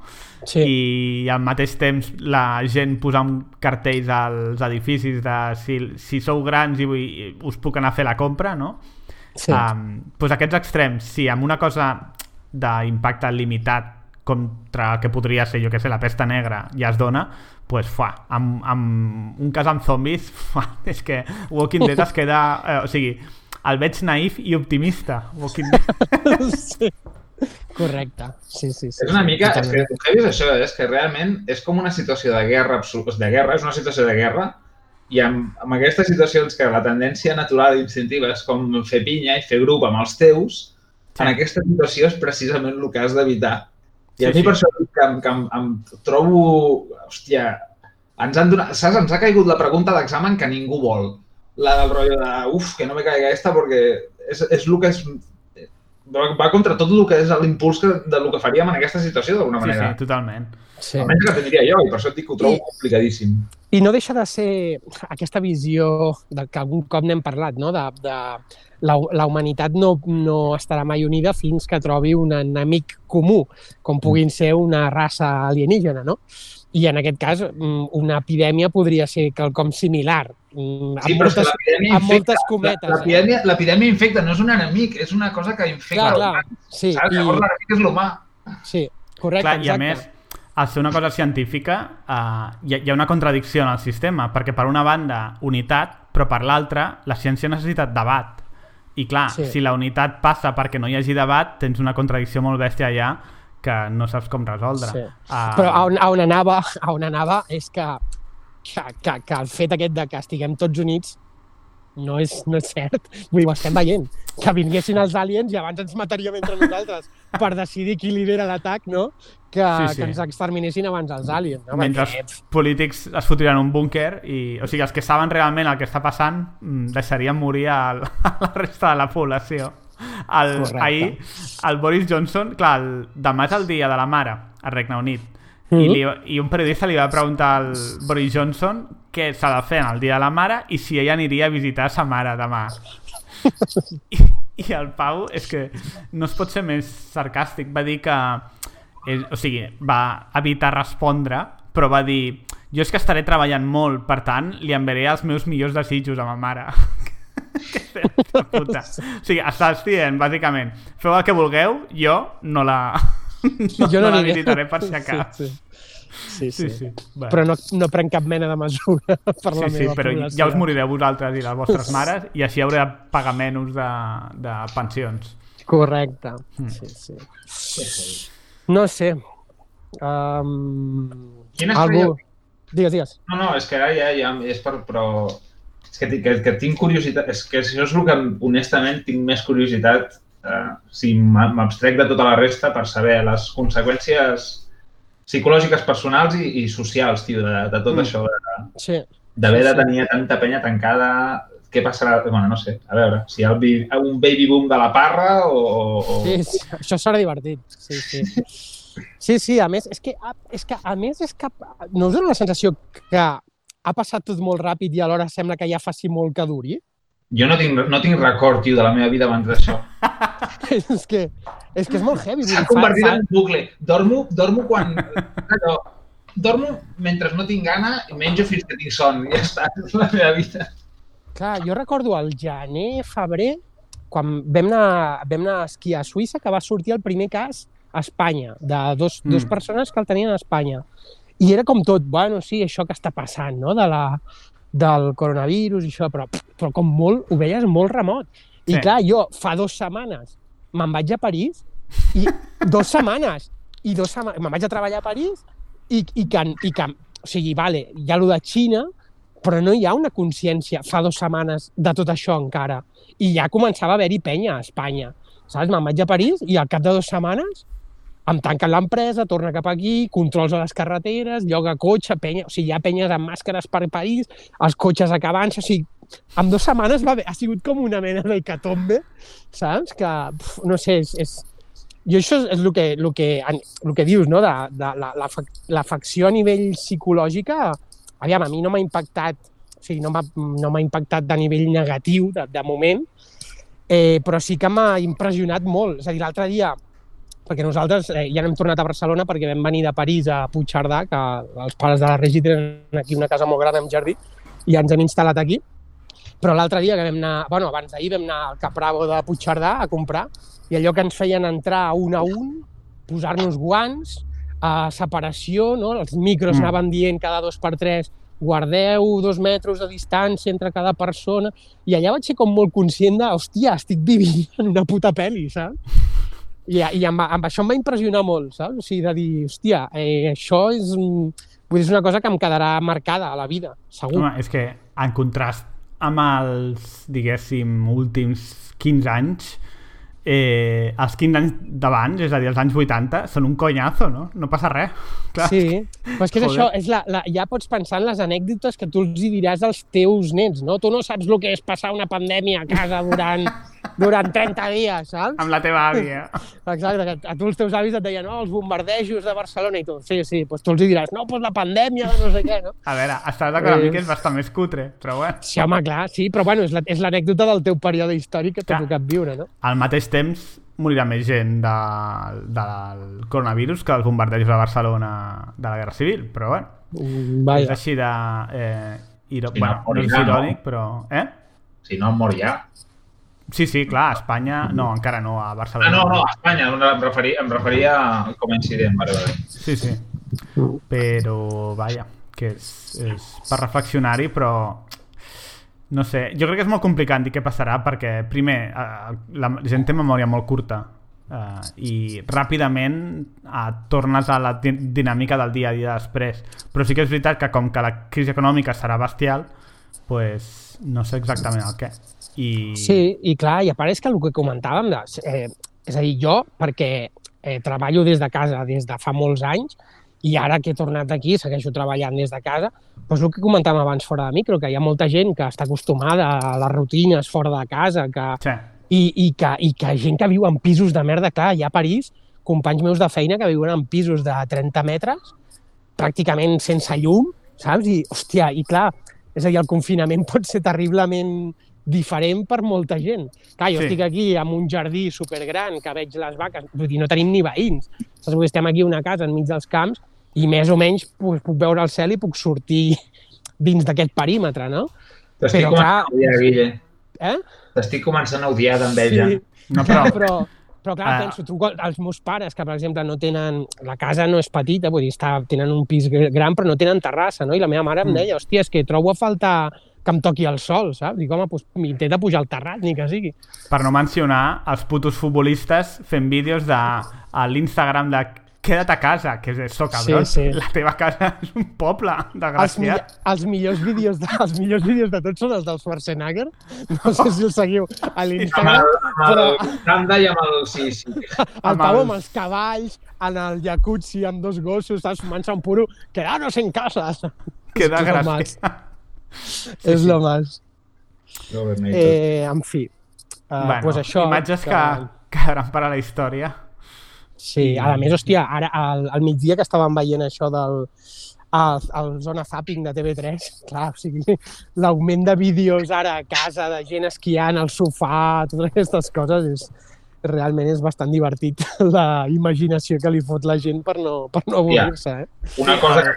El que està bé és que quan la gent s'avorreix i comença a fer coses que siguin útils. No sé si heu vist tot el tema aquest d'impressió 3D i disseny de Sí, sí, prototips sí, sí. per Això és fer brutal, respiradors els respiradors. Sí. Sí, sí, sí, això és una passada. Això sí que és Això el futur, tio. Eh, És una mica com la, la versió més optimista i amable de la tecnologia d'internet, no? Que és, és, Mm. seria una mica la del Cory Doctorow no? i el seu Little Brother i aquestes novel·les Sí. de quan la gent és capaç de fer servir les eines d'internet, les eines de distribuïdes, de- diguem-ne, per crear un projecte entre diversos experts coordinats i ge- generar alguna cosa que sigui útil en un temps d'emergència extrema com ara als hospitals i ho fan de manera molt més ràpida que qualsevol empresa perquè clar, són una sèrie d'experts a casa seva, tenen tot el que necessiten i estan avorrits com ostres, no? O sigui Sí. que, um, això està guai quan aquestes coses són, poden ser útils que hi havia molta gent dient però això segur que no, que és a veure, primer els sistemes distribuïts com aquest de coneixement són els millors del món si no, mira, Wikipedia és un exemple claríssim o Linux, no?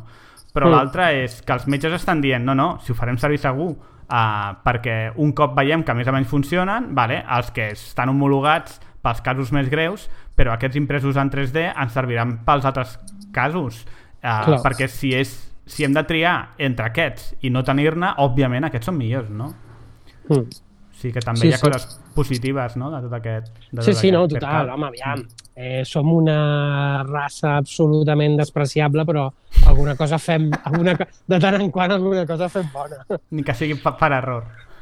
Exacte. Sí, sí, doncs no sé, voleu alguna conclusió final o...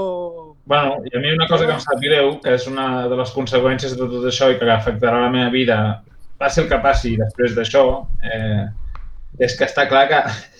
I això sí que... Això sí que estic segur que passarà. S'han acabat per sempre més els creuers. Però això és dolent o alguna? És, algo, és bo, però em sap greu perquè el Guillem havia posat les dents llargues i sé, ara ja em quedaven les ganes de provar de creuar l'Atlàntic algun dia, però ho hauré de fer amb barca de rems perquè em sembla que de creuers no em quedarà. Vaja. és, és, que és, és heavy, eh? És la, o sigui, de tota, tota la penya que ha quedat confinada en creuers tindrà les històries de terror més heavies Sí, de tota aquesta Però- però... sí, sí. Ahir, per què ahir sortia, exactament? ahir sortia una família catalana que, bueno, no, una, un, dos parelles de, de gent, no sé, haurien tenir 60, a partir de 60 anys, dos parelles, i que, i que havien anat a Argentina, llavors el creuer era, bueno, no sé, feien part de Sud-amèrica, creuaven l'Atlàntic, i ja venien per Espanya, havien de baixar teòricament a Barcelona, i això, llavors pues, que a Espanya no els vam deixar parar, o no els van voler, o no sé què putes va passar, i ara se'n van, o sigui, finalment el creuer pararà a la zona més infectada d'Itàlia i allà els deixaran. O sigui, el, els, tira, els tiren directament a les brases, saps? Home, però els deixaran al vaixell, no els faran fora al vaixell. O sigui, Amb- No, no, no, no sí, Amb- el vaixell... Va, Amb mascareta, mm, amb una mascareta gratis que els hi Sí, i 5 euros. pico euros. No sé, és molt fort, tio. No. I és molt fort, és a dir, com als països, per exemple, això que ha sortit, surten moltes anècdotes de, de les ambaixades espanyoles arreu del món, no? que estan abandonant a la gent allà. sí. Uh, clar, imagina't, hi havia també quatre noies o cinc noies estudiants de 18 anys catalanes uh, a l'Àfrica, un país d'aquests que dius aquí és dels pitjors llocs on et pots quedar, saps? Uh, no me'n recordo, Namíbia, no, no me'n recordo. Saps? Pues un lloc d'aquests que dius, hòstia, aquí no m'agradaria per res quedar-me tancat i pues, Ja. allà estan les, les pobres xavales. Però també et diré que bona part dels països pobres que tenen menys recursos, les infeccions venen per turistes que han viatjat allà després que comencés la pandèmia. Que dius, tio, uh, Sí, especialment sí. espanyols, no sé per què, que és de, tio, Ja, ja, tio. dos dits de front. Si portes una epidèmia a Namíbia, cuidao, perquè pot ser responsable de milers de morts, però bueno. Sí. Eh, sí, sí. Sí, sí. Us ho juro, eh? Ja no, no, no faig de Nostradamus, però em costaria de creure que en aquest, en aquest, en aquest aspecte, per exemple, a nivell del el moviment de persones i els viatges, que, joder, penseu en el que... Després de l'11, vale que és perquè als Estats Units va reaccionar com va reaccionar, però penseu en com va afectar la manera que tenim de viatjar Saps què vull dir? El, Sí. el, el, el volar i tot plegat. Uh, no sé quin serà, tio, però em costaria creure que no hi hagués algun tipus de, de Sí, sí, sí. moraleja de tot això. Després. sí. Home, el que sí que és cert és que la normalitat entre cometes, si voleu dir normalitat, que és el que, les coses que han tingut més s'han impactat més o han tingut més impacte amb la pandèmia eh, trigaran molt a, si és que tornen a ser com abans. A, per exemple, en el cas de la- l'aviació que tu deies, moltes companyies estan a punt d'anar-se pel sac. Perquè, clar, tres Sí. mesos sense cobrar, doncs ja m'explicaràs tu què fas amb els avions. Te'l menges amb patatetes. Bueno, però és que tres, Sí. tres mesos és això, tres mesos assumint que després dels tres mesos tot torna a la normalitat. Totalment, clar. Segur que no seria el cas, vull dir que Mm. seria una cosa Sí. més gradual o, o... Veus una altra cosa que també crec que pot tenir incidències el tema del teletreball. Vull dir, això és un... És com si diguéssim un coni... ha sigut un conillet d'índies perfecte per a les empreses per veure si poden funcionar en teletreball o no. Per exemple, jo que vinc del, del món més aquest d'audiovisuals i tal, ara ho comentàvem amb uns col·legues de que, clar, és unes feines que la gent pot estar perfectament a casa i que les empreses lloguen instal·lacions que els hi costen una pasta cada mes en lloguers i coses d'aquestes, saps? I que igual es potenciï més la, el, Sí. el, la feina des de casa que... Ah, no ho sé, perquè jo veig dos problemes. Un, que si tens els nens a casa, eh, el teletreball és eh, una... Ah, o sigui, és una entelèquia. La gent que té crios no pot treballar, ja està. O, tra Sí, bueno, o el seu ritme jo- serà molt menor. Jo no dic que sigui una cosa en favor del treballador, eh? Ah, Ho dic- exacte. Ho dic, ho dic en qüestió de l'empresa. Ho dic que si a l'empresa li suposa menys gastos Sí. el tenir gent treballant des de casa, doncs és una cosa que igual s'implanta més, no ho sé, No, eh? però... però el que vull és que com que estan cada les escoles, tampoc pots estimar si la gent és molt productiva o poc productiva. Però després hi ha l'altra, que Ja. després d'estar un mes a casa treballant, igual no vols treballar des de casa en 10 putos anys. Però bueno, Ja, sí, sí. eh, ja, ja, els que treballem més o menys des de casa, doncs tam tampoc ens ha pillat de nou, no? Però, No. no sé, Mm. bueno, ja veurem, però... Hi haurà, Sí. hi haurà un altre podcast abans de que tot això acabi, o sigui que... O dos, Sí, o tres, O dos o tres. si no tenim res més a fer. Sí, sí. Sí, de fet, aquest ha sigut introductori, no? El següent, en set, set dies de confinament, el següent cap igual serà d'aquí 15 dies o menys, ja veurem. El següent, Um, Ah, el següent, spoiler, que no serà sobre distòpies i apocalipsis a, a, en marxa, no?, del rotllo, també per enfrentar. D'aquí una I, setmana. podem i- fer un especial de com sobreviure a la pandèmia, eh? I ja expliquem I- tècniques de... i l'últim episodi Com robar, que com farem robar mai, a tu vecina. i l'últim episodi que farem mai anirà d'extincions, no? Sí. Correcte, sí, sí, sí. Ah, aquest estaria molt Finalmente bé, eh? respuesto a la paradoja de Fermi. Extincions massives. Amb el Bruguera dient en bucle una hora seguida jo tenia raó, jo tenia raó. Sí. Sí, No, sí, no, sí. però serà... Hòstia, és, és... Jo només vull sortir això, tio. Vull sortir a córrer, honestament, és el meu únic desig. Doncs no. La lleves Ja, ja. Per ara pel balcó. Sí, sí, perquè aquesta és l'altra, que, que 14 dies no durarà això, eh? No, no. Dos, dos, aquest. mesos, dos mesos pel cap baix. Sí, sí. Dos mesos, xaval. Hòstia puta. En fi, Sortiré de casa a Colau Sevi, tio. Mare de Déu. Amb aquesta doncs escol... predicció aniríem acabant, no? Sí, Mm. doncs això, doncs uh, avui aquí acabem el, el capítol d'avui. Esperem que us hagi resultat interessant. Tornarem aviat, eh? Uh, per si esteu avorrits, us in- intentarem portar entreteniment i negativisme a les vostres vides. I, I res, doncs això, doncs, uh, fins la propera. Adeu. Adéu.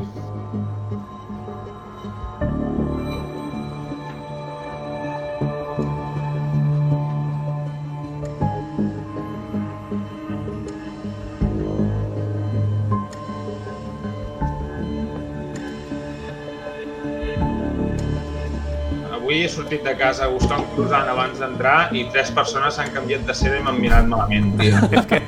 Bruguera, no sóc jo qui... No, no, no. sèrio, Però Això, tens cara de malalt.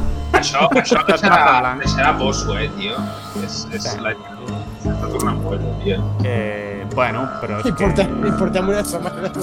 Això, bueno, i aquesta Wait l'altra. for it! Que ara la penya, la penya s'està rient perquè tots estem a casa i ja, ja, ja, ja, ja, portem una setmana i encara cobrem, però dona't una setmana Exacte. i ja veuràs que la penya No. deixa.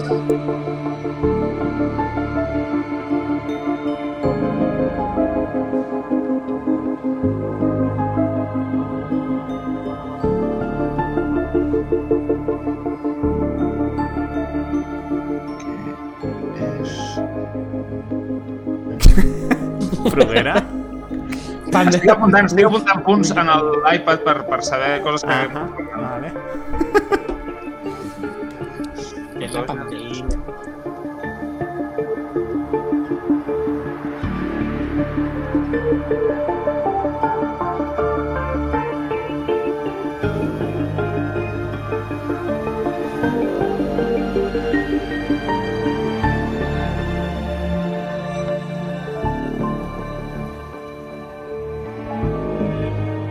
Les meves puntes de la mà esquerra ara mateix, o sigui, és flipant. No, no, no, no, gràcies. Pot, fot, fot, fot autènticament fàstic, tio. Bueno, Jo què, què tal? crec, eh? No Heu cal. dinat de gust? Eh, Pot molt. fer? Sí, sí. Pot fer, fer. A, a la terrassa, pam. El Oi, solet. com t'exposes, això? Eh? Com t'exposes, això? A què? Dinar a la terrassa. A la meva Que sol, home, que et toqui el sol, de què creus que parlo? Ah! ja, tio, és dur, eh? Que et toqui el sol, però bueno.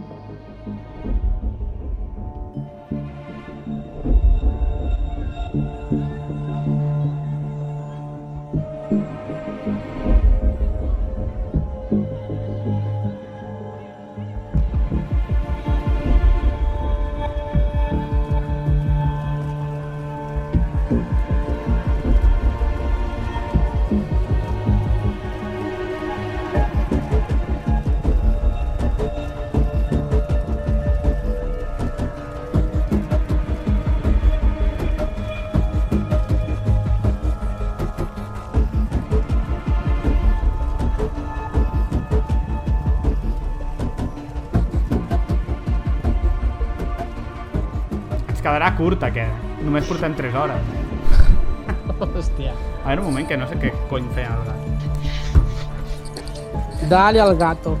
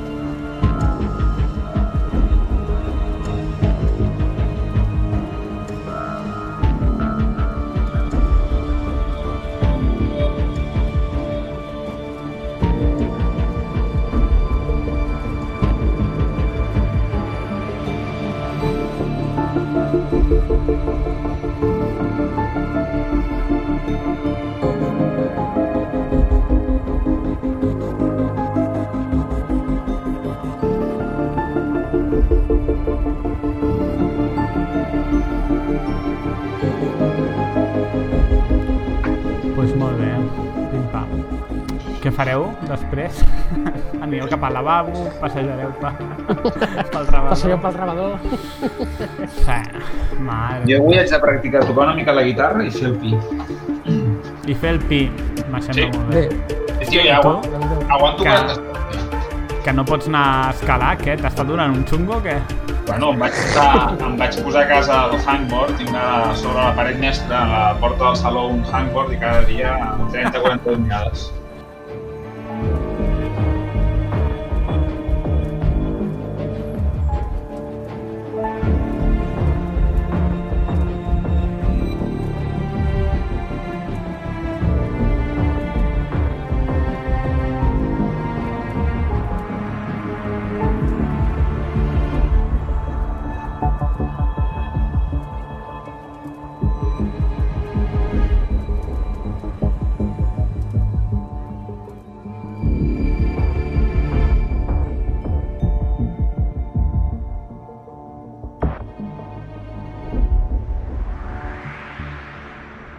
Es la bicha de las oportunidades. No es una bicha cualquiera. Si te pilla. Tra la la la la. Bueno.